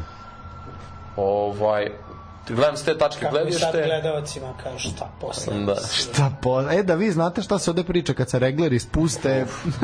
A nije, U- Uroš, je, Uroš je jedno divno dete, prevazići će to i to je sve što mogu da kažem. Biće dobro. Mislim, on je preozbiljan talent. Ja stvarno nemam dilemu da će on igrati za reprezentaciju jednog dana, posebno ako izabere pravi sledeći korak u karijeri, da se ne, no, no, da ne napravi grešku kao mnogi koji su krenuli i izabrali pogrešno. Sad ne znam da li je ovaj Stuttgart dobra sredina za Miloša. A, evo ovako, ja ću ti reći jedno nepopularno mišljenje. Su drugoj ligi, ono. E, ja mislim da mi tog Miloševića za recimo dve godine više ni mama neće znati njegova gde igra. Ja mislim da su oni prodali momka na osnovu tog što je uradio za reprezentaciju, da, on po meni dečko se, ajde ok, protiv Partizana je izgledao kao majstor futbola, što realno protiv ove ekipe protiv Parti- Partizana nije mnogo teško. Ja mislim da on jako male šanse da nešto ozbiljno uradi. Po meni mislim da su ga oni prodali na tom na, naletu. Vidi, prodali te- su ga na naletu i prodali su ga zbog toga što njemu istica ugovor na kraju ove sezone i bilo jasno da neće produžiti. Njima je bilo daj šta daš oni su uzeli poprilično lepu svotu Ozbiljna svota novca za takvog klinca. Da. Tako je. I, I ono što su mnogi zaboravili, mislim, i oni imaju Ivanovića koji je isto igrao za mlađe reprezentativne kategorije iz Vojvodine, koji je otišao na pozajmicu sa pravom otkupa u ovu Sampdoriju, koja je realno sad u problemu, mada evo sada definitivno je da ih je vlasnik lica kupio Sampdoriju i da je spreman da uloži baš ozbiljne novce, da će se preorijentisati sa lica na na, na, na Sampdoriju i da će ono, juriti povratak jer realno oni su u okvirima italijanskog futbola gigant. Gigant, gigant. Ivanović će se izvesno vratiti u Vojvodinu i samim tim, mislim, da li će ostati u, sad tu u klubu ili će ga opet prodati ili šta god, oni su dobili neko koga mogu da forsiraju kao što su realno for, Miloševiću dali neku šansu. Dali su mu realnu priliku. On je imao nekih 20 mečeva. Pa jeste, ali po koliko minuta? Teško je da ti kada juriš rezultat, kada juriš uh, uspeh, e, navijači Vojvodine najmanje trpe neuspeh. Ja to nisam video, manje od Zvezda i Partizana, znači kao da su navijači, ne znam, Real Madrida. I sad teško je ti u tim okolnostima da daš nekom klincu priliku od starta, posebno kada imaš kao neke iskusne igrače na njegovim poziciji i jebi, mislim, ono, pa jebi, jebi ga. E, ne, moram da oponiram zato što ovaj Bundesliga je dobra razvojna sredina, ovaj Sve da, to da je stoji. otišao, da je otišao, ne, da je otišao Jovan u Sampdoru, ja bih ti rekao nećemo to što si ti rekao. Ja ne kažem ja, dobra je sredina, postoji šansa, ali ja mislim da je mnogo veća šansa da ne bude ništa od njega. Ne znam, mislim nadam se da neće to- tako biti. Ja se isto nadam, I ali imam... ono je ne, subjektivno i Sad ćeš dobiti jezdu ovde da ti priča dva i po A može on da priča šta hoće, razumeš, ali to je neki osjećaj, razumeš, vidiš da on od momka Pa, nema ne- ništa, da je on anemičan, razumeš, to, to je ono malo. Možda i samo to, opet se stalno vraćamo na tu priču. On je taj ugovor uh, obezbedio, taj transfer, kad u nekom uh, avgustu prošle Odmah godine. posle prvenstva, Tako odmah da ti kažem da ima malo možda i do toga Ima, nisu oni hteli Znaš, da ga ono smo se razigravaju. vraćamo na onu kolubaru i ono, možda su ljudi čuvali noge. Znaš, i njemu kao ne želi sigurno neke ligamente u aprilu protiv, ne znam, Novog pazara na nebitnoj utakmici kada su ovi peti, a ovi su, ne znam, sedmi, lupam, osmi, nije ni važno. Kapiraš šta hoću da ti kažem da je verovatno bilo i do toga malo, ali on je, na primjer, eto protiv Partizana, koji meč koji je stvarno derbi za Vojvodinu, ili Zvezda i Partizan, pokazao određeni talent i pokazao određeni kvalitet. Nadam se da će uspeti, isto se tako nadam da će Vojvodina nastaviti da promoviše i ono što Na primjer, mislim da slabo koji tim u ligi ima, ne računam Voždovac, da su njima, a da i Voždovac je doveo sa strane, da kažeš, otpadke iz Zvezde Partizana, Čukaričkog ovog onog kluba, ne otpadke, nego momke koji jednostavno nisu bili spremni za 11. Vojvodina u startnih 11. Ima Bjekovića koji je njihovo dete. Tako je. Ima Jeličića koji je njihovo dete. Ima Topića koji je njihovo dete. Ima Zukića koji je njihovo dete. O, Milošević je došao kao baš mali iz borca kad je došao. Ja mislim da je i Lazarević njihov. Jeste, on je pa išao, pa Zuki, se vraćao. Zukić i Kabić su Vošin, ovo bukvalno mini maxi ligi, oni Tako, škola. tako ti kažem, da, da. vidiš, oni imaju 7, 8, 9 futbalera koji su baš njihova deca, ne ono kada su došli u omladincima ili ne znam, Ne, ne, u senioru bez staža. razvijeni, tako je. Vojvodina opet ima neku talentovanu generaciju koja će se pojaviti, koju vodi ovaj mali Lanetov sin i verujem da će u to u budućnosti opet biti dobra osnova i polazna tačka da se sad nadogradi. Ali zato je sad bitno ući u grupnu fazu. Voj- Sada je idealno, ali oni imaju Vojvodina, pretežak posao. Vojvodina ima temelj. Jako teško. Vojvodina ima Vojvodina temelj. je jako teško. Mislim da je nepovlašćena od... do drugog. E, ali gledaj ovu foru, gledaj ovu foru. Vojvodina je povlašćena u drugom kolu odmah, ali na primjer ti imaš uh, u, zato što nisu par godina igrali uopšte Evropu, ali ti recimo u drugom kolu imaš nosioce ekip Didelanž. I gledaj sad ovo. Izvuču, ako izvuku Didelanž, znaš da se žreb za treće kolo obavlja. E, Vojvodina može da preuzme status nosioca za treće kolo, da na taj način dođe do četvrtog i onda recimo imaš još ekipa labilnih poput Partizana koji su nosioci u četvrtom A da, kolu. ali i tu si imao slučaj Da, ali u tim... Partizan se... A ne, ne, ne, misli, ja misli primer, da, Pa ne. Izan je labilni nosilac, nije stabilni nosilac kao što je Leverkusen. Ali imaš i ove velike timove iz inostranstva, iz jačih liga koji su onako pitanje je koliko zainteresovano gledaju to takmičenje. Boga mi svi su zainteresovani Pa ne znam, imali smo na Milan je igrao protiv ovih uh. Portugalaca, Rio Ave prošao ih je na penale. Setimo se da je Vojvodina upravo tako i protiv standarda ispala u produžetku, ok, na jedan meč. Ali ima neke timove ne loži dovoljno da igraju ligu konferencije, znaš. Pa prve, evo, prvo ko je e, Bešiktaš i Fener će biti 2 i 3 u Turskoj, ja na njih tipujem da neće oba doći, znači moraju da prođu tri kola kvalifikacija, tri dvomeča dobiju, jedan će sigurno da kaže Da, da, da. Jer, znaš kako, kako Turci funkcionišu, ako je na sad je Galatasaray verovatno prvak, znači onda ovaj Bešiktaš ili Fener, jedan će da kaže, e, ovaj dok se kolje u Ligi šampiona, dok gube borbe u prvenstvu, mi sad bataljujemo konferens i napadamo titulu. Jedan Turčin otpada, evo ja odmah... A i da- Vojvodina je u prošlosti imala... strašnu ekipu. Da, ali na dva fronta, na dva Da. fronta, I- a ovi na jednom. I Znaš. mnogo mi je drago, na primjer, za Icardi. Icardi se baš lepo uklopio u Galatu. Onako, baš Šta ti odlično. žena uradi? Da, da, baš Ja odlična sezona za njega, onako povratnička što bi se rekao. Što ti drago, mislim, on je baš indijanac. Ono, Pa znaš, dobro, ako je neko definicija indijanca, meni ta kao definicija igrač je... indijanca. Ne, kao igrač je majstor, on kao, znaš, Ja sve- Pričam, ali kao Ne, ne, pri- ne, njegove sumnjivo kod tog lika. kvaliteta u braku, nego... I samo za kraj za Vojvodinu. Vojvodina je u prošlosti imala ozbiljne evropske skalpove. Jeste. I mislim. Pa i Bursa, Bursa. Bursa, i igrali su egal sa mnogim timovima u prošlosti, A- izbacili su i Dinamo iz Aj Minska sad koji je pitanje za bio- Vojvodinu. Uh, ok, rekao si šta treba. Jedna ključna stavka, ovde se to kroz emisiju pričalo mnogo, a to je da Vojvodini, pored štopera, je neophodan i bolji golman. Šta misliš o Careviću na kraju kad se podvuče crta? Ja mislim da je on odličan. Meni bar. Mislim da je to protiv Zvezda i pokazao. Mislim da je to... Kom... Ne, ne možeš džabe da završiš. Streljaće ga Janko, streljaće ga Janko. Mi, mislim da ne možeš za džabe da završiš. Mislim, možemo mi da pričamo sad šta god. I pritom Simić koji je Pozdrav za Simketa, blokovsko dete. koji je bio odličan uh, golman, ali na primer Simić ono što su rekli linijaš. Mislim, ono, tanak je... A, nije ni Carević ništa bolje. Ali meni je Carević mnogo sigurniji. Ono što si rekao da su te nakrpili za ovaj prenos što si rekao za golmana, to isto možda kaže za Carevića. Carević je čovjek koji je najviši igrač naše lige, on je to najnesigurniji igrač u skoku, da, da boksuje loptu, da uhvati, to je katastrofa. Mo- Toliko mislim- puta, to je igrač koji, to je golman kome je lopta najviše puta prošla kroz Peters da nije reagovao. Znači, to je jako je to loše. Postavljanje, jako je trom, jako. Mislim, baš sam tu se, bio je momak ovaj, koji je se mnogo više razume u branjenje od, od, na, od mene lično ovaj naš dragi Janko koji ovaj je lepo prokomentarisao to njegovo postavljanje i sve da je tu jako kritično. Ok, on jeste nešto naučio u toj Barceloni, što kaže odeš na Oxford pa ćeš nešto naučiti, Tako je, razumeš, mislim, ne možeš džabe baš da završiš u Nije Barceloni. džabe, skupo je to, nije, ali nije da. bio negde u sedmom rangu u. Vojvodina, ono da, da bi to bilo to, mora da ima malo raznovrsniji profil igrača u veznom redu. E, to je najveća, to je najveća istina treba- koju smo sad rekli, koju je on rekao Vojvodini. Vojvodini. Treba njen Bibras nadhu, shodno tome šta mogu da plate. A i dobili su ovog Milosavljevića, oni su na početku sezone da. oni su na početku sezone njemu dali kao poverenje neko i po najavama on je I trebao da bude, sklonili. Da, i on je bio trebao da bude taj čovjek koji će povezati redove, znači odbranu i napad. On ništa nije sad ozbiljno ništa nije pokazao. A evo danas smo spominjali e, profil igrača na ovom četu pre emisije dok smo se dogovarali profil igrača u Vojvodini koji bi im sada značio koji im je donosio rezultat u Evropi. Bojko Kača. Ne, ne.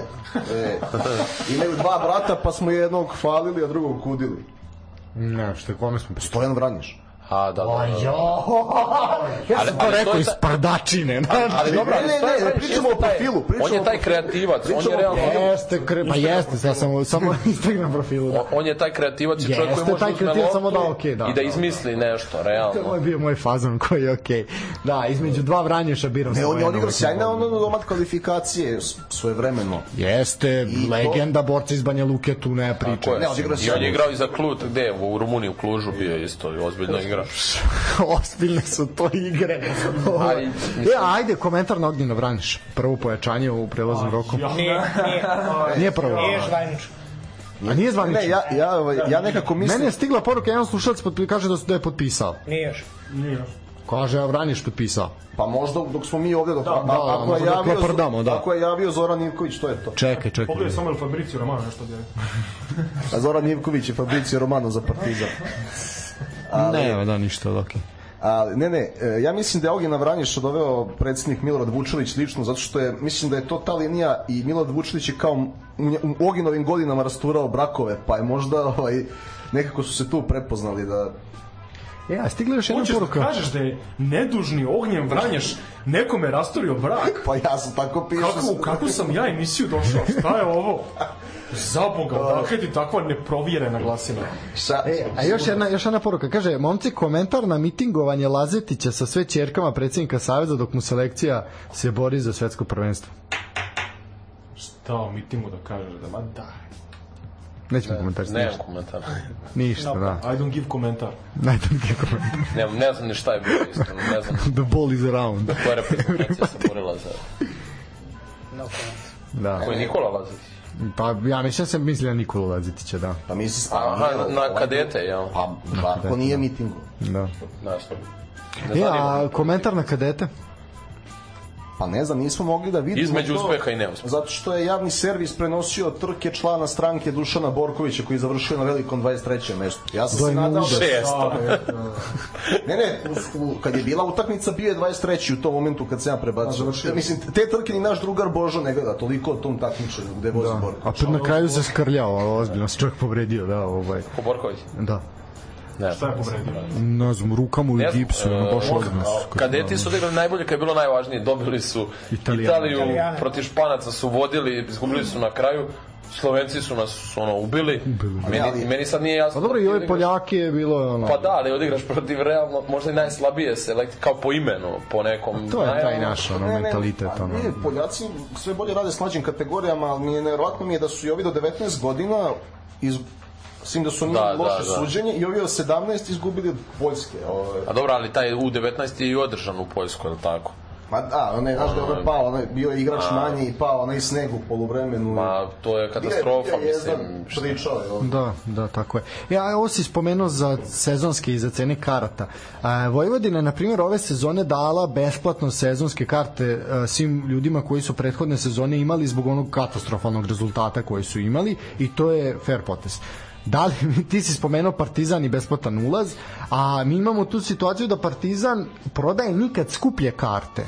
Znači, to je najskuplje karte su u posljednje dve sezone, to što Partizan radi, to je zaista sramotno što se tiče cene karata. Tebi je cena karte za, evo sad, u Kolubaru, i odnosno šta je bilo, radnički iz Kragujevca, bila 800 dinara, mislim, za istog. sezonska 5000. Da. A sad imaš i to i tu priču o članstvu ovaj koja će izgleda biti uslov za kupovinu sezonske. To je, mislim, Nemoj za se sada vratiti na samo za miting, košarku. molim. A ni to članstvo. Ne, Ne, to to je za šansa. sada samo za košarku, koliko ja znam. Ne možeš da uzmeš sledeće sezone sezonsku za košarku ako nisi član kluba. A ovo članstvo fudbalskog kluba će Mislim da donositi još- popust samo, jel? Da, mislim da je tako. Nema tu uslova, šta je puno 5000 za sezonsku. U stvari To je ništa. Pa, vidi, Ne, Ne, nije puno. Ne, u stvari je šest, ali koji je imao prošle godine, Tako a mi tako. Da, da, da, tako da, je, da. bravo, bravo, tako je, tako je, da. zato koju tribinu? isto- isto- Istog, isto- isto- istog istog smešno. istog bočno, da. To je smešno. Ovo, Ali zato je svaka utakmica svaka svaka utakmica kvalifika na primjer kvalifikacija pojedinačna, ok, zato treba kupovati sezonsku kartu. Pojedinačne cene kartu su jako skupe.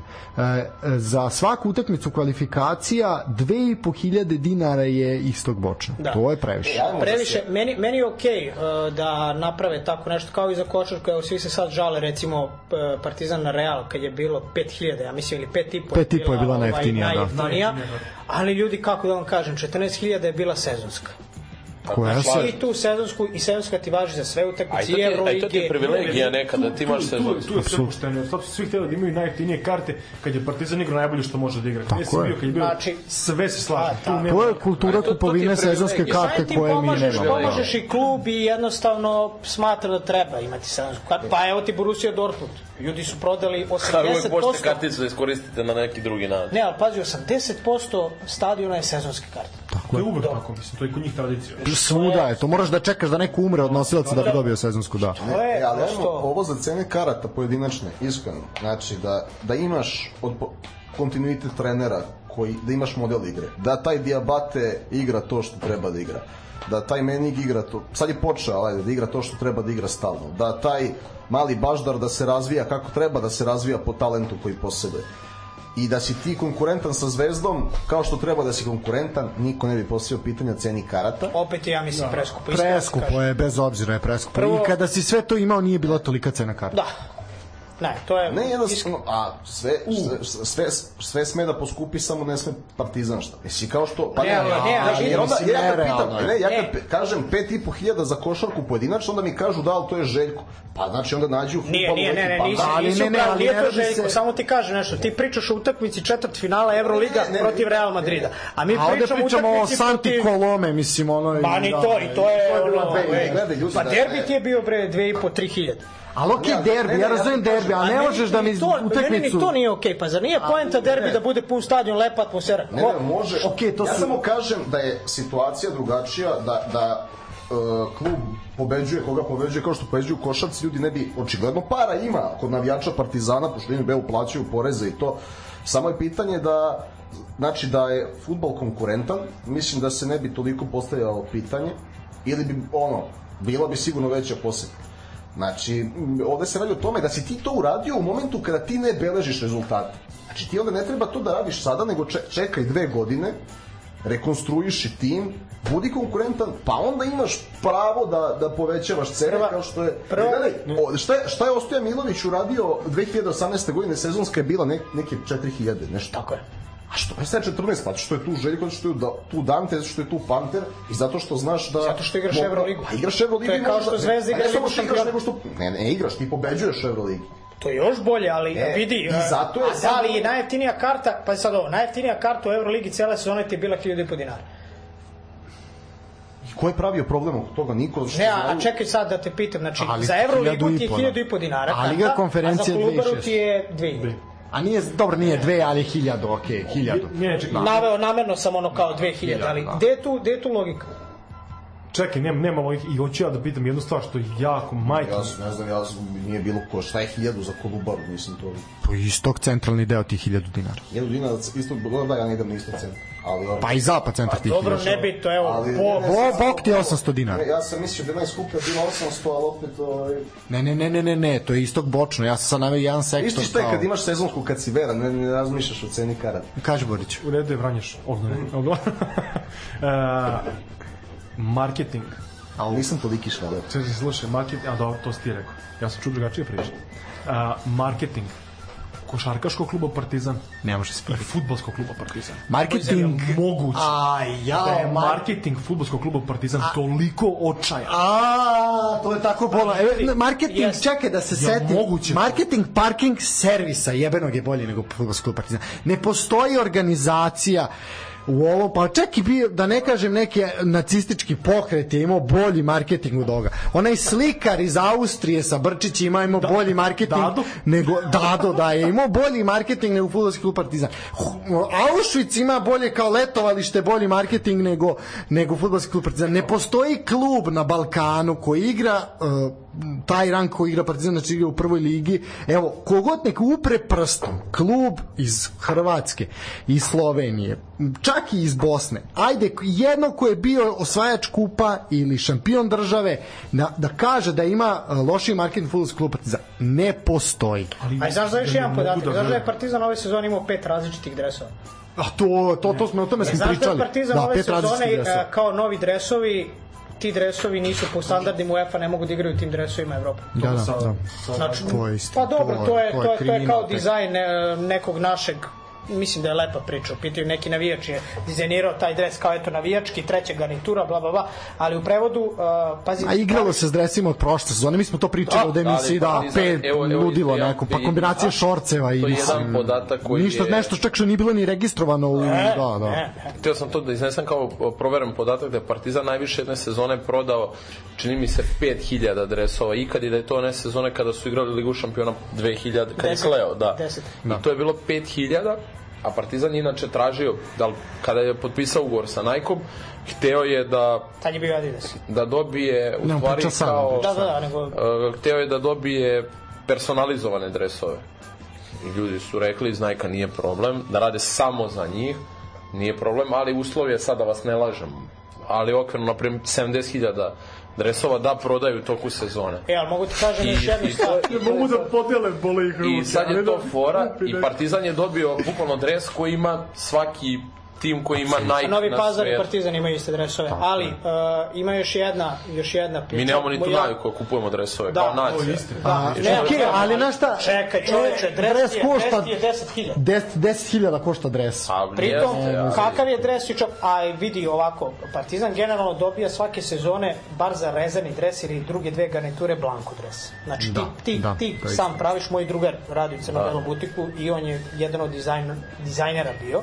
Svaka ovaj, na kraju, ne, nije, ne, ne, ne, ne, nije, nije, nije on dizajnirao ove dresove, nego on, na primer, sve svoje što je predao, u smislu kao, ok, kao predlog ili bilo što ima neke jako lepe predloge, sve su odbili, na kraju su ono na svoju ruku napravili ovakve dresove, koji nisu, znači, pazi, znači, na svoju ruku su napravili dresove koji nisu po standardima UEFA i tim dresovima ne možeš da igraš ni jedno takmičenje.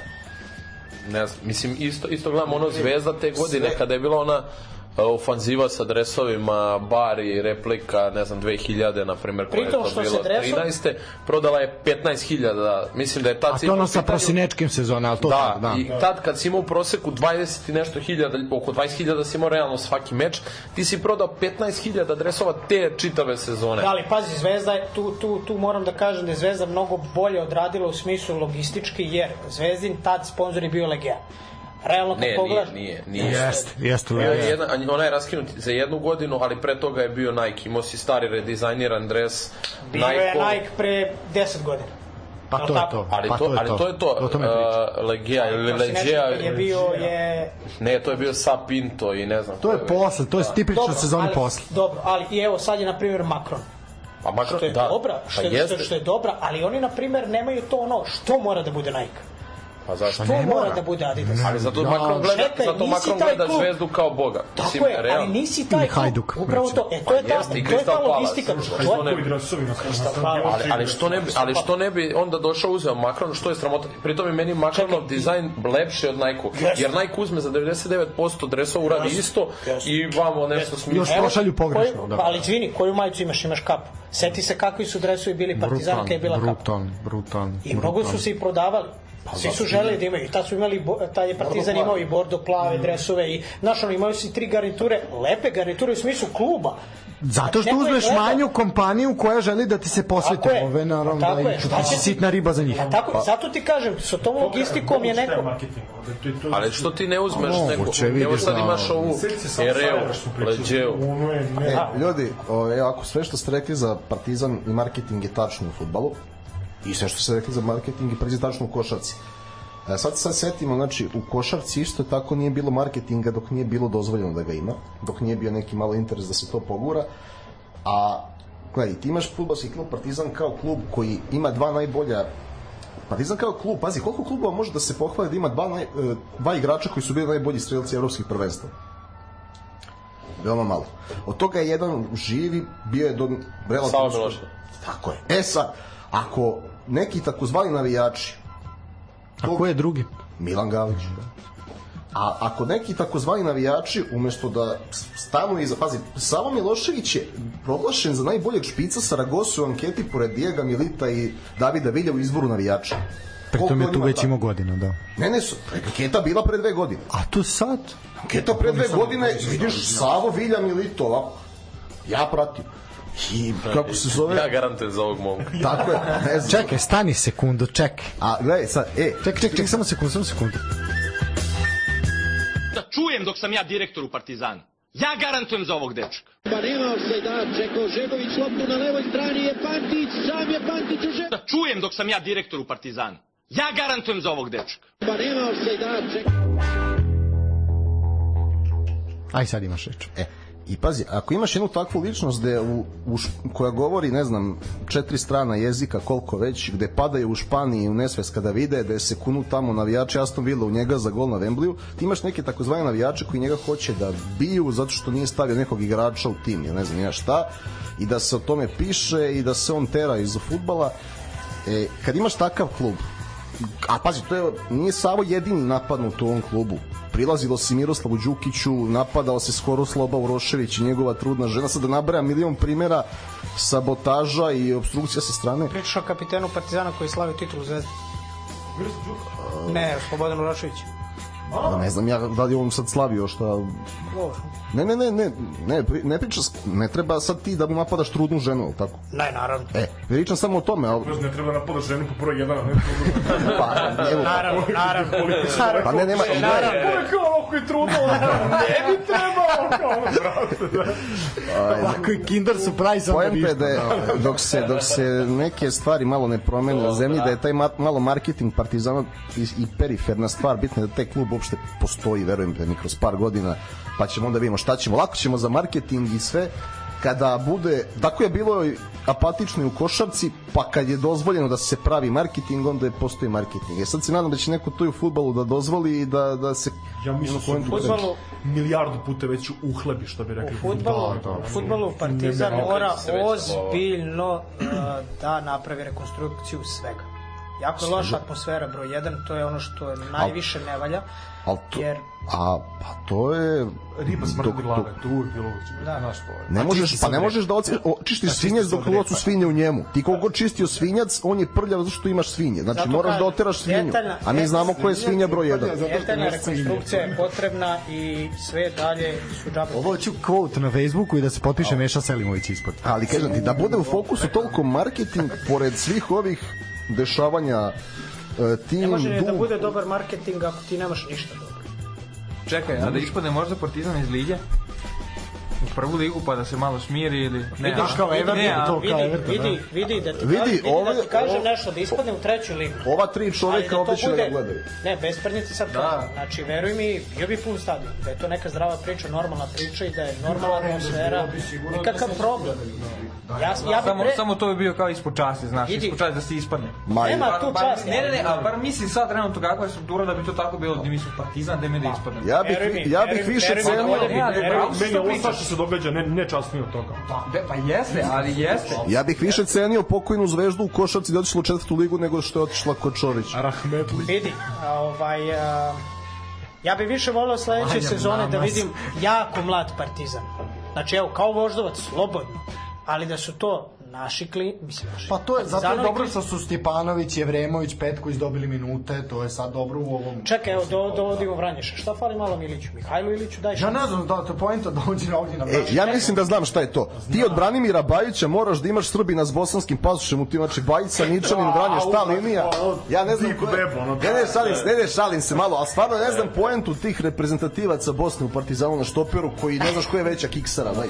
Znači ima si taj Bajić, meni frustracije iz mladosti, ono, detinstva, ovaj, pa onda imam Oksa Ničanina da me podsjeća na njega i sad dolazi ovaj, mislim, Dobro, me- Vranje, Vranješ, mislim, ajde objektivno. ne, on je agilan, on je Ne, eksplozivan. ne, ne, ne, ne, mi odlik, molim. Ne, ali futbalski, futbalski on, je- pa on je, on je bolji igrač, kvalitetni igrač i od Saničanina i od Vujača. Jeste, od Svete Markovića. I, i, od Marko, mnogo, Ali mnogo. ne, ali šta ćemo, ali ne, ali ti kad kucaš ognjem vranješ, Evo problema. Koliko je stepenik iznad? A dobro, on, je- on je igrao u klubovima koji ovaj, no, no, ne, ovi mogu da sam da. Sad će on Ne, ne, ne, ali čovjek ima 33 ti godine. kad To je- ukucaš, je- čekaj, je bolje da igra taj Ilić ili ti Ali to, to je druga priča. Ne, Ne, Čekaj, kako si... ih više gledao njih nego šta će Ali Stanislave, kako si dao šansu Milenkoviću?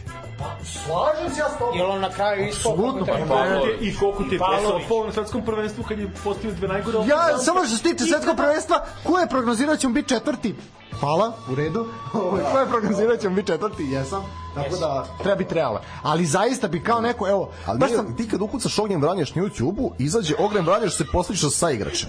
Znači sad šta se treba? A da čekaj, plakanje za Karleušom, A mislim, ne, izađe a sad ako izađe ognjem Vranješ, sad igraju, čekaj, čekaj, čekaj, čekaj, ako igraju Vranješ Šilić, recimo kao On je- on stariji Kaliopio. i mlađi štoper. I sad Ilić pogrešni, sad ja treba da se bojim da li će ovaj da se dere na Ilića, da, da dete tamo ne znam, plače na Ali vidi, šta. dovoljno govori o njemu neke stvari. On je čovjek koji je imao tetovažu Republike Srpske, igrao je za Bosnu i onda su ga napali, pa se sutradan pretetovirao, napravio je sat. Stvarno. Da, Ne znam koliko ima sada. pa ne znam i onda je onda je u svemu tome znači odlučio da vređa Partizan dok je bio u Zvezdi i sad hoće da igra za Dobro, ali vidi, ajde to, to klinačko vređanje, mislim, prvo on je bio klinac dok je bio u Zvezdi, ozbiljan klinac je bio, mislim, bio jako mlad, a sa druge strane pa Ali to je radio i Ali Stevanović. nije mentalno odmako od tih godina. A to je sad druga stvar, da, to je da, ali ajde u tim godinama mogu to negdje. To je najbolje. Meni, meni njegovi igrački kvaliteti nisu toliko sporni, razumeš? Oni su manje sporni, ali kažem Igrački kvaliteti su Ja najmanje sporni od svega. Da, ne znam shvatio on sad. On Evo ti, Ne Stanislav, ti si rekao ključnu stvar. Partizanu fale partizanovci. Iskreni, kakvi god da su. Nemaš ih Sad će ti. Partizanu fale sad će ti, evo ti, sad će Jojića da izvadi iz... Partizanu fale profesionalci.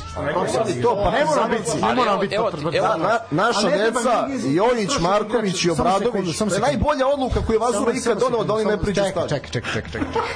Čekaj. Možda jedina dosta. Stani.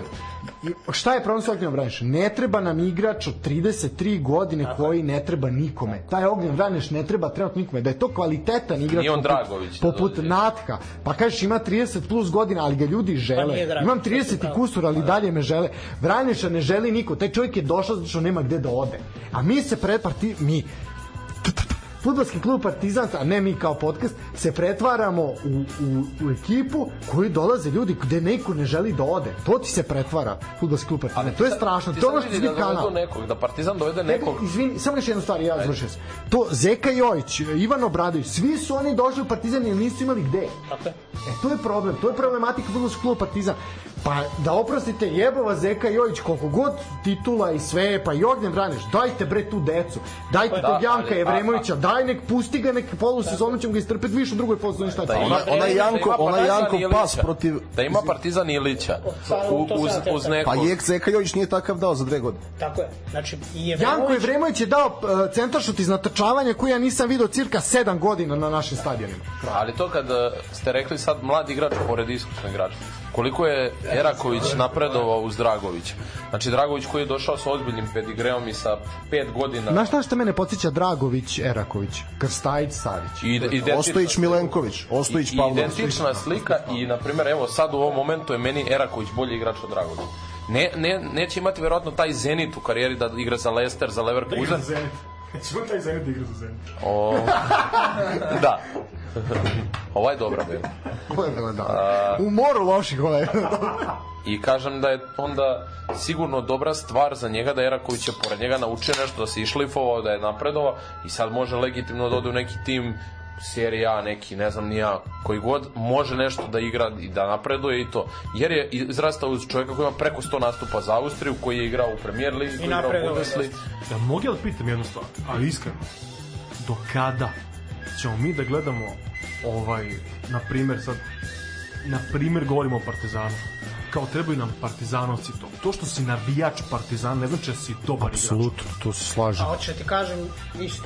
Ja bih hteo surog profesionalca koji, ne, koji nema nikakvu emociju prema klubu, ako imaju Everton par nekih drugih, ali da je glasan igrač. Da, ali Ne tebi treba mi Dragović da- nikad ne bi došao u Zvezdu. Ne treba mi da tapšeš, ne treba, ne treba mi ništa me, ne treba ništa Ne treba povezati mi ljubiš grb, ne, to Ništa mi ne treba, treba mi da igraš korektno, da igraš dobro. Ne To važi za svaki klub. Sada, naravno, e to kažem, samo sam uzeo kao primjer, pošto Da, pričamo o ti tome. onda bi zatvorio sebi neki, na primjer, Zvezda i Partizan sebi zato što imaju tu veliku navijačku Ja bih bazu. pre toga nego što si ti da rekao dođu. doveo nekog mladog, perspektivnog futbolera koji zaista osjeća taj klub.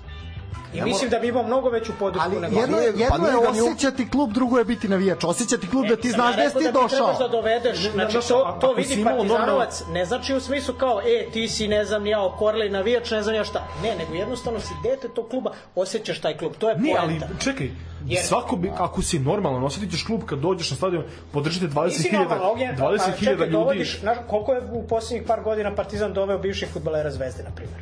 I na Taj Ne, ne može, taj ne može... Pa evo, jedan ti dono Taj ne može da osjeća posle. klub kao što će neki mladi ili neki drugi igrač. A šta osjeća Uroš Đurđević? Pa je dao 30 golova i završio A ti dobro, posljednju ali duplu mnogo više ovih suprotnih primjera. Bar ja tako gledam. Ja isto.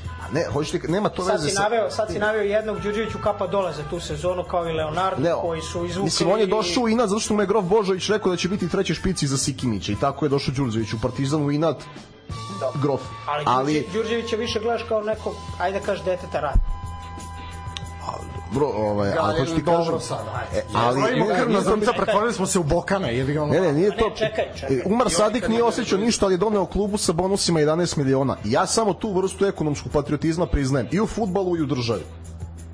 Znači, to je to, to mi treba. Partizan ne može ognjem vranješ jer ne možeš da ga prodaš.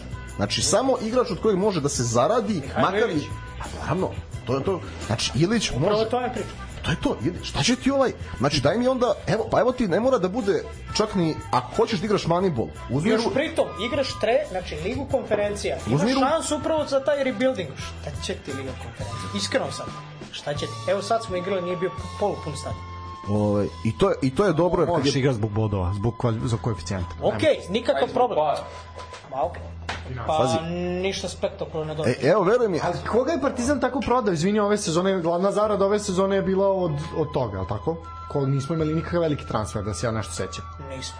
Pa, prodao si Aleksu Terzića, to je jedino što si prodao. koji je posljednji Da, veliki je- transfer Partizana?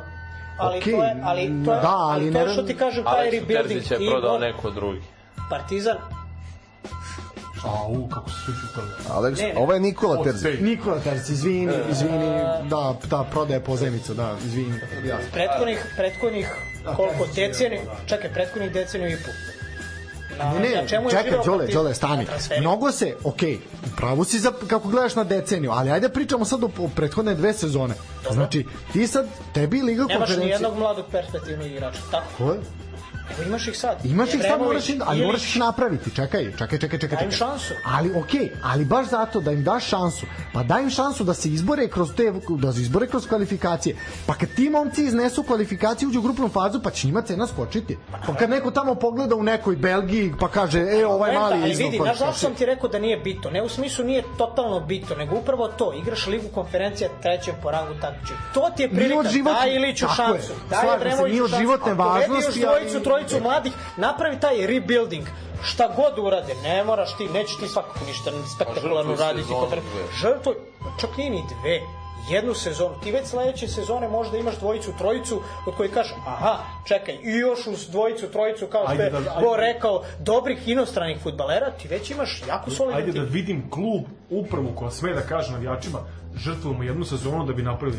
Nema. Znaš ko to može da uradi? Na Balkanu to može samo željezničar i niko više. I oni su to uradili. čekaj, šta je ovo bilo, pa bolje da si žrtvovo recimo ovu sezonu. Sad je bolje Sezona dođeš jeste žrtvovana. Pa, šta, a prošla sezona je bila... Ali nije, pa to je problem. ništa Ali ona jeste žrtvovana. Ti Ove nisi ništa sezone uradio, ništa nisu kanal, za, zadužio si se, opet si doveo neki.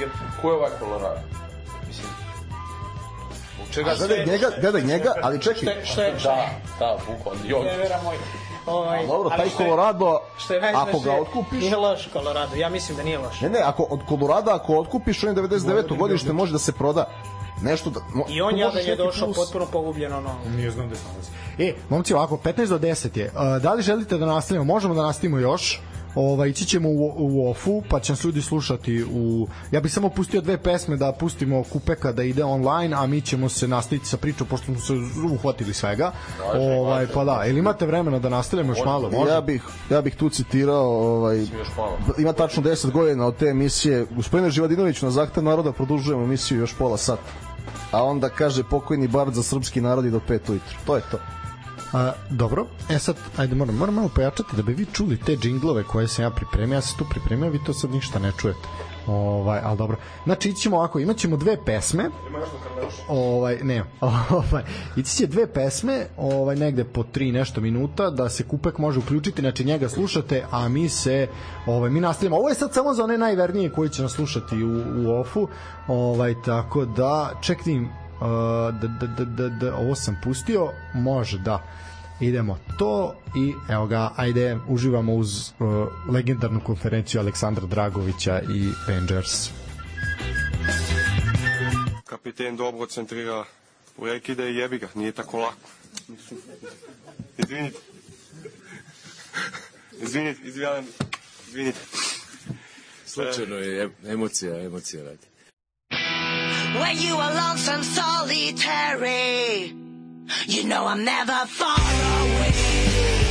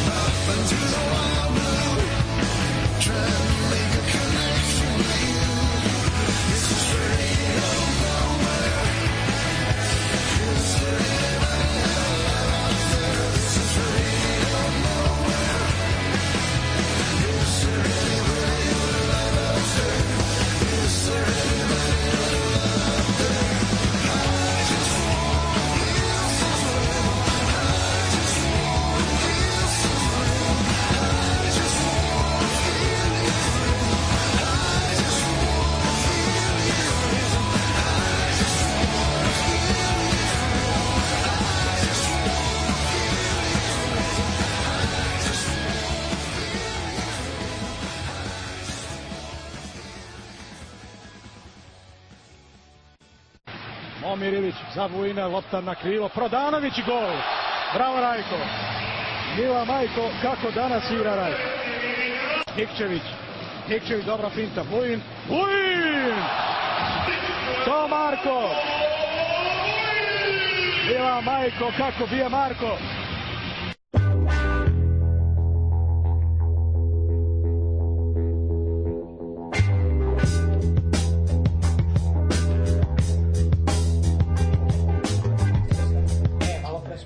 E, evo nas nazad. Ovaj znači ovo je samo za hardcore fanove koji će doći do ovde. A, a sad pošto je kraj sezone i pošto su ovaj momci tu sa nama da završimo ovu priču o Superligi, momci su dobili po jedan beli papir Ovaj, sad će momci uzeti beli papir i uzet će olovčice koje sam im podelio. Ovaj, Boriću, sad je tvoj, taj tvoj crni veliki je sada samo tvoj. ovaj, da. Reči koje sam od uvek želeo da ovaj, I momci, imate ovako, ja sam napravio mali kviz o Superligi Srbije. Pa ćete, a ne, ali nešto što pamtimo svi, ne, ne ovaj tokom ove sezone, jel ne toliko. Pa ćete, pa ćemo malo da vidimo ko je, ko je najbolji, a nagrada je simbolična, tako da dobit ćete. Jel, jel, jel važno kojim se pismom piše? Ne. Pošto ne znam ni jedno pa. Nije bitno ni kako akcentuješ, ni kojim pismom, ni, ni sve. Ni sve.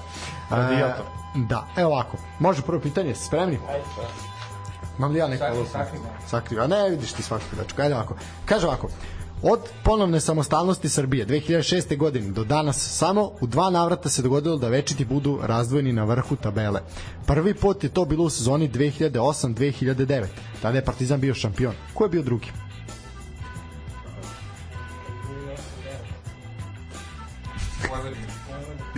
A ne možeš putati jebe mu ma.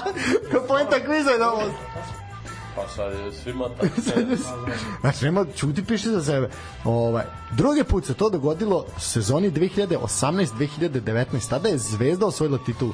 Ko je bio drugi? Vodići će me streljati. To je isto prvo pitanje. To je drugo pitanje. To je drugo pitanje. Drugo pitanje. Napisali? A ti čitaš, jebi, ne možeš. Kaže ovako. E, Novi Pazar je završio po njima na istorijskom najviše mesta, oni su još jedan put bili peti. Ovaj bilo je to u sezoni, sad ću vam reći, sezona 2014-2015. E, tada su između ostalih za Pazar nastupali Pavlović, Jevtović, Kecap, Bruno Matos, Radivojević i Rusmir. Trener je bio Milorad Kosanović. Koji igrač Pazara je nastupao ove sezone kada su ove bili šesti i tada kada su bili peti? Jedan igrač je nastupao i tada i sada. A ovo se pravi razliku ozbiljno već u kvalitetu. Adem Ljajić? da. A zna, zna, zna Delić, a? Mislim. Dobro, može dalje.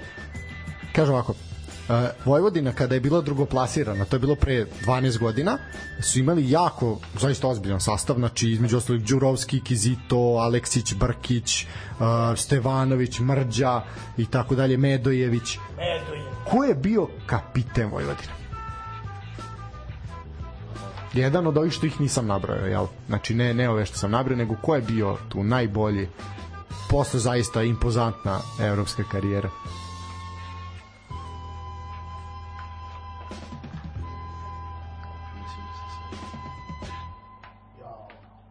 Moj se. da, dobro. Može dalje? Kaže ovako. Petar, Petar Puč. da, da, to mu sigurno piše u rezimeu. Leo Lerinc. Da, može dalje. Kaže ovako, Radnički je tada pre četiri godine ovaj, predvodio uh, Caki Stojanović, a tu su bili još Grbić, Kojašević, Nikodivić, Pankov, Čumić, Stanisavljević, Ranđelović, Strnomarković. Ko je tada bio najbolji strelac lige, a iz redova Radničkog? Ove sezone nastupao i za Velež iz Mostara.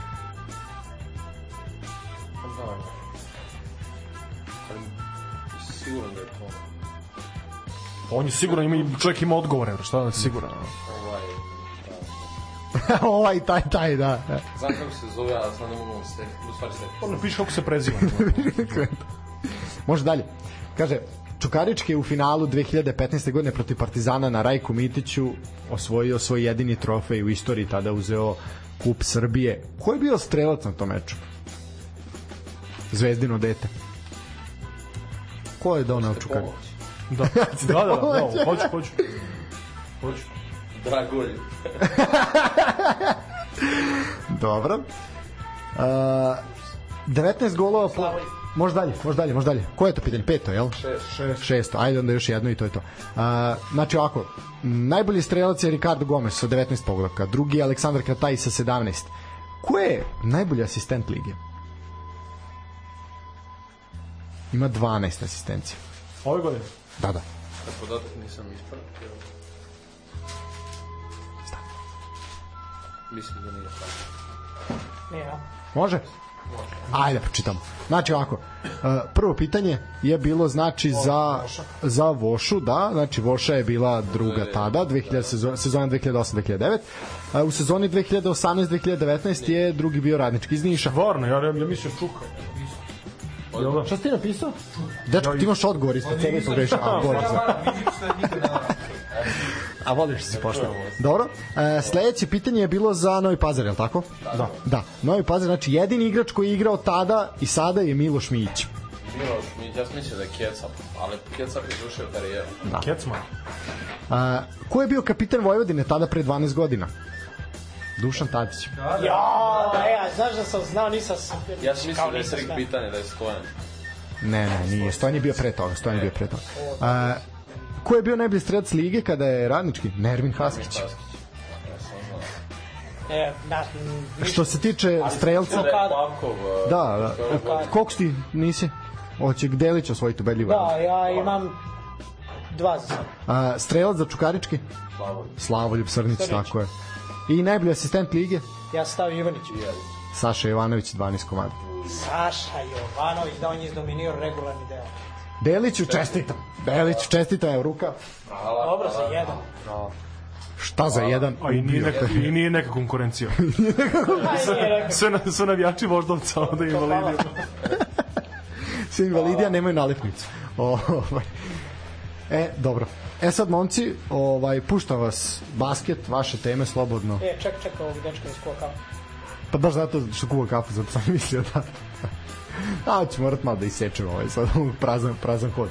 Ovaj, Čestite vas. Hvala, hvala. Nije, reci, reci za basket.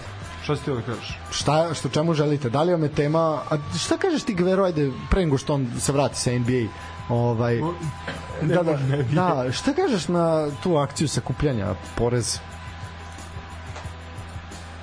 Pa dobro. Meni to baš nešto malo para ispalo na kraju, iskreno tu. Pa, ja Pa sam- nije malo para, vidi. Pa pazi, skoro 2 miliona evra. Milion i sedamsto, milion i evo sedamsto. koliko sam ja vidio, da. Da. Nije to mala cifra, ali da, možda smo očekivali malo više.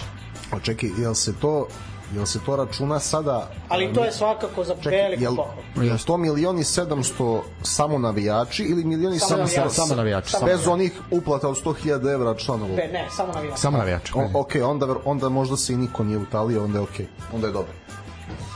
Samo navijači. Onda je dobro. Jer ovih imaš 8 puta, znači 2,5 miliona evra. Tako, tako. Tako što je lepo. I ostane ti pet, i ostane ti pet za reprogram. I da, i ne, mislim da će i još jedan deo su skupili tokom sezone, bar sam tako načuo, da će i to biti. Znači na kraju će biti možda nekih 3,5 miliona da će ovaj, platiti da će ostalo ići u reprogram. Što, e, što je jako dobro. Ako ispadne na kraju sve to kako se priča, mislim da je to jako dobro potes. Generalno, kako bi ocenio ovaj evroligašku sezonu jednog i drugog tima? Pa odlično. Odlično. Ovaj, drugi tim, odlično. Pa da, pa dobro, Zvezda je bila u 10. šest i Mislim, bili su, bili su, bili su blizu da nisu imali iskreno ozbiljne kikseve pri kraju neke neverovatne poraze kao što je Bayern, kao što je Panathinaikos. kao što je Panata, Panata, kao što je Alba. Alba u, be, u pioniru, da. Mhm. Iako ih je Alba stvarno onako, Zvezda nije imala tu šansu, ali opet morala je to Sramotno, dobiti. 15 razlika. I još neka utakmica je bila, čini mi se, Deliću. Ne znam, potisnuo sam. Ne, ne, Bayern, a, Bayern, Alba. Bayern, Bayern nismo, ja mislim, rekli. Bayern. Jesi, Bayern, re, rekao si Bayern, Yes. Panata, Alba, Žalgiris zaboravili. Žalgiris i Barcelona. Dobro, Barcelona... igraš 5 na 8. pa dobro, pazi, bio si na sekund. Da, ali opet, mislim da je... Ajde, da je ajde. Svakako mislim da je to, mislim, mislim da je bila dobra sezona Zvezde. Što se Partizana tiče, mislim da je bila odlična. Ok, taj Final Four, šta se izdešavalo, ali kad pogledaš da si igrao top 8, da si igrao potpuni ego, šta je egal, u prve dve utakmice si razvalio Real. Mislim, kakav god da je Real. Real je Real. Ovaj, treba dobiti dva puta u Šta kako god da je prvak Evrope. Pa da, da, sad je prvak Evrope, naravno, ali pričamo u smislu Preko naših nejakih leđa. Pleća. Ja sam lepo rekao u grupi, ako se sećate, Real je izbacio po meni najbolji tim kako, ako se gleda forma i igra ove sezone u Evropi i da su oni za mene bili favoriti na Final Four upravo zbog toga. Imaš Ljulja, imaš Serhi Rodrigueza, imaš Rudija Fernandeza, imaš Tavaresa koji je nesran, on dole. E, to je ta razlika NBA i Euroliga. 3 sekunde u reketu. Tavares kad stane u reket. Ajde prebaci ga. Oni kad stanu u zonu, perfektno su odigrali zonu. Čus Mateo, kapa Z- dole. zo- zona im je donela Ovaj, On je titul. pokazao tu da je ipak dobar trener, da, da, da su ga mnogi pocenili i jednostavno pri kraju eto, izvukli su maksimum maksimuma uh, od te treće utakmice sa Partizanom. Stali su tu zonu gde eto, Partizan je možda ta dva meča kod kuće propusti šansu. Jeste da je bilo to 18 razlika u Madridu, ali Ne- znalo se da će oni u drugom polovremenu izaći. Pritisak, Madrid, puna hala, njihova nekako ono, očekivalo se da će se vratiti iskreno u utakmicu. Baš da očekuješ da će Zna- Partizan da ih drži na desetak, 15 razlika Znaš šta je simptoma? Na, znaš šta je ono što je napravljeno ogromna medveđa usluga što nije mogla zbog dana žalosti da se ovaj da se pomeri zbog svega toga. velika, to je najgora atmosfera Da, u to je baš da bilo- to je igraš. baš bilo- Sve to to je ono. I baš je bilo, izvini što te prekidam, htio samo jednu stvar da kažem, baš je bilo tužno, mislim da je pola hale zaplakalo kada je bilo, ovaj, speaker je objavio pre utakmica ko može aplauz za čuvara uh, te škole koji je- koji koji je, je bio veliki navijač Da. Partizana, imao sezonske dolazio i kao ako možemo da isplati aplauzom i uh, rečenica nje, nje, uh, njegova porodica je kao u fazonu njegov, on je izjavio da bi voleo da ode kad jednog dana dođe. Taj dan nažalost došao je prerano ovaj, da bi voleo da se oprosti upravo to kao da dobije aplauz na navijača Partizana i mislim da su u tom trenutku svi onako se naježili, baš je bilo onako preemotivno, jako čudna atmosfera i sami igrači su onako bili nekako čudno je sve to. Ma ne, da, baš je čudno onako igrati, bilo. razumeš, I ono, drugo to se poluvreme, to drugo poluvreme koje su onako baš se igralo na mišiće i eto, iskoristili su jednostavno Madriđani to njima, to sve išlo u prilog i šta da se radi. Ali opet, generalno u globalu, igraš top 8, to je opet jedan sjajan rezultat. Sjajan rezultat. Na Pritom bio si šest, realno bio si na šest u regularnom delu. Da. Samim tim jedan sjajan. Pazi, posle 4-9 starta. Mislim, start. Ok, uh, mislim, ok, da, pa pazi, 24-5 je, ja mislim, bilo od tog momenta. Tako nešto, ili 21-5, sad možda sam ono, ali znam da je bilo 20 nešto. Bilo je, na kraju, na kraju je bilo, na kraju bilo I 20, tih pet poraza. 25-3. Hm? Na kraju je bilo 25-3 ili kako već? Ne, pet poraza je bilo. Bilo je 25. 25, E, to. jel tako? E, Ali mi smo to komentarisali ovdje, ja sam rekao, e, to, po, pošto smo komentarisali te teatralnosti o- oko dana žalosti o kojima smo pričali između sebe ovako pre nego što smo se sastali, da sad na, na toj konferenciji posle trenutne utakmice Željko Obradović mora nekom da se pravda što se uopšte igralo i sad je on kriv što... Ne može, tu- tu je Euroliga, ne može da odloži. Ne, ja znam da ne može, nego zašto uopšte Željko mora da se pravi umesto da se fokusira i to koji smo komentarisali, ne može prvo polovreme da se navija prva četvrtina 12 razlike za Real i onda je ostatak meča Partizan dobio 7. I ti, si- ti si tu, i tu nisi otišao na Four. I tu nisi otišao na Four, a znaš šta je najgore? što imao si šansu jer će dogodine sa ovim promenama trenera i nekim rastom budžeta, dogodine će biti veći uspeh ući u top 8 i za jedno i za drugi, Je uđu to nego ove. potencijalno. Pazi. Još uvek se ništa nije desilo toliko što se Partizana... Dobro, danas je prva, danas Liči je da prva vest da ali- Saša Obradović je- napušta znam, znam. Monako. Da, to, je, je. to je neverovatna vest. Da, oni, Šta? da Saša Obradović napušta Monako. Da možda, možda, možda, možda. A, Ni- mnogo je bilo... sigurno. Ali gotovo Pa da, i ali- ono Čavi veliko... Paskvala, Ali pazi, koji je Obradović ti je, e, A da. prva stvar, Paskal. prva stvar, Mike James je tamo, e, konkretno predsednik Monaka ga obožava. I on tamo ima totalnu slobodu u smislu, bukvalno je veći od svih koji su... Što nigde nije dobro. Što nigde nije. I mnogo puta smo i toku sezone videli da recimo Mike James izjavi nešto. Koliko, koliko je on trenera smenio? Tri? CSKA, Ja mislim ove- Panathinaikos i, i, i, i Zvezdana Mitrovića Aha, aha, u, u pričaš o Jamesu. Da, da, da, da, da, da. da. Je- Strašno. Pritom pri, pričamo o Mitroviću koji su u Eurocup sa, Mona, sa Monakom. Pa da, I sad a- pričamo o Bradović koji je otišao na Final Four sa Monakom. Ali James je čovjek koji će da da 50 poena svakom i onda će... Neće. I da preko To je njega problem. Ne, nisam 60. to hteo da kažem, niste mi dopustili da završim, ali će isto tako da u- usere 80 poena i oni će da... Kako su te sasekli, ono... Da, i nisu mi dozvolili, a dobro, nema. Kad je rekao da 95% timova ono, možeš da igraš protiv njih. Pazi, ne treba, ne treba tebi, ajde sad ne pričamo o neke manje lige, ali gledaš Euroligu, najjaču, najjaču ligu u Evropi, ne treba tebi Mike James. Treba ti, ali da mu ne znam, ne znam kako da ga uklopiš nekako, da on tebi Mike James, donese... je, Mike James je top 5 playmaker. Nema tu priče, ali koliko, koliko loših stvari, koliko dobrih stvari I jak ego. Ne, I ja, ego- ja ti se kunem da je bio da staviš Dan Texuma umesto Mike Jamesa. Hm. Na primjer. Dante Exum ne znam koliko... Aj, ne, ne, ne, ne, ajde, on, da, on je možda više, aj, Kevin Panther. Kevin Panther, Kevin da. Panther umesto Mike Jamesa. Ali ti imaš Ja- kod Mike Jamesa, Koba, Lloyda, A izvuko je Obradović maksimum iz te ekipe, realno. Pa jesu, ali Od- to kad pogledaš, te- vrlo, vrlo- Od vrlo te divljine kvalitetno. Ajde izvukao da posmatramo utakmicu u kojoj je Partizan obezbedio to posao u Monaku. Pa, Partizan je napravio plus 15 dok je Mike James bio na terenu, onda ga Saša istera i onda Posvađaju se?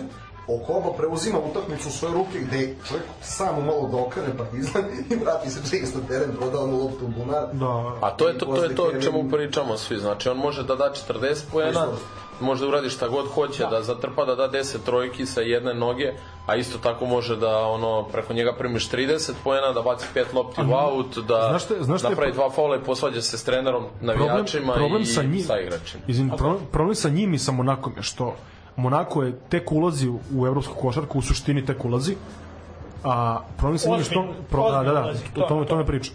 A problem sa njima što on nikad nije igrao pobedničku košarku. Nikad. Mike James. Da. Nikad. Jure samo za sebe ceo život. Tako je.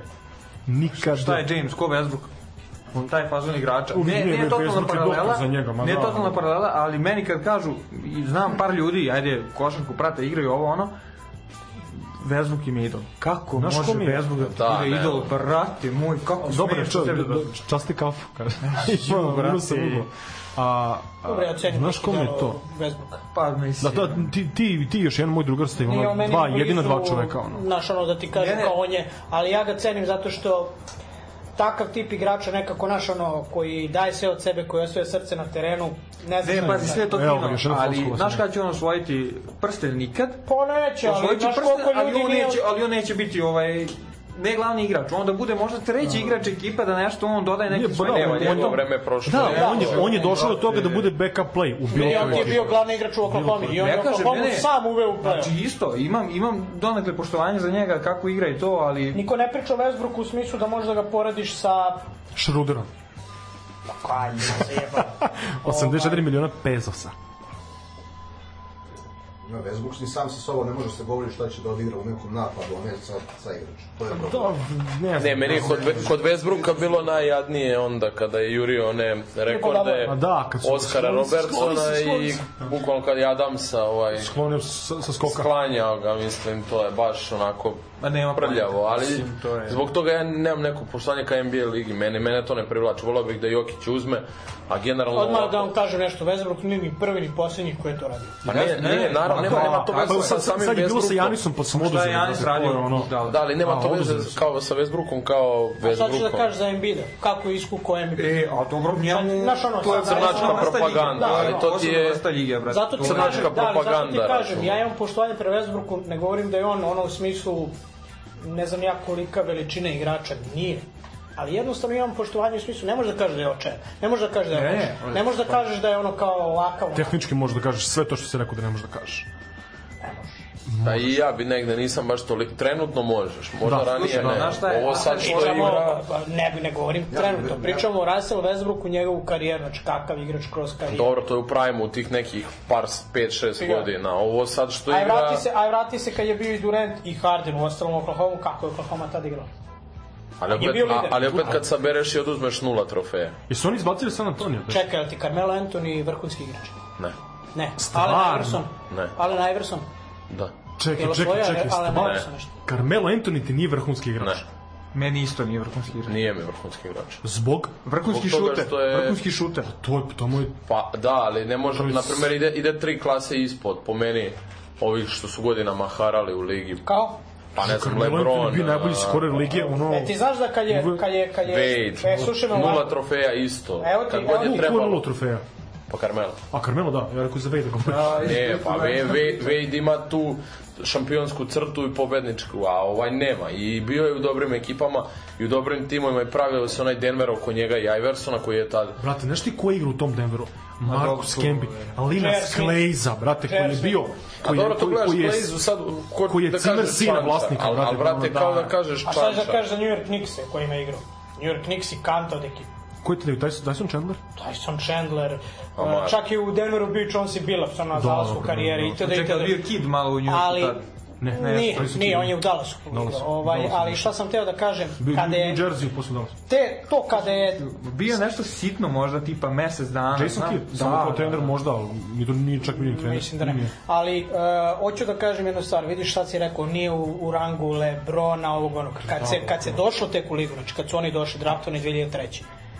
Mnogo se više dalo značaj i mnogo se mislilo da će uh, Carmelo Anthony biti veći od Lebrona, zato što je Carmelo... A za- nije se, ver, brate, on Nije, je on je imao nije, najveći nije. hype. Jeste, niko nikad nije imao kao LeBron hype. Nije. Nijedan igrač na draftu, Znaš ko je možda Zion znaš ko je-. Zion. Nije, Je. nije, slažem se, ali hoću da, da vam kažem, tad, taj Denver nekako se činilo da će Carmelo pre uraditi i osvojiti titulu nego Lebron. A došao ispred. Na putu jebi ga Kobe Bryant, Lakersi.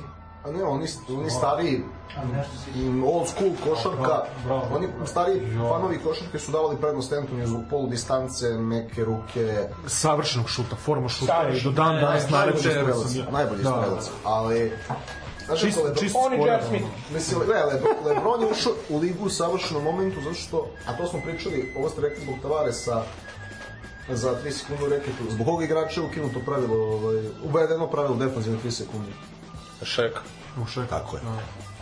I kako se To ti je isto kao i ovaj, e, kako se zove ovo, uvijek- bre, z- zabao sam, kad pravi faul namjerno. Henček. Henček. Henček je tamo kad rani 2000 je isključen Henček. To su na šeku najviše radi, pa sećate se kad mu se Greg Popović smeje, ono, A da, ne, ne, treći ne, sekund utakmice, oni to pravi je- to je- nameran i šek ne, ne, to je- i Pop mu kao To je ono, hekašek, to je druga stvar. Da. Henček je kad on ne smeš da imaš ruku na njemu kad, kad, kad, kad ga čuvaš. 90-ih je bio i ranih 2000-ih je ukinuo tamo, tamo kad je Jordan završio. Tako nešto, tako? Da, da. Ali šta hoću da kažem? Mislim, meni, meni nerealno da te nije ono Carmelo Anthony, ono kao top igrač. Pa nije mi to, zato, zato što me, ja ne, ne volim igrača koji, kogod to bio, koji siluje do besvesti. Gledao sam ga x mečeva u Njujorku, onom, znači on ima Da, 30 danas, šuteva danas, ti, danas Colin Sexton siluje do besvesti. Da, ali ja ne gledam ove, ove godine ne gledam, evo dve godine već ne pratim baš iz toga zato što se pojavila gomila nekih imbecila u ligi koje ne bi mogla da igraju u ono Ali kad pogledaš koliko je, koliko je ludi glava napravilo vrhunske, vrhunske karijere. A Ne, dobro, ali to, to je neka naš druga priča. Meni je odvratno, odvratna mi je činjenica da vidim neke košarkaše koji nemaju koji ne bi mogli da igraju sad ovde u ABA ligi, a igraju i življavaju se ono. Čak, na primjer, ko? Ajde, daj bukvalno. Pa ne znam, brate, kad sam vidio da D'Angelo Russell igra, ono, god... Vidi, D'Angelo Russell je možda Veliki jedan od najvećih prirodnih talenata koji Veliki A dobro, ali igrao. najveći divljak isto tako, to kažem, najveći divljak. On ispali 20 lopti za četvrtinu, bar ono ranije se Kad sam gledao sad, ovo, jeste, jeste, ova, ova serija protiv Denvera, pa. brate, u trećoj sekundi napada je Pa pripao. ne, pa meni i to nije košarka, isto. meni je to divljina, šta, to, to može svako uzme Dobro, loptu sindikat i... liste. Znaš, Ne znaš šta je tu fora. Možda nije sad konkretno na ovo, ali one fore, Jokić kad došao i nije važno im bit kogod da bude MVP, ovaj, pa kažu najbolji igrač na svetu. Nije najbolji, nego najbolji igrač u NBA. Uvek volim, ko, ko to kaže, ko gleda NBA, ne NBA, ja ne mogu, ne mogu da smatram MVP je najboljim u ligom na smislu te svetu. sezone most Ne, ne mislim za. MVP, ne, ne, uopšte to, Tako nego i oni kažu nazivaju za najbolji, najbolji igrača na svetu. Nije najbolji igrač na svetu. Znaš ko je najbolji igrač sad? Kevin Panther? Nikola Jokić. Ne, a ne govorim ti uopšte to, nego kad bilo ko, da si ti sad najbolji igrač NBA, MVP, nisi najbolji igrač u svetu, nego si najbolji igrač u NBA. Johnny kao Osvaja, ali, ali, razumeš, ali, ali, ali isto ti tako piše kada tim koji osvoji i Da, da, onaj, world e, champion, da. Da, champion. Ali nema veze sa vezom, ne. da. Da, pa dobro, To je cirkus, to je, to je biznis, to je... To jeste neispravno tehnički, ali ne, mislim, razlik. A da li onda, čekaj, samo jedna paradigma. Napravi utakmicu. Da li onda, da li onda možeš da kažeš za MVP Superbola da je najbolji igrač američkog futbala na svetu? Ne, to je najkorisniji igrač te sezone. Ne, to je ta titul. Super Bowl je... Ne, ne, dalje na No, svetu. okej, nema, eto, regularnog dela Nema NFL-a. Pa evo i dan danas, realno sad kad pogledaš, Igra si u Srbiji. Pazi, ni- nije, nije realno, Pa, nije, realno poređenje, nije realno poređenje, jer nivo, nivo NFL-a u Americi, Ali isto je. američkog futbola u Americi i bilo gdje drugdje na svetu. Je znaš, znaš da si igra najjača, najjača liga ovaj, posle američki u NFL-u. Ne, bi nikad pogodio, ne, ne, ne bi nikad pogodio. Australija. Australija. Ne, u Japanu. A Japan. Moguće, mogu, da. okej. Jes, Japan. Ludnica. Pa da, pa to ti ono kao američka se Samoa na, na- na svetskom prvenstvu u ono otprilike da on ljudi kidaju, da mislim ono. Ali to tako se Japanci na bejsbol lože, oni su Da. na olimpijskim igrama. Mihajlo. Pupin odmah, ako ste gledali Ma Balkan Info, on je odmah, da. Klis. Klis. Klis. Vole Klisa igrati. E, okej, sad izvinjavam se što sam prekinuo, ali znaš, to, je- po meni je to ta paradigma, znaš, kao, ako je NBA igrač, najbolji igrač sveta, ali to, oni, to je njihova priča Pa zapravo, da. da? Ovaj, onda, To ti, je, to, ti je, to ti je titula najkorisnijih igrača te sezone. Naravno, ne. Evo ti je sad MVP, možemo kažemo, evo Jokić je bio MVP zapadne konferencije, playoff. Ne, Meni je zbog Jokića drago što je Embiid uzeo.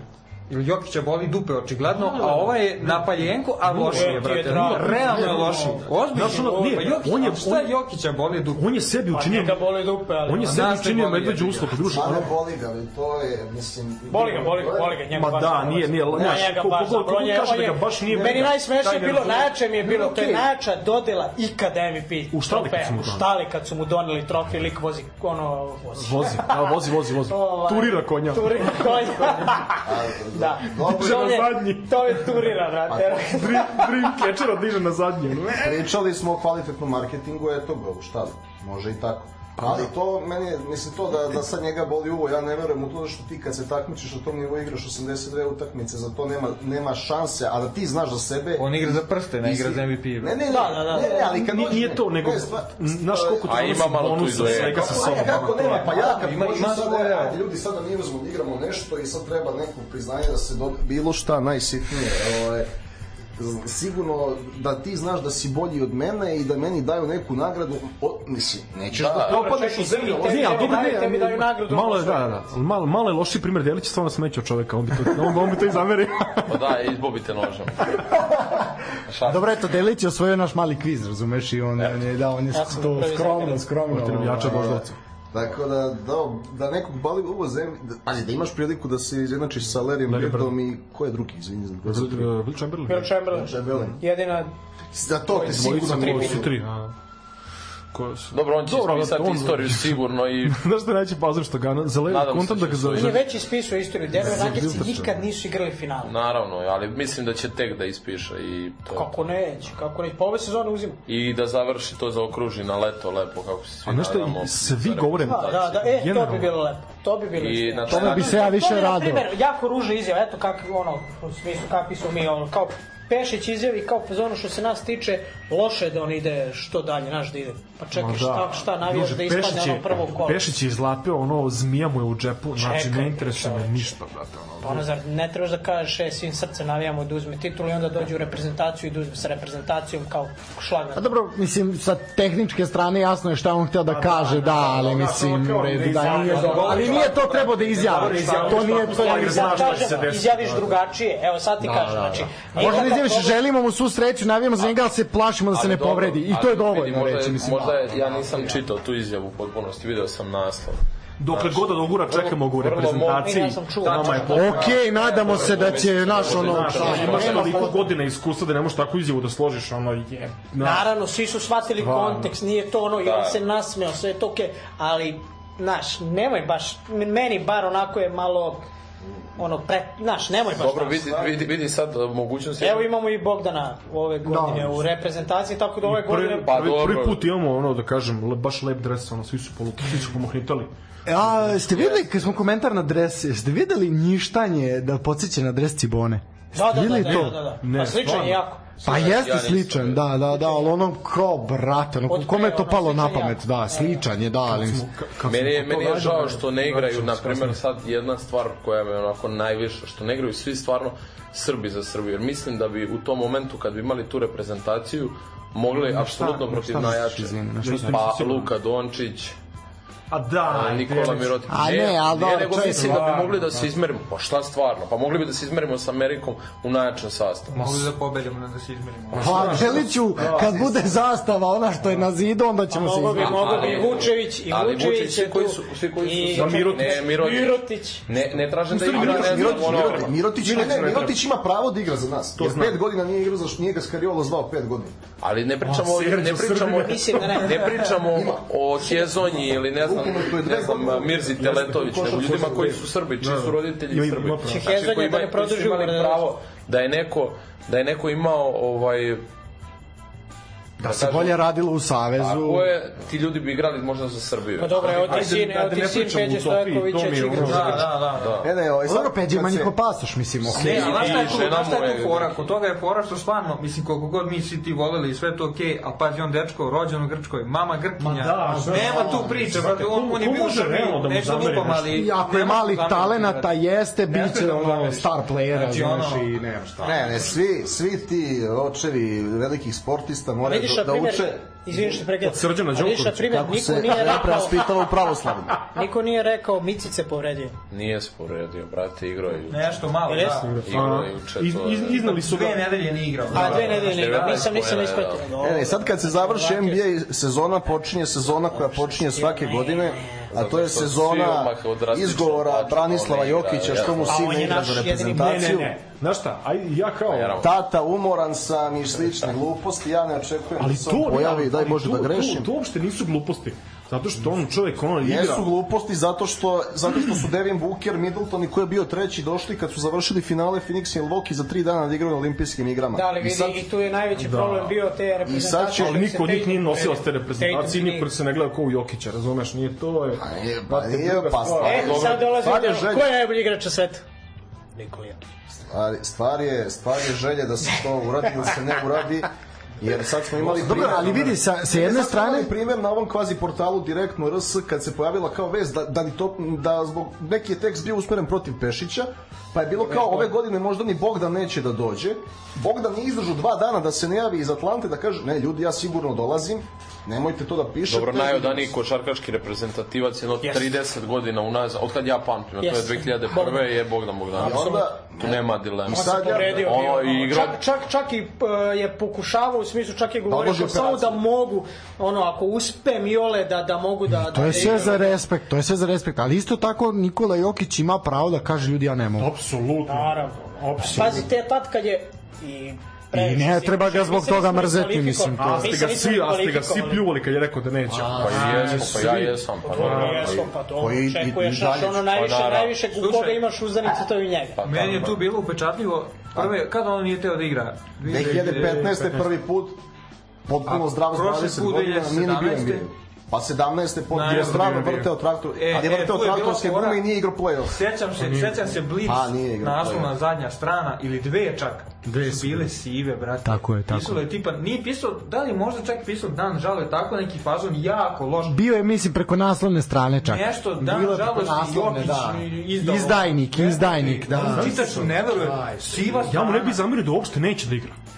A ima pravo, pa koliki, ka, ve, i, i veće zvezde su rekle, mislim veće Yes. zvezde, su rekle nećemo da igramo i, i okej ima pravo da kaže da neće. Dobro, nas niko Pa dobro, njih zvali su Yes. tokom Gasol, Gasol se Nema. odazivao do 41. godine. Pa dobro, naši, Ima pričamo naši. ima Ali pravo nije na niko bio da, zvezda. da. Pa Niko nije bio o nama i o našim menadžerima. Niko, nijedan igrač nije bio Znaš ko je meni tu veći od Gasola? Novicki, brate. Zašto Novicki je svaki put dolazio u kršnu reprezentaciju? I da se razovru. Ali Gasol je, ne, Gasol je dosta. Gasol je dolazio u dobru reprezentaciju. Pa evo, pa je čekaj, ne, te priče Miška Ražnatovića, Mega Lex, trovanja, košarke i gluposti. Znači, jesu, evo, uh, Ljudi Fernandez i Sergio Ljuj dolazi ovo leto da igraju. A ma Jesu sve je to u redu. Loši igrači, što nije rekao, e, ja pauziram ovo leto da vrtim gume traktorske da se ja razbijem. Ali čovjek Ne ima... možeš i to da porediš zato što, na primjer, NBA sezona ti traje mnogo duže. Može, može. Pa ne traje. Pa traju isto, završavaju se 15. jula. Da, okvirno je to tu 10 dana Ali gore. samo dole. sekundu. Čovjek ima Samo je veći pravo da Ne, ne ima igra. pravo, ali sad ja, Ne treba ja mu- samo nemam, ali gledaj, on ima Ne pravo, treba mu- ali nemam ja obavezu da navijam za Denver. Naravno, pa niko od nas, zašto bi mi navijali za Denver, Tako mislim, ono... Za, ne, ali recimo za Atlantu... No, zašto bi, zašto bi navijao za Novaka Đokovića? Ne moram da navijam za Novaka Đokovića, mislim. A to ti je Ne sve da ne navijam za. Novaka Đokovića. A, zna, razumeli smo se, ne treba ništa kažemo više, da, okej, ali... Ali to je to, znači... za, za, za ovog doktora medicine koji je završio Novaka Đokovića. E, Johnny, ako Boston prođe, za koga ćeš navijaš? Ako Boston proba za Denver, pa ne, to nije nikakva diskusija. Nije. Ja sam vjerojatno jedini ovde koji je u okruženju ovde za, za stolom, ja inače navijam za Miami. Zbog Petra Rajlija, njegovog, njegovog poverenja u neke, neke ljude koje je dobio ono, od prilike, ba, bukva, ne, ne od prilike, bukvalno iz podruma, bez prozora, to je Erik Spolstra, i čovjek koji je rekao ne LeBron Jamesu, kada je LeBron James bio ono, šta je mogo da bude i rekao on je birao svog trenera ispred LeBron Jamesa. To je za mene u današnjem sportu teški respekt.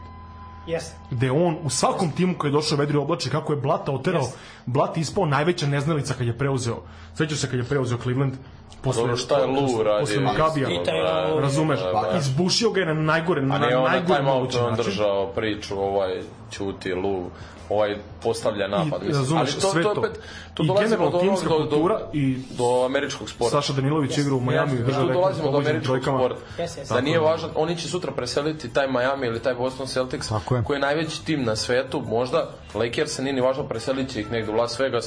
A Ako oni neće, neće problem- nužno Celtics i Lakers, ali će ostati. La- Lakersi su bile, primjer, su bili u. Minneapolis. U Utah. Utah ovako i Charlotte Pa dobro, Oklahoma ti Pa direktno dobro, Charlotte je već Super izašao. Sonics. Eto ti Seattle je već veliko, tamo. Seattle. Seattle, Seattle veliko tržište, veliki klub. Ovako su ih sklonili. Znaš kad sam prestao što da prestao pratim u NBA? NFL-u, brate, nije im to. E, znaš kad sam prestao pratim NBA? Kad su Sonicsi se ugasili. E, da. Eto, Memphis i Vancouver. Još jednu sezonu posle toga i to su bili. Vancouver Grizzliesi su bili pre Memphisa. Znači, Charlotte je menio nešto isto, Bobcats, ono, da, tamo jeste, Hornets. jeste, da. Mislim, zato ja ne, ne mogu da se, New Orleans. da pratim, da, velika. Dobro. Okej, mislim, Zvezda je isto to... menjala Pa, Da, samo što naš ovde imaš i železnika u Beograda, vamo je. I što ne može da se ispadne, mislim, i šta. Okej. Ok, to je takav sistem, razumeš i to vidi, prvo ta- pre svega to njima donosi profit. A šta je ovo više, znači? ali šta? njima je profit ispred svega, znači ispred A, okej, sporta. da. Ja kažem, neću sad garantujem ono da je, da je Boston uspeo da se izvuče, ali oni prave od NBA 3-0 su krenuli da prave priču kako će biti da 3-0. Isto NFL, isto NHL, sve. Ne, ali ko smo mi da kažemo da je to loš model poslovanja? Znaš kao, on meni kvari romantičnu sliku sporta. A ne, ali ja to ne pratim. Ono što, ne, to je ono što se, ej, slažemo se, ja bih volio da se vrati, znaš oni stari, one kao futbal, stara košarka, ne znam, ja sve one centri sporta i Nemoj mi ostale slučaj, stvari. neću da gledam tu sporu igru. Znači, vidi, nakon onog sporog, koliko god ko bi bio majstor, nakon onog sporog trougla Phila Jacksona i Grega Popovića, gledati Golden State i Stefa Curry je poezija. Meni Ne znam, ova- ja sam više meni- za to. Meni je ova košarka... Ne, ne može da mi kaže da je nešto, nešto je ekstra, nešto nije ekstra. Ne, Pa, vidi, da, ja, da, ja sam da. više za košarku Grega Popovića, Sandra isto i Tony Parker. Ginobili, Ja sam- Duncan i ja sam ostali. voleo- Ta ja sam- ekipa igrala nebesku Ja sam voleo Pistons Larrya Browna kao da su Ne, to je mi, su- ne, brate, to je tim koji je primao manje od 80 A, a dobro, okej, to je najgrđa košarka na svetu, to je taka Ovakav tuča na A da terenu. ne pričam, da ne pričam o finalu, za mene najjači final Lakers, Lakers i Boston. U, I da. 2008 i 2010. 2000, da, da. Kakve su to utakmice bile. Pogotovo na sedma si gde se igralo, Ne, ono 2010 boš sačuvaj, sedma. ne mogu da daju koš ni jednim ni Sećaš se, a sećaš se finala istoka? Miami, Boston. U, Igra da, se da, četiri da. produžetka. ono, Da, da, da, da, sve su- Ja bile, sam možda je- subjektivan i moram da kažem da je meni ipak najbolje finale ikada, ovaj, ali najbolnije je Sacramento Lakers i konferencije. Jeste, i to je bilo baš I ovaj A to su Ori, Robert Ori, kako se Jeste, Ne, samo jeste, to, je pa, Robert tim, za pobedu. tim Da, da, da. tim Donehi, sudija je pao. Završio u zatvoru. A, pa ima na Netflixu onaj dokumentar. Pazi, Mike Bibi, Jason. Da, Christie. Druže. Da, Ne, Jason Williams je otišao. On je pre, da. Chris Mike Weber. Bibby došao umjesto njega. Chris Weber, prvi, prvi, Scott prvi, Pollard, Bobby prvi Jackson. crni srbin. Uh, ko je bio, kako se... Uh, Bobby Jackson, da, Christie, Bio Scott onaj Pollard. Guillaume Clark. ne, Da, ne, tu Clark, Brad da. Miller, ne, izvini. Strašno, strašno. Dobro, dobro, aj sad predikcije na kraju, ko osvaja? Denver 4-2. Denver.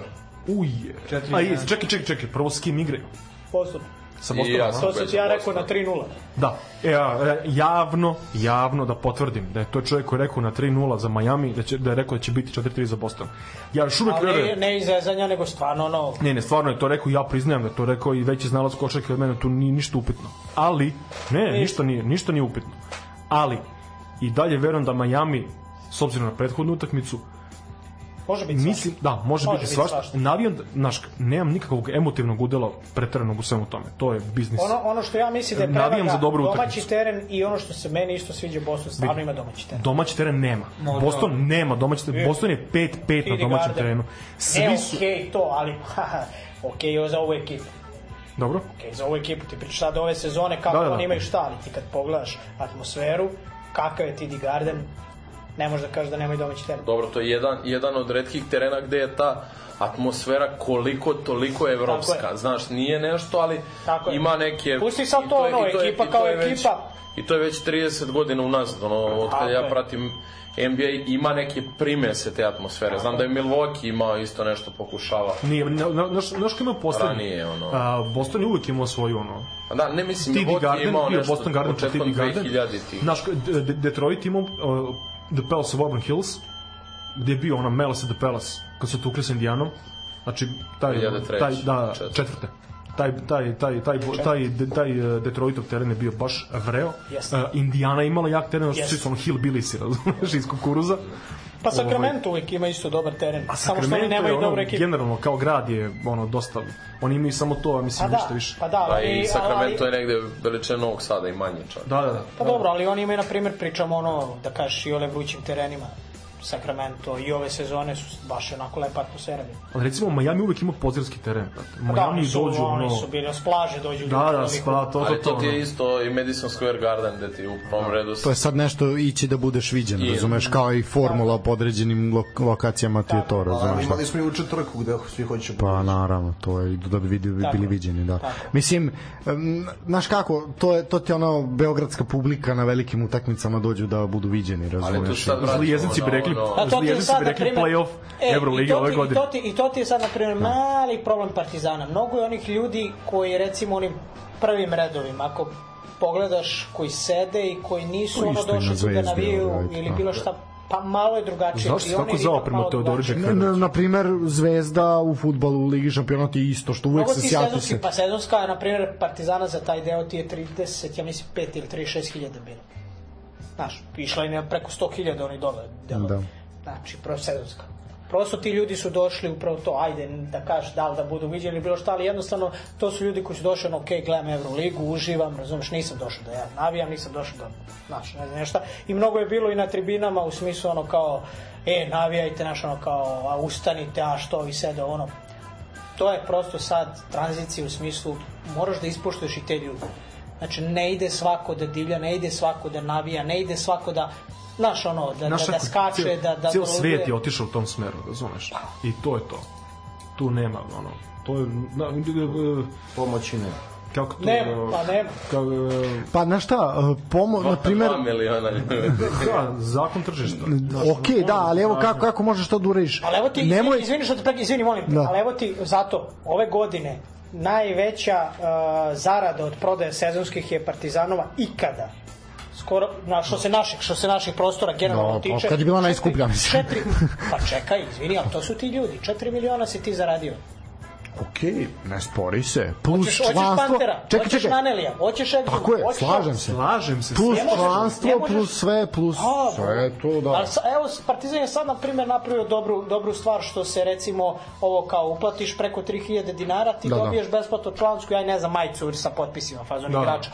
I. Lep gest, znači evo, na primjer, imao si priliku sad, nisi, nisi želeo da daš 3000 na člansku kartu, ok, evo, na primjer, sad si dobio priliku, uplati 3000 dinara, dobiješ besplatno, a pomogu si Partizan.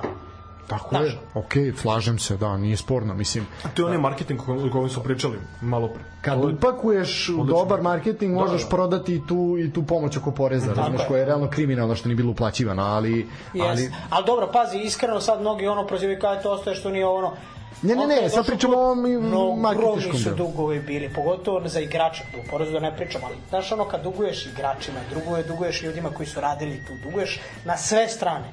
A i stigni sve to da, da, da, da vratiš, da poplaćaš, da sve to bude u redu i da dođeš na nulu. Znači sad je Partizan na pragu toga da od sledeće sezone uđe u reprogram sa tim je na nuli. Ok. Plaćaš reprogram i sledeće sezone opet poenta je da se igra Euroliga. Da. Moraš da igraš Euroligu da bi to sve uspelo. Ok, a kakav je tvoj stav sad ajde o tom članstvu i to, o tom, na primjer, što se sad pojavljuje svuda, pa eto i tu, da moraš biti član kluba ako hoćeš sezonsku. Što da ne? Šta je tu loše? Taj Meni je malo to, ali taj, ali, ali taj sistem Meni je postoji to u zvezdi malo, u ono- fudbalu već Ne, ali 10 vidi, izvini, izvini, izvini što Tu te ne prekidam. ništa loše. Da, da, ovaj. izvini što te prekidam. Nije da ne možeš da, da, da uzmeš uh, sezonsku. Nego će oni imati prednost. prednost imaju ljudi koji su Prednost članovi kluba, da. a onda imaju prednost ljudi koji su imali sezonske od prošle A ok, sezone. a sad pričamo o ovom momentu da ne možeš da kupiš, to je isto nešto što se ono, valja iza brega. Da ne možeš da kupiš sezonsku ako nisi član kluba. Znači, ali to je još, još izbijaš tipa 20-30 eura iz džepa. Nije, nije to, to je Ali ti bila imaš priča. možda Ne, to- pogodnosti i to pomažeš imaš na- svom klubu, mislim. Imaš to- za to- zvezdu, imaš za Što ne bi bio Hajduk, član imaš za kluba? sve. Ok, ne Ja, kažem, ja sam član svog kluba već 10 plus godina i mislim da nema ništa loše u tom. Pritom ti imaš povlašćene stvari od toga. Tako je. Mislim, povlašćene. Pazi, evo ti sad isto za Partizan, ovo sad što pri... Prvi put kad Ajde, sam iz, izvadio ovaj člansku kartu, ne znam, to je bilo kad je Zvezda imala neke stare sponzore, druge, ti si imao tad uh, u Nike-u, ne znam, 10% popusta. Kao sad imaš u- 20%, recimo Under Armour cijele Ne sporim ja, ja, ja sam član, ne, ne sporim to, nego me samo zanima vaše mišljenje. Pa mislim da je to dobra stvar i da je Mislim to da je to normalno. najnormalnija stvar. Što ne? A onda kad se samim ode... imaš mogućnost da izađeš, na, bar gledam po futbolskom klubu Zvezda, Može izađeš na izađeš izbore, na da. izbore i kažeš glasaš, poništiš listić, šta god ti imaš svoju slobodu da uradiš. To je to. Mislim... Dobijaš izveštaj, izvini, dobijaš izveštaj sa svake skupštine kluba u video i audio formatu na mail, dobijaš koji su zahtevi, sve E, onda ima. ću budem član futbolskog kluba Kolubar. A ja... Tako da je, to su neke povlastice koje su koje neko ko se smatra verovatno navijačem Čekaj, svog a kluba. čekaj, evo da te pitam. Sad zamisli ti si evo, član kluba, ideš 10 godina konstantno, uzimaš sedamske, sedamske da, da. I onda se pojavi neki lik koji ono, koji je otišao dva puta. Dobro. Na utakmicu i sad on će, ako stigne pre tebe da ima prednost, odnosno na tebe uzeti ako sedamsku i na primjer, da, ili zna nekog i sad ti kao na kraju, e, dok ja skupim, naš aj neću prvi dan, drugi, treći, na, lupam. Sad, nestane dobro. ti. I šta ćeš ti sad? Ti koji si konstantno veran dolaziš godinama, nećeš imati sedamsku i neko ko možda neće ni ići na sve utakmice, nego čest, čisto uzo kao eto, Da. znaš ono da imam ponekad da odem i on će sad da, da uzme i da ima recimo tu sedamsku pre tebe. Ja mislim da to malo nije fair. Ok, e, da sad treba- dođemo do primer za mislim- to. Imam primer za to, dobar. Baš u, a u futbolskom klubu Partizan. Znači, e, ista poseta, dve različite utakmice. E, Steaua 2015. onako neka atmosfera, m, da kažeš, mlitava pred samu utakmicu. Ljudi su došli zato što je ono bitno kao u fazonu ono napinja propaganda, ako prođemo to, to je 5 miliona evra play-off i, jest. i kao spašavamo klub na nuli, u tom, uvek, uvek smo na nekoj kao nuli, jel? Da. I ovaj, pozitivna nula što bi rekao Dragan Đurić. I uglavnom to je bilo, uglavnom, ali nije bio jak neki hype toliko o toj Ligi šampiona, zato što i nije bio neki tim što smo kasnije videli. I uglavnom do, do karte za tu utakmicu za Steu, one su rasprodale na kraju, ali onako došao je neki svet, ono... Ovo će nas oterati. Definitivno, da. Ovaj, I došao je neki, da kažeš, čestit svet, gde Steaua je bila stvarno jedna od redkih utakmica Partizana, gde 30.000 ljudi složno pravi fantastičnu atmosferu, 90 Jest, minuta. I kad se gubi, i nije ni čudo što se preokrenulo, i jedna stvarna emocija, ono za ceo život. I, pazi, dolazi utakmica s Bate Borisovi.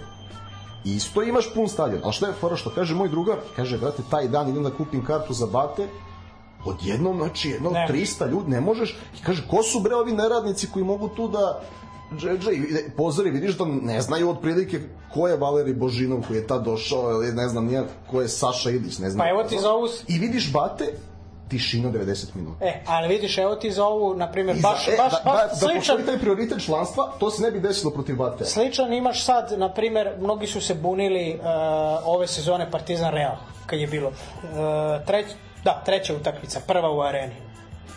Uh, ticket line je prodao, ja mislim, maks 10 karata na blagajnu. Da, da, da, to je bilo ludilo. I sad svi su bili ono kao, a, naš bla bla bla, kako, naš nepoštovanje, kako, kako ono. Mnogi koji su cele sezone do, e, dolazili su dobili na neki način prednost od kluba u smislu hvala vam za vernost, vi ćete biti prvi koji ćete moći da uzmete karte. I onda su svi krenuli ono kao, a kao kako je ovo ponaš, kako ovo, kako. Gde si druže cele sezone? Šta sad dolaziš kao samo na Real? Pa evo, na primjer, neko ko dolazi cele sezone, evo, njemu će da se da ta karta. On će da uzme tu kartu. Dobro, Šta i sad to? dolazimo do onog, ok, sad dolazimo do onog drugog momenta, a onaj moment da ne može da kupi kartu onaj ko nema, Dobro, ko nije član kluba. Ne, ne, ali ne, da ne može kupi u slobodne prodaje ko nije član kluba. To je, to je, to je mač sa dve oštrice. To je ono što sam ja to htio... nikad neće biti. Ne, ne, ne. Ja mislim da nikad neće to biti. imaš već situacije gde. Gde? Pa eto, na primjer, najbliže nama Sarajevo Hajduk. A to? Pa dobro, mislim da kod nas to Ma, neće ne. nikada biti, to će uvek biti slobodna prodaja, ali ja mi pričamo o nekim drugim stvarima u smislu tačno se zna, postaneš član kluba i imaš određenu prednost. I ja smatram da to tako treba da bude. Kao što je Delić rekao, na primjer, evo, futbolski klub Crna zvezda, zašto da ne budeš član? Slušaj, Đole, to, to, je, to je okej, ali ja mislim da može se napravi mnogo bolja strategija u smislu da se uvek ostavi određeni kontingent karata za ljude ostaviti. koji nemaju, koji nisu član, stan, stalni, ali da se zna taj broj, da se zna koliko Ali ljudi ima. može da te ono Ali fazno ima. moguće da da, treba da nema te karte. 20 evra da Ali vidi, član da, i to isto, ali vidi, Mislim, A moguće, brat, ti veruj mi da nisi svestan ono koliko bi moguće, neki ljudi ali radije okej, platili. da. na, naš, ono, ja gotovim Brate, partizan ne, i... ne, nemoj, taj koji sigurno može odvoji dva piva ili dve pakle pljuga. Sigurno. Znači 2000 dinara i koliko u Zvezdi bilo članstvo 1000 dinara kad se ja Prvo, sad je- Koliko sad je u da košta- Partizanu bilo 1000 Koliko ti dinara, misliš da košta standardno, pivo i cigare? i cigare? A čekaj, a čekaj, a čekaj, nemo- čekaj, jel 1000 možda, jel možda štekaš recimo cele godine da uštekaš 2000 dinara? Što ti da odvajaš mesečno 200 dinara? Pa da. Mislim, ako ne 300. možeš... A, n- Čekaj. Ah, okej, ajde. Pa čekaj, ajde napravi ono kad već... tako, to je on isto ko što kao da ne pušiš vozio bi, razumeš, nije, Camaro nije SS. tako, ali brate, ne možeš 2000 dinara da ne možeš da, da uštekaš za godinu Jeste, jeste, dana. da, da. Znaš, pa ono, uvek, to. uvek te priče. Pa ne, ja, ja se slažem da je korisno. Ja se slažem da je korisno. Ja Ma nemam da, ništa protiv naravno. toga da treba to da ima i to je apsolutno mi nama fali kultura kupovine karata i redovnih i sezonskih i svih. Nama je problem da damo 200 dinara za kartu, ne zato što ne, ok, ima deo naroda kome je puno da izdvoji četiri karte po 1000 dinara iz Čačka da dođe ili odakle god, to je problem, ne da. računaš na logistiku dok dođe. Da. Znaš, znaš koliko meni treba iz koluta da ja Ne dođem. Čačka Slušam da... Evo ga, Čekaj, tu ti, tu ti na primjer onaj što... A, sam sad ti je dolazak iz Novog Sada autom izvini, 5000 dinara, razumeš? Ali vidi, i, ono, i da. jeste u pravu i niste u pravu. Slušaj, Sad ti sezon, imaš- izvini molim te, sezonska je recimo 14.000. Dobro, Meni treba majstore 10.000 da, da dođem i da se vratim. dobro, Meni treba 80% sezonske svaki meč koji hoću doći da gledam. dobro. Ali, Samo kažem. Ali, Imaš, imaš, nemoj da uzimaš sezonsku, čekaj, e, čekaj utakmicu na kojoj ćeš da ideš kupi kartu. Slažem se, ali ja bih voleo kao na, kao ja bih ja bih voleo kao navijač da znam da ću imati priliku da je kupim. Aj, o tome se samo radi. to, O tome se radi. Člansku imaš priliku da je kupiš. Tako je. 2000 možeš, mislim. Ma nije, nije ne, koliko 3000 je bilo, mislim da da A dobro, minimum. 3000, Ne, ne, ove sezone. Da, da, Pre je bilo i slažem se, besplatno, slažem brate, se. Ne, ne, član kluba. ne, ne, to, to stoji. A hoću da kažem koliko, zamisli koliko će sad biti pomama za sezonskim kartama, Što je pa super. koliko njih ima. Meni je to super. Ali po meni ne treba rasprodati celu arenu u Ali sezonskim ne upravo rasprodaje se cijela arena, to je poenta. Ti imaš, znači ove godine su imali 12.000 ni sezonski. 12, oko 11, 11, 11 i po je prodato 11 sezonskih. Kapacitet je 18.000, znači ti imaš 7.500 karata slobodno prodaje. Pionir. Što je pionir? Pionir. Pa pionir, pa čekaj, izvini, šta hoćeš? Ja ti, evo ti malo pričali smo ono na početku, šta radi Dortmund? Šta je Dortmund lud? 80% kapaciteta su im sezonski. Čekajte, pa šta da se radi? I uvek im je pun stadion. Kao Partizan ove godine, prosek je 17.000 uh, na utakmicima Partizana. A imao si i po 22, koliko je bilo da. To su utakmice, Da, da, da. da. evo, Real, ne bi to ono neke bitne. Znači, imaš slobodnu, slobodnu prodaju. Ali sezonske, a u ABA ligi je prosek skoro 11.000. U ABA ligi, Pa znači ti taj- imaš to je na, taj na, na meču protiv, pa da, ti imaš na meču protiv Splita. Splita. Protiv studentskog centra. 9.000. I Studentskog dobro, studentski sad centra daj play-off. 14.500. A play-off, play-off, play-off. Gledaš da je to četvrt finale, naš nije isto. Mi pričamo o najobičnijoj utakmici protiv Splita koji je možda i najjadnija ekipa u ligi posle ovog MZT. Split ima kulturu. Naša.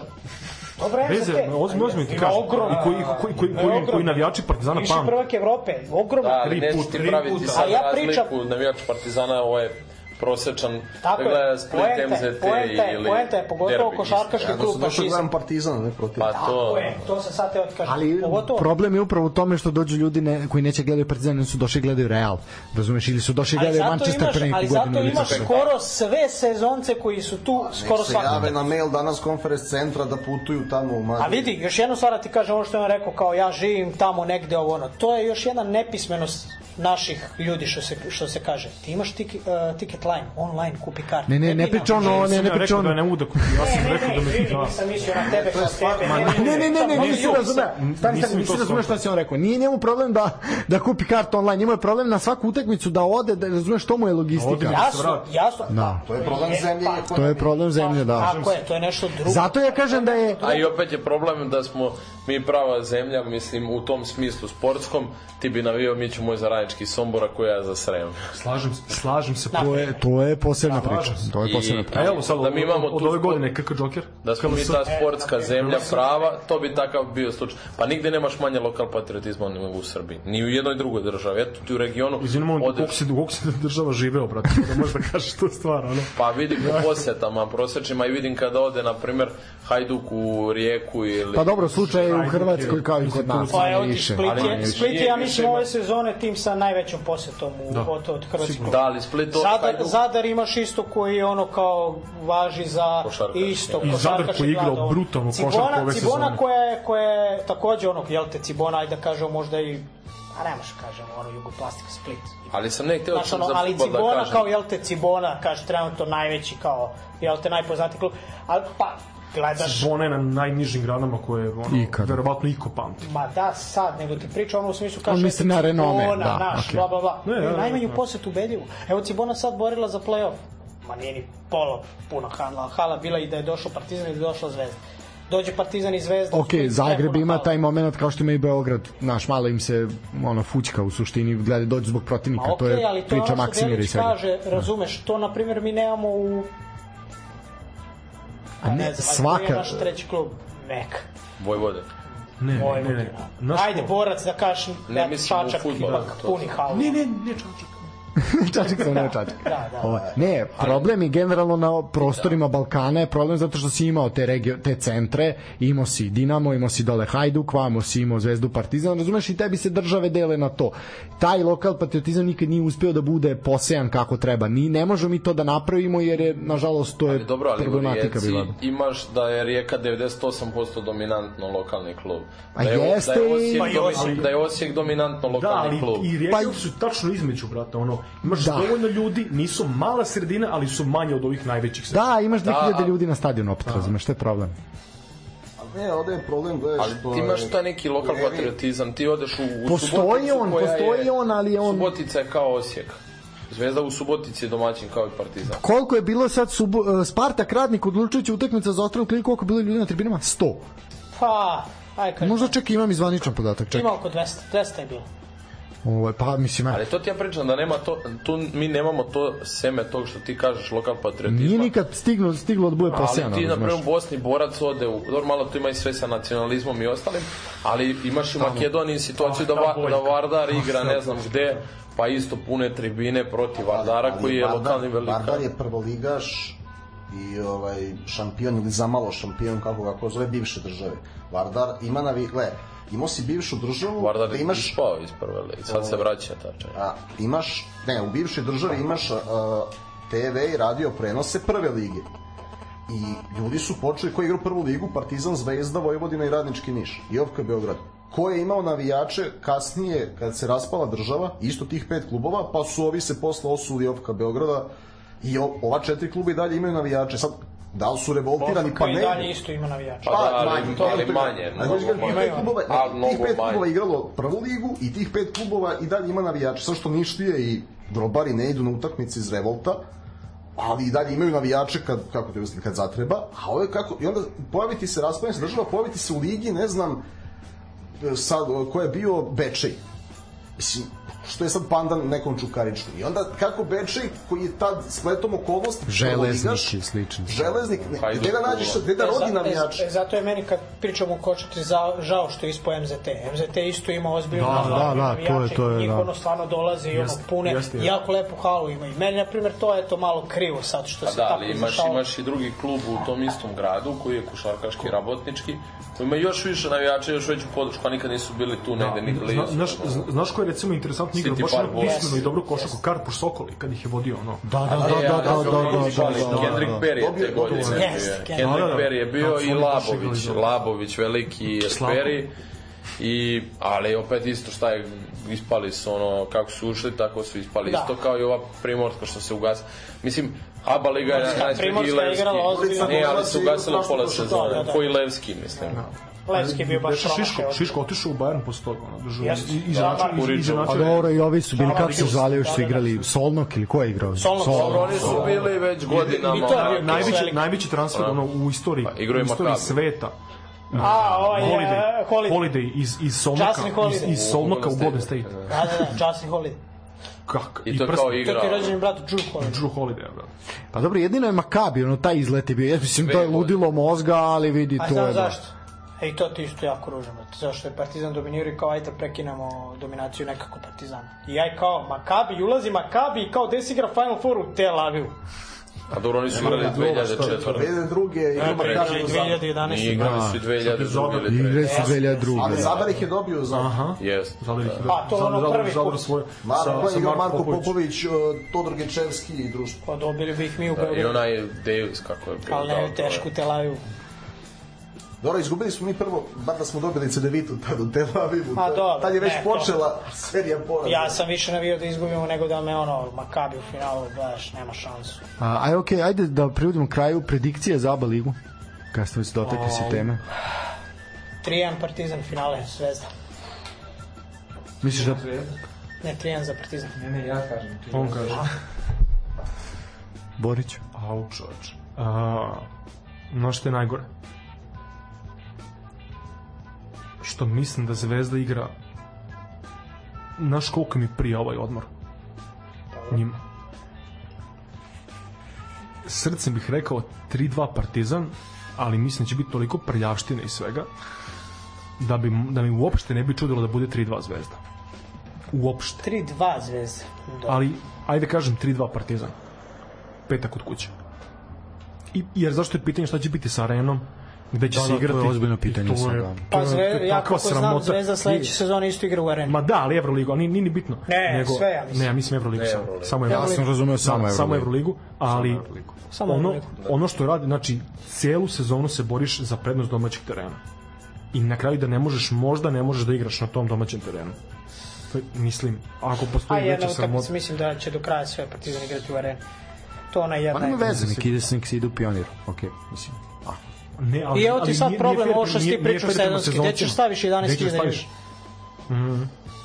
Razumeš? Ili ajmo na Novi Beograd, još manje. Jeste, jeste, jeste. Šta u Pinki? Ne, Na, hala, hala sport. ova, hala sport. Pinki. U Pinki, izvini, ne, hala Pinki je sport. trenutno ruina, Žarević. bio sam skoro, tako da... Bio ruina, ja bio pred 10 godina, bio ruina. Sad je. Sad. Dobro, predikcije, Deliću. E, 3-1 za Zvezdu, jer ako dođe do petog meča, to će verovatno domaćin da dobije. Da, domaćin je Partizan. 4-4 u saopštenju. Dobar razgovor. U, ja mislim 10-1 u saopštenjima. Ja, ne, biće, biće. biti- Ostoja vrati svaku. Ne, ne, prećuti. Znaš Polu mislim? pismen ne, je, ne, ne, ne, ne može niko da kaže da ostaje nije kulturno odgovara koliko toliko. Ne, ne, jeste, Znaš, vidi. ono, sve to i nijedno saopštenje nisi imao neku sad zamerku da kažemo kao Mada ovo, ono da vidim prednost. Zvezdi je TV emisije. A jutarnji Mislim, program. mislim da, mislim da, da će ponovo Čolkin studiju. Svi ti ranoranioci, ono. Ne, šalo na stranu Zvezda ako dobije, ona će, mora da daje što do četvrtke, mislim da petu neće dobiti, ako dođe do pete. Iskreno mislim da će biti strašna serija finala. I, i ja Baš iskreno- mislim da će U biti poslednjih x godina, da. Mislim, pa ovo je prvi put od baš dugo da su obe ekipe ravnopravne. Onako, tu su. Ne, imaš, imaš jednu ekipu na, koju na fantastičan način predvodi Dante Exum kao jedan tip playmakera, imaš drugu ekipu koju na fantastičan način predvodi Campazzo kao kroz drugi tip. E sad, ja se nadam da im je Bodiroga javio da će u junu zvanično saopštiti I jedan i drugi Evroligu i da, da smanje tenziju. Da, bravo, to je, Znaš to je, ja najva, to je najvažnije od svega. Iskreno mislim da tu će- ne mogu ali- smanje tenzije. Sad će da, sad, će, sad će, Ja ne vidim način na koji može tenziju. Evroligu. Sad ću ti kažem najguru stvar od svega. Ja ne bih ni volio da smanje tenzije. Iskreno, ja najiskrenije. A ne, ali to je... Ne, ne, bi, ne, sport, Prosvetni radnik. Prosvetni radnik, Znate ko je svaki godine šampion ABA lige? Burek novinari. Oni žive, oni platu godišnju nabiju na finalnoj seriji ABA lige.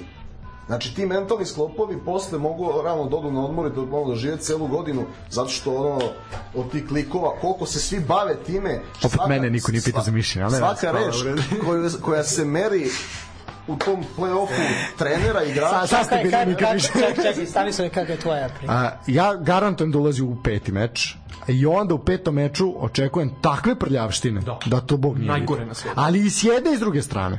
Tu će biti svega. To je ono spektakl. Kvoto da sor udara nekog. 1 u 4. Mm, tu će biti prekida, prekis, prekida, prekida. prekida. Daj da iskoristim da, tu malu minutažu mislim Balše da... Da nabada malo, mislim. Mislim da je to zato... Ne, ali što, tenzija je nenormalna, mislim, da se mi ne zajebamo. Tenzija je treba čuo život, znaš, šta se desilo sa Marijom Mančićem. Nakon ovaj, uh, mononukleoze. Znači, on je čovjek završio karijeru nakon mononukleoze. Tako da. Da. to treba biti ono Da. za on je Jeste, de- jeste. on je dete još uvek. Znači treba ja bi rizikovao i ovu sezonu ako će onda bude zdrav Ne, da pa bude neće, da, da, neće on igrati, dobije sad malo ovaj, protiv uh, CDVite, dobija malo po malo šteta za Ali njega. tenzija je zaista nezdrava i to Ma ne treba da tenzije i evo, ovo što da sam, sam, molim te da kažem jednu stvar, izvini Katana. Ovo što je Bo rekao da ne žele spad, spladnu tenzije. To je ono baš loše iz perspektive nekog ko posećuje utakmice, jer vredno to da ti neko otvori glavu. Ne, ne, ja, ne, ne, slušaj, ja, ja, Znaš, ja, ja to- nisam to rekao je- a- nasilje i a- incidenti. Ali to se pravi Nego tom tenzije, ali to- pljuvačina. Ali, Ali problem je što mi ne znamo to. Problem je što mi ne, ne znamo napravimo To granicu i odmah da- idemo u nasilje. Onda To se pravi da. da se svakih šest meseci neko ono izotvara s jedne ili druge strane nije ni važno i da se sačekuju i ovo Ne, ne, i one pazi. i da se ljudi zakrve u kafani zbog Zvezda i Partizana od 50 plus godina znači Ne, ne, ne, to incidenti, incidenti stvari. nikad, nikad u životu, ali tenzije u smislu pljuvačine i u smislu trljanja soli na ranu ako izgubiš. A to ide jedno maksimum. To nema Problem je što mi kao narod ne znamo da podvučemo liniju. To je malo opet problem, nije da. to ti ni, ni, s- 50 saopštenja jutarnji programi ja, ja sam protiv toga i protiv ovoga što je Jelić rekao a ja imam jednu čisto košarkašku observaciju ovako laičku E, mislim da je Partizan mlađi tim i, i na dva dana sveži, znači da je Partizanova prednost u drugoj i u četvrtoj utakmici. Znači da Partizan mora da se pravi prve utakmice, da je Zvezdi veća šansa za prejik u prvoj, Uvek a, bilo tako. a kad dođu druge dve, da je Partizan svežiji u četvrtoj. Na primjer, ako bude 2-0 pa 2-1, da Partizan ima veliku šansu, možda završi s 3-1. Tako su i se sve slušaj, serije završavale. Jer seti se 2000. prošle godine Da, da. četvrta Ja se, utakmica. ja se, što pregledam, ja se ne slažem za to kao oni, naš ono zvezda sad kao na svežinu, ovo, ono, ja smatram da je mnogo bolje, pošto ne igraju se utakmice na dva dana, nego evo, igraće se, kad je tre, t- druga, u sredu beše Partizan Olimpija? Ili sutra? Sutra. Sutra. I onda finalna serija, ja mislim da počne tek u subotu. A Znači ti imaš pravilo 3-4 svakako dana, ti imaš 3-4 dana, Da, Traje liga 300 godina. To. Mislim, ali to ti je zbog evo, Eurolige Da, najviše se razdužilo. Ma ne, samo to nemaju nikad, nikad, nemaju plan. Nego, gle- 15 dana. ABA Liga je pokazala da nije verovala. Pa dok smo igrali top 8, vi ste igrali četvrtfinale. Dobro, ali posle Reala, koliko je prošlo? je Do prvog meča. To je prošlo 4 Četiri dana. Pa, mislim... Od nas igralo sa derbijem, da, odmah. I da. Real je među vremenu igrao svoje mečeve. E ne, slušaj, Ali, ali to je pokazatelj. priča, oni još nisu ni... A dobro, mogu Tek sad dolaze do play-offa. derbija da igra. A šta kako hoće da igra odmah sutradan? Pa on bi to Nije, voleo, pa seća se, seća se njihovog, ono, protiv- kad se igralo dan za dan. Je igrao Real Partizan, kako je Real igrao u šampionatu, mogu i Partizan protiv derbija da igra vikend. Pa nije moraš to. Pa što, pa... Ne, u teoriji mogu. A mogao je da igra. Pa. Pa zato se Ali ne ne, igra ne, kalendar, ljudi, kalendar je Ono, pokazatelj. Kalendar je pokazatelj. Kao Zvezda već u finalu. Kalendar, izvin, e, kalendar je pokazatelj da sama ABA Liga nije verovala da će ih ući u top 8. Da, da, da. Aba Liga je najbesmislenija tako. Posle A, KLS. ja, nećemo se Posle svađamo oko ovoga, Nećemo otvarati ovu Ne. temu, zaista ovo ide u nedogled onda. Bolje od toga nemamo kraj priče. Mislim, na ovim prostorima. Ja bi zadržao isto ABA ligu. Da, apsolutno. Mislim da je ABA liga top 5 je, je liga u Evropi. Što Da, nije teško. da. Kad su Što nije teško, Regionalizovane, a ova polovina Pa to da li, je, da li, da li nije ili jeste, svakako treba Da ćete, poštovani slušalci, što uvek smo bili poslednji Jugosloveni. Da, da, da, to je to. Neka nas. O, neka vas, neka, Neka vas. Na, ovaj, e, ljudi, ja bih ovaj polako završavao. Ovo je, ma nije možda najduža, ali jedna od najdužih, ali jedna od najdražih sto kako emisija. Ovaj, ljudi moji, hvala. Hvala ovaj na, na tome što ste istrpeli, oni koji budu istrpeli zaista. Hvala vama što ste bili gosti i što ste odvojili to još jedan radni dan da se ovde s nama družite. Vreme je da mi sad uzvratimo gosto, ovaj, gostovanje. Jel, mislim da je bilo sledeći, sledeći miting u Somboru. Kod mene u kafani. Ko, to je to, to je to, to je to. To je ne, i neki video podcast u tom periodu. Bojim na se da Instagram video će video će hapsit će nas. Tako da bolje da bolje da ne vide šta se radi. Da, nisam siguran koliko bi na ovaj cenjeni slušalci da želeli da budu gledaoci. Ovaj, Da, ali ovo, ovo je, ovo je, ovo je, naš, dajemo na tu mističnost malo, znaš. A jeste, jeste, svi Pa je, zamišljaju da, kako svi mi to- zamišljaju naš top frajere, razumeš, To, to, ono što to. jesmo. Ovo, Sa- svih koliko 22 slušalaca ženske populacije. Ne, 20% sam rekao, ne, 20%, 20%. opa! Ko će I oni što se, ako oduzmeš onu trojicu što se pretvaraju, znači jebi ga. ovi koji se deklarišu kao žene a, Da, da, da, ima, da. ima nas o, ima nas Biće da se raspodeli. E, ljudi, hvala na gostovanju, hvala što ste odvojili još jedan dan da se ovde s nama družite, hvala na odličnoj observaciji ne samo Superlige Srbije, nego i svega ostalog. A onda čekamo vas nakon NBA finala da ovaj, vidimo ko je bio u U, pravu. može, može, može. Ko je bio u pravu. Hvala puno na pozivu, E, još jednom da. u ime svih. Hvala na pozivu, Sad bilo će biti i apsolutno zadovoljstvo. Laku noć. 18. jun je potencijalna sedma utakmica, znači ponedeljak 19. sve vas očekujemo ovde. Tako je. To je to. Dogovoreno. Ljudi, hvala, hvala što ste izdvojili vreme. Uh, laku noć i čujemo se naravno ponedeljka. Ore, ore. Prvo, ja.